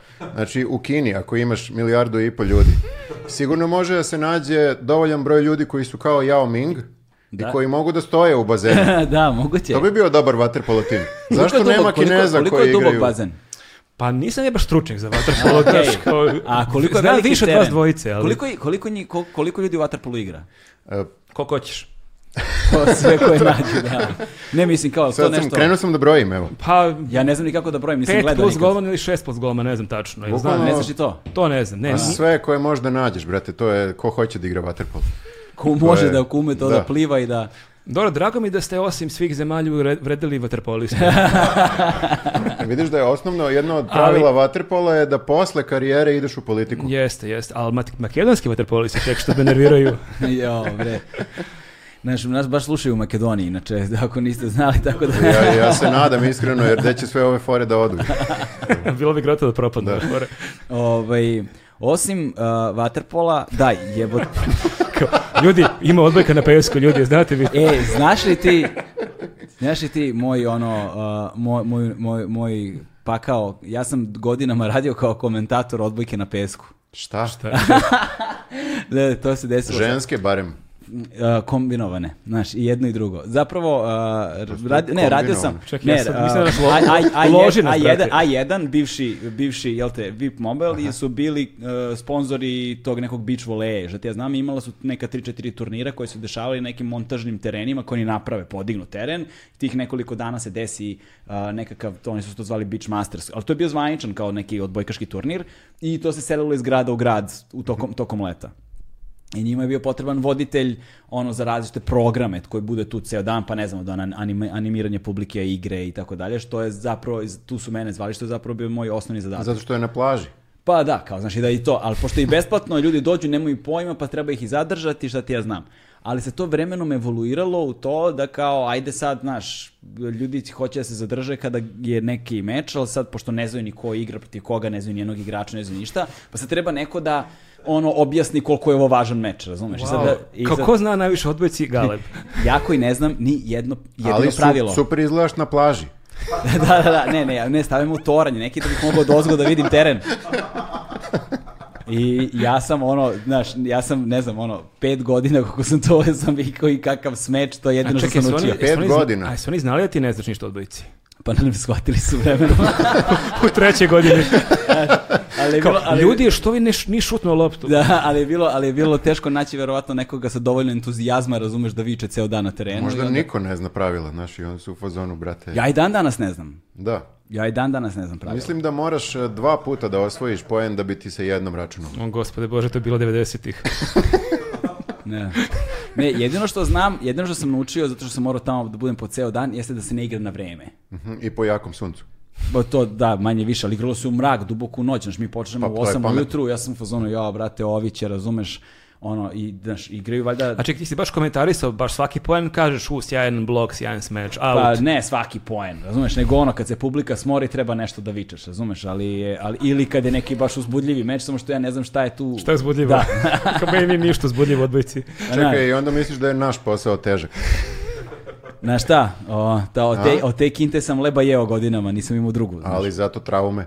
Ma, znaš, ne, nego čini se da nisam i dalje, znaš, da ja sad opet ne znam ništa, znaš, o tom, ono, ne, ne, jednostavno... Izbriso se, izbriso da, meni, sve. Da li je luđe to što si ti to u startu dobio taj posao ili što ti za pet godina nisi naučio pravila pa od Ne, naučio sam nešto, ali sam zaboravio, sad kao da nikad nisam znao, razumeš? O, naučio sam koliko mi je bilo potrebno da ja preživim taj dan. Nije nešto što te loži. Pa ne, ja to ne mogu da razumem uopšte, to ne znam kako to da objasnim, čudno je. A, on, nema, ja te shvatam. Ja da, da, to kao, ne, ne, ja te shvatam, samo ne znam što se to radi pet godina, ali da, kapre. Pa zato što nisi imao drugi, ono, ne, to je bila kinta. Dobro, znači, dobro. Ne, ne da. osuđujem, samo se pitam. Ono. Da, da, da, da, da. Ovaj, ali, je, ali je, da, mislim, znaš, kao, nekako ljudi barataju loptom, znaš, ne vidim ono, znaš, kao nekom vrstom lopti, nekom vrstom mreže i to kao, eto. Pa pa nadam se, pa da nisi ovako komentarisao meč. Nisam, nisam. I sada plava ekipa barata... Nisam vidio što se desilo, ali ovi barata, se raduju. Barata nekom vrstom lopte plava ekipa, sada da. crvena ekipa barata. I oni su pogodili mrežu na ovaj ili onaj način, znaš. Gol! Da, ne, ne. Da, to, da, da. Ne, ne, ne. Koraci. E, Galebe, koliko ti traje podcast? Kao Nemam inače. Pojma, jel ovo neki koliko, rekord? Koliko mi sad da trajimo? 2,50. Eto, pa sata. Možemo još, možemo još. Možemo još malo. Možemo pričamo malo trčanje. Mislio sam da li smo oborili da- rekord. A ne, niste. Koji je rekord? I pa čiji mislim da je 4,5 sata, 5 sati, tako nešto skoro. Bio ti Vučić. Nije, bili su mi kuvari neki. Aha. Mislim, to je bio, ne, ne ili, ili su kriptovalute bile najduže, a o kriptovalutama, ali tu ima, brate, da se priča oko hoćeš. Da, oni ga žive. Wow. oni znaju zašto žive, brate. Oni znaju zašto žive i niko drugi. to je naš ključni, ključi problem sa kriptovalutama je kako objasniti kriptovalute. Jednom kad ih razumeš, divan svet. Ali... Ja, sam, ja sam stigao da razumem nešto i onda se pojavio onaj NFT i onda sam bio u fazonu, daj brate, ne mi zajebao šta moram i ovo da... Pa da, NFT, mislim, NFT se zapravo relativno jednostavno razume kada razumeš blockchain. Sad kad moja majka bude ovo gledala kao... Daj, vrati, vrati na odbojku, vrati na odbojku. vrati na odbojku. Znaš, ovo me znam više nego o sportu. Znaš, mogu, mogu A da čekaj, si ti sad nakon razgovora od 4,5 sata naučio to ili si kao za odbojku na pesku u fazonu? ne, ne, ne, ne, naučio sam puno stvari, ali postoji razlika zato što sam se u više navrata bavio uh, pitanjem ono kriptovaluta ranije znaš, u životu i onda u, na tom putu saznavanja o kriptovalutama shvatio sam jednu stvar, a to je da svaki dokumentarni film, svaki tekst koji sam pročitao, bilo šta, bavio se kriptovalutama na sledeći način. Oni počinju priču od kriptovalute. Znaš, znači, što znači da postoji jedno ogromno znanje uopšte o, o novcu, o ekonomiji da. koje je pretpostavljeno napred. A kripto je odgovor na to. I ukoliko ne razumeš kontekst ovoga, a zapravo 99% ljudi ne razume kontekst pa novca. Pa ne razmišljaš o tome. Ja sam rekao znaš, na početku ko zna išta o ekonomiji. Razumeš da. to, ko zna išta, znaš, ti zapravo moraš da razumeš ono istoriju novca, kako smo uopšte došli do trenutka da ima neki papir u rukama. Znaš, kao, e, ako to ne razumeš, teško ćeš koncept kriptovaluta uopšte razumeti. I onda sam bio u fazonu, hajde da nađem nekoga ko može da mi govori, ono, i mi recimo to, toj epizodi podcasta mi prvih sati po vremena nismo pomenuli kriptovalute. Nego aj samo mi da damo kontekst da razumeju ljudi šta je uopšte novac i zašto ti neko pokaže roze novčanicu sa, na kojoj piše broj 1000 i sad odjednom ta novčanica ima veću vrednost od ne za neke zelene novčanice na kojoj piše 500, a obe su napravljene od istog papira, od istog svega i kao ova je vrednija od ove. Ko mi je rekao na osnovu čega je to vrednije? Zato to... sam ja u njuzu zadužen za financije. Da. Zato što se najviše razumem. Da. Kao i u sport. Ko je blagajnik, stvarno? Uh, pa nemamo blagajnika, nemamo blagajnika baš, ali uvek je smešno gledati Viktora kako traži pare. To je baš ovako jedan mini skeč koji se ponavlja. Onako, ne u smislu da prosim. Ne da prosim. Nego, nego kao ne mogu nađem gde sam stavio u džep. Ili kaže nemam ni dinara, e imam 4000, nisam znao da sam u džepu, da, to je uvek zabavno. Wow, nađeš 4000 u džepu, to je ono mada, ozbiljan find. Mada sad kad kažem da tražim pare, jednom sam u podcastu tražio pare da nam ljudi daju na ulici umesto na Patreon, ako nemaju Patreon ili PayPal, da. kao u fazonu ako nas vidite na ulici, dajte nam 100 dinđi. I stvarno ljudi krenuli da me zaustavljaju na ulici. A što da... su njega, on je traže mene su, mene u Hrvatskoj lik prilazi kao, ja pa stojim... Pa rekao sam nas, sve. Da, ja stojim, da, da, čekam da mi se popne žena sa čerkama, ja gore sam, sam pre njih pope u rovinju i prilazi lik, jel primaš kune? Ja kao, molim šta i kao, e, ja onda kapiram da lik gleda podcast. Tako Ali... da, eto, financije. To ti Pazi, ne znam da si probao i, i taj sistem, to ne, isto. Ne, ne, ne. ja bukvalno sam probao svaki sistem sem tog. Znaš, Ovo da- funkcioniše. ne sumnjam. Tebe bi, tebe bi isto davali pare na ulici.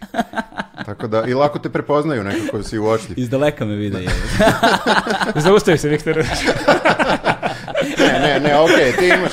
Not ti imaš, in that way. ti imaš ono, ti imaš ono ovaj, da ti daju kriptovalutama, to sam vidio.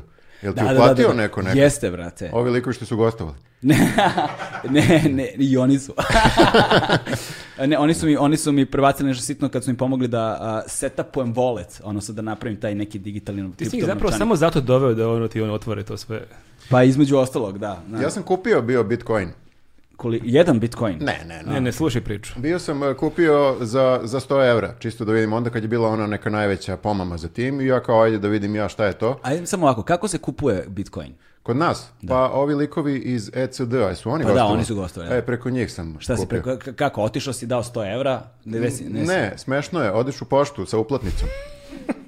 Tebra, već vidim kako... To je pre par ne... godina, moguće više nije tako, ne znam. Da, odeš u poštu sa uplatnicom? Jeste, i njima legne ovim iz JCD i oni umesto tebe u tvoje ime kupe Bitcoin i kažu ovo je sad tvoj wallet i tako to. Međutim, ja nisam čitao pažljivo ta sva jeli, pravila koje su mi rekli i da moraš da zapamtiš tih 12 reči i da moraš u da... U tom redosled, raspor, redosledu to da... Ništa nisam čitao, ne čitam nikad ta uputstva za, za korisnike, samo klikćem yes, yes, yes, yes i uh, ovaj, eto sad imam Um, ja mislim da je sad tih 100 evra poraslo na tipo, boga mi, 300 evra od tada, ali ne mogu da im pristupim. Oni su negde u cloudu. Da, da. ja nemam uh, nijedno od tih 12 reči.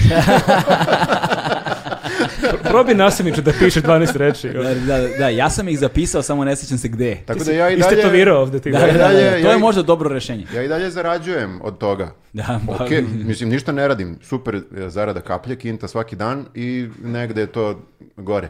Da. Neko to odgore odgovori, troši jednog, sve. Jednog dana. Da. Posle, da. poslije ljudi kažu da se novac ne nosi u grob. da. to mi je penzion. to je u raju posle bakato. Da. Ljudi glavnom budu kad što su stari senilni, nije nikad obrnuto da se sete. Ono, da, da, Benjamin, Benjamin Button za financije. Da, da. Mada, ja se ne bih baš složio sa time, e, jer nekako što sam stariji, tako odjednom neka sećanja koje su bila na dnu zaborava ono isplivaju. Stvari baš, znaš, e, se, vam se dešava to da nekako e, stvari iz prošlosti mi dolaze koje, na koje nisam pomislio, ono, da, znaš, neke ko, scene, neke, situacije. Neke scene, neke situacije, mm. ono, znaš, svakakve gluposti. Kad vidiš odbojkašku loptu. Aha, o, šta, šta se to je trauma, da. Tako da nešto sećanje... ti nešto ti trigeruje ili se... Ne, nego samo se vraća, znaš, on nema pojma, aha, znaš, kao aha. kao kad pojedeš nešto loše. Podsvest, podsvest, da. da, da, da. Ali zanimljivo funkcionišu ljudska sećanja, znaš. Mislim Just. da one idu nekim ono, znaš, amplitudama. Meni je zanimljivo kako ono ja kao pratim sport ne previše, ali kako sad me pitaš neke timove pre godinu, dve, tri dana rezultate, baš se namučim, a ono Italija 90. sve utakmice, svi golovi, strelci, to znam u pola noći, to je isto zanimljivo kako ono što si kao klijent što te neka nekad ložilo kad si bio da. klinac, što si tad naučio kako ti do kraja života ostane. Mm, ima koristi od toga. ne znam još uvijek ko je, možda bude neki kviz u Italiji 90. ali da. Da, to je, e, to je još jedna stvar, ono, beskorisnost tih informacija, su, ali dobro, mislim ja imam gomilu beskorisnih nama je Super, nama je kolega iz njuza, Bojan Savić, koji živi u Čajetini, o, naš dopisnik iz Čajetine, on je voli kvizove i pobeđivao u slagalici i onda nama pričao kako otprilike i ti ljudi koji se lože na kvizove, kako oni kad se nađu, da su to sve vreme postavljanje pitanja, da nije ono je šta ima galabe kod tebe, nego koje godine on osnovan Manchester City. I ti onda mene pitaš koji je treći roman, ne znam, Hemingway, znaš, gde su non stop takvi razgovori. Da, to da. je baš genijalno. Jedan od mojih najdražih pitanja je ono, koje, znaš, trojica likova su otišli na mesec, kako se zvao treći? Onaj treći lik. Onaj treći, Oni treći lik. lik, znaš kao, i od tada imamo to kao treći sleva, znaš, to ti ono, neki strašno važni ljudi koji, kojima niko ne pamti imena. Imali smo na njuzu neko vreme foru u početku, baš kad nabrajamo neka imena E, taj, taj, taj, taj i on je treći lik. I onda je da. to treći lik je postao nekim vremenom jeli lik koji se stalno pojavljuje u svim vestima, ali malo smo ga zaboravili. Da, mogli biste da ga obnovite. Mogli bismo da ga, mogli da ga vratimo. Mogli bismo, da, da, da. da. da. Ok, ovaj, uh, ajde e, sam... znaš šta sam shvatio Reci. sada? Kad smo... Preuzimati podcast polako. Samo napred, samo napred. e, mogu e, ja samo da dobijem vode malo. Ti si, ti si ovaj, e, jedini čovjek koji je toliko dugo živeo od odbojke na pesmu.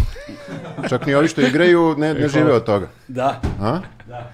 Da, eto, mislim, je... mislim da je to istina. Ja sam zapravo, ja imam najduži staž u, u, u karijeri, na, najduži, kako se to kaže, najdužu karijeru u odbojci na pesku. Da, da, da, i posle a, reci da nisi A da nisam jednom dotakao loptu. Ali i ne znaš pravila, da. Da, da, da ništa. da, da, da ništa. I apsolutno sam, naj, i apsolutno sam najniži od svih njih. A šta to moraš da budeš e, visok? Da, da, da, da, da dosta visoka ta mreža. Ne znam koliko, možda ti znaš koliko je visoka mreža. Dajte ljudi, ja pratim sport u granicama normalno. Nisam Brate, znaš koliko je zajebano na pesku skakati? A, to znam, probao da. sam. Onda nema veze koliko si visok. Pff, ima. E, to je na trambolini što pričaš. da, da, da, da znam Ali da tu da. nije zajebano skakati. Da. To je zapravo vrlo jednostavno skakati. Jedan od boljih sportskih podcasta u kojima sam učestvovao. Da, da? Aha. To, ovaj, da, ovo je... Mogli bismo stalno napravimo jednu ono, specijalnu... Razmisli. Da. Već imaš ovo o književnosti. Tako je. da, da. da. da. Da, da, ali, da. ali da, misliš da napravimo sportski podcast samo za ove na pat, Ja mislim da bi se udvostručio broj ljudi koji bi te podržavali. Samo bi želi to da slušaju. Ja bih prvi plaćao baš velike pare, da slušam vas dvojicu. Eto ideje. Eto Ili, ideje. Ali, ali bismo morali da gledamo neke te sportove ne, ne, ne, ne naprotiv, baš ne smete ništa da znate. Ali da, je, ono, da vam neko zadaje teme, kao aj sad pričaš rukomet. Šta misliš o skandinavskom pa ne, rukometu? I ti pričaš. Kakav skandinavski rukomet? Ja ne znam ni jedno pravilo rukometa. E, ali rukomet Ja sam tamo je... video samo, kad sam video rukomet, video sam da ne, nešto ne, ne jebu tapkanje lopte. Ne, ne, ne, to, u tome je fora. Niko, Tapnu povremeno. Niko, to ne, sam zna, rekao, niko znaš ne zna tačno u rukometu koliko smeš da napraviš koraka. To je dobra, dobra stvar. da, to je ono, da. to je odokativna metoda. Jeste, da. jeste, tu zapravo nema. sudije samo blefiraju da nešto šatro znaju. Oni su fazonu što ovi ima tri koraka, a ne dva koraka. Da, da, kao i koliko, koliko grubo smeš nekog da udariš. To je isto ja u mislim, rukometu. tu nema pravila. Odokativno je otprilike, ako nema krvi. Onda... Zavisi koliko kuka. da, da. To je isto i vaterpolo. Isto, ja stvarno i ako gledam, da, nikad ne kapiram kad je faul u napadu, kad je isključenje, ali... Ovako deluje kao prijateljska igra, ali ispod vode, vrate, šta da, se dešava. Ispod mire. Znaš, da. ali a, a, kako se deklariše... šta je rukomet? Ne, kako se, kako se, na osnovu čega se deklariše faul u vaterpolu? E, pa na osnovu toga šta ti vidiš e, iznad i ispod vode. Imaju sad podvodne kamere. Ali da li sudje to ne, ne gleda podvodne kamere. Moram ti srušim tu iluziju. Ali e, imaš tu foru ako ga uhvatiš sa dve ruke, vučeš ga, daviš ga, ali nešto... Ne, ako se pretvori u judo, onda je faul. Nešto se, to, nešto se toleriše, kao da je tanka linija između... Ne, nije faul, faul između napadu. ljubavi i mržnje. Ne, ovdje imaš kao tromeđu, da li je tanka linija između toga, da li nije faul, da li je faul napadu, da li igrač više za ovu drugu ekipu. Znači, to je bukval... najbolje pravilo u hokeju, ono. Ko je? Da se pa, pošibaju kada, ljudi. Kada imaš par sekundi da se, da se pošibaš. Ja e, mislim stvar. da imaju dva minuta. Pa dobro, da, lupio sam par e, sekundi. E, imaju je pravo da se tuku, a? A to znam fazon iz igrice neke, ono, u igricama je bilo igra i kao samo ne, gledam kako da se pobijemo. Imaju, ali moraš valjda da skineš eh, ili moraš da imaš rukavicom. Jel možda ga napadaš rukavicom? E, da, ne smeš. Ja ne, sam gledao jedan super dokumentarac o liku koji je provalio da ljudi gledaju hokej samo zbog tuče. I on je mhm. došao na ideju da napravi samo fight, fight na ledu i da se ljudi obuku kao hokejaši i samo mhm. se šibaju i bio napravio turnir, ali bankrotirao je. Da.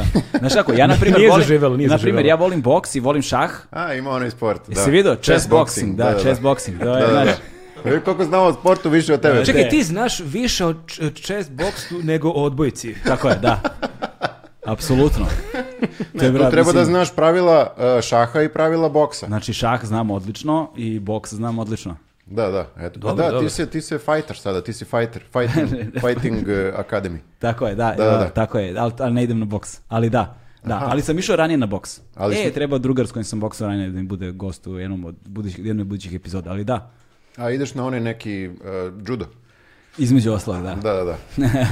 da. Baš danas idem, evo, kad da, mi završimo, da, posle, u pola sedam imamo trening. A ako bi nabao nekog kao u boksu, jel bi te diskvalifikovali ili?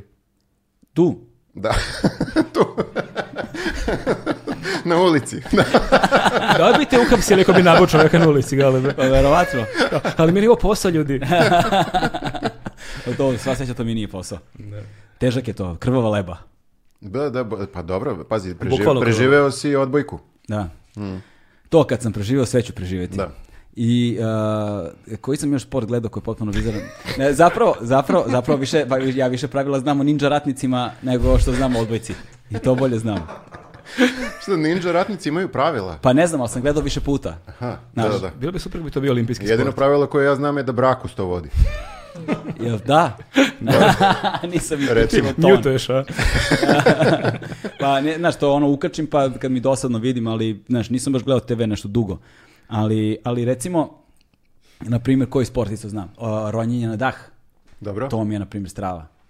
E, pa da, bio ti je Ronilac. Ja moram da. da pohvalim javno, tebi sam to rekao i privatno, da, da ta, to ti je bio jedan od najboljih podcasta, možda čak hvala, i najbolji. Hvala. Ja nisam, apsolutno, znao sam o ronjenju koliko ti znaš o odbojci, iako da. se nisam pet godina, nisam pet godina komentarisao ronjenje I baš sam to tokom trčanja slušao i bez veze sam pustio kao aj baš da vidim da će Branko Petrović, pozdrav za Branka Petrovića, svetskog rekordera pozdrav, u statičkoj čak, apneji. Čak sam mislim dva puta slušao taj mm. podcast, mm. tako da stvarno svaka čast. Da, on je odličan, odličan je on. Ja i volio bih da radim tako, znaš, te neki samo nema puno ljudi koji se bave takvim stvarima, pa a koji je... pritom istovremeno umeju da govore o tim stvarima. Mm -hmm. To je ono što je kombinacija, znaš, koja treba idealna da se desi. Da, da, da, on da. nije bio pod vodom da kad ste pričali. Pa nije, nije, nije, ali je zvučao kao pod vodom jer smo razgovarali ono sa onim, naš, neki baš preko nekog baš groznog mikrofona, ali bože moj, to su te nužnosti ovaj uh, ne, ne, vredilo pa- stvarno. pandemije, pandemije. Hvala, hvala ti puno. Uh, vaš podcast, uh, ljudi mogu gde da ga čuju, kada, kako, ajde da vas malo Mislim da polako, ovo je kao kafići kad podižu stolice, znaš, da, da, da zadnje da, tur, pališ da gasi reflektore. To, to, to, to, Sve nam je jasno. Uh, podcast je... Na izlazi... YouTube-u i na svim ovim audio platformama e, koje, koje postoje. Kad vam izlazi podcast? trebalo bi sredom. to je bio super billboard, naš news podcast, trebalo bi Da.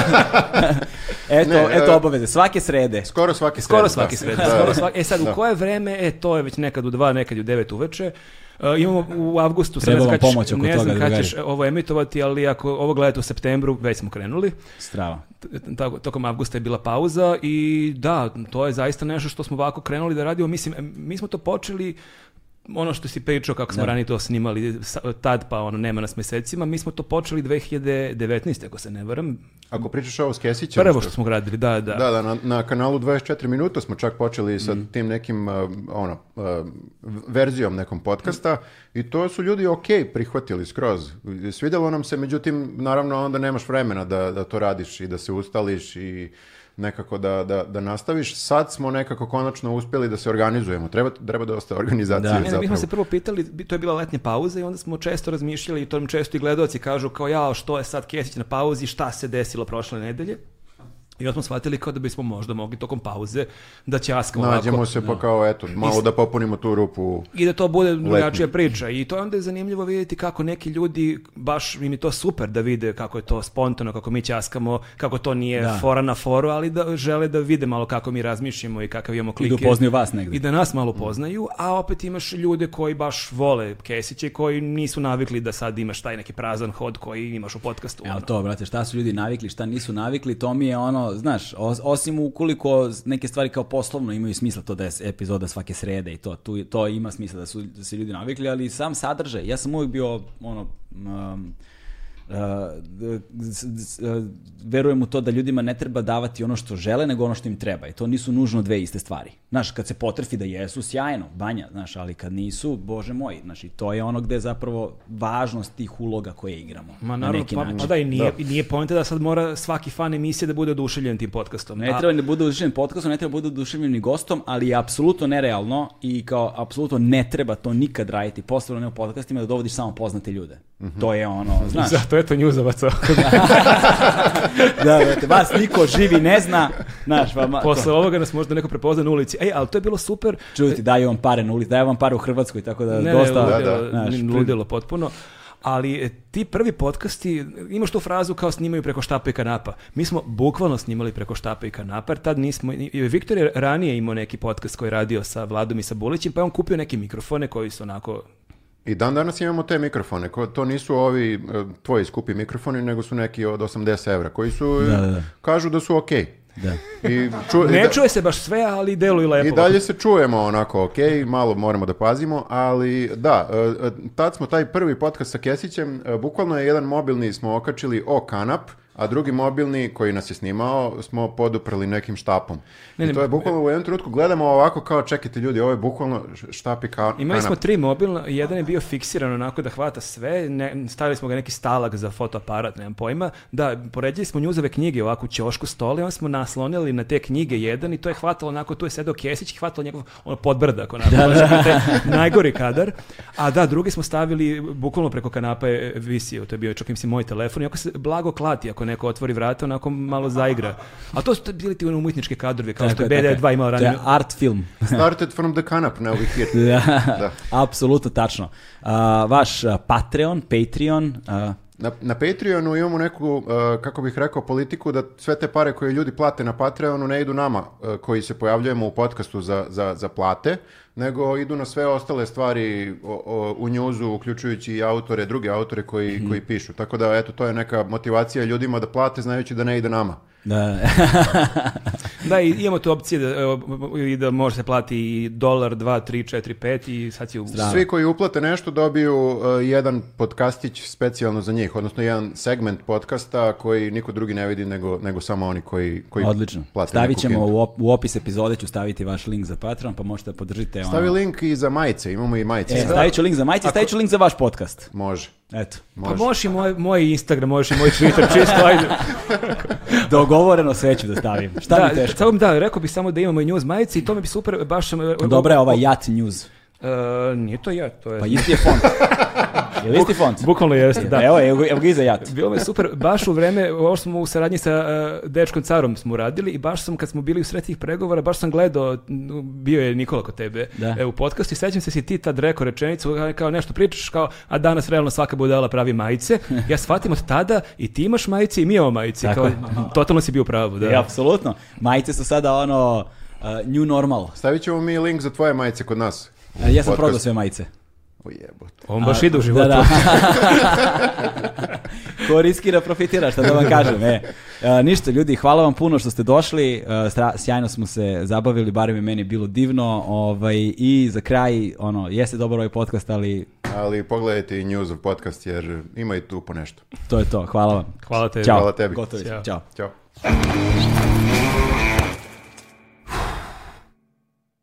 Hmm.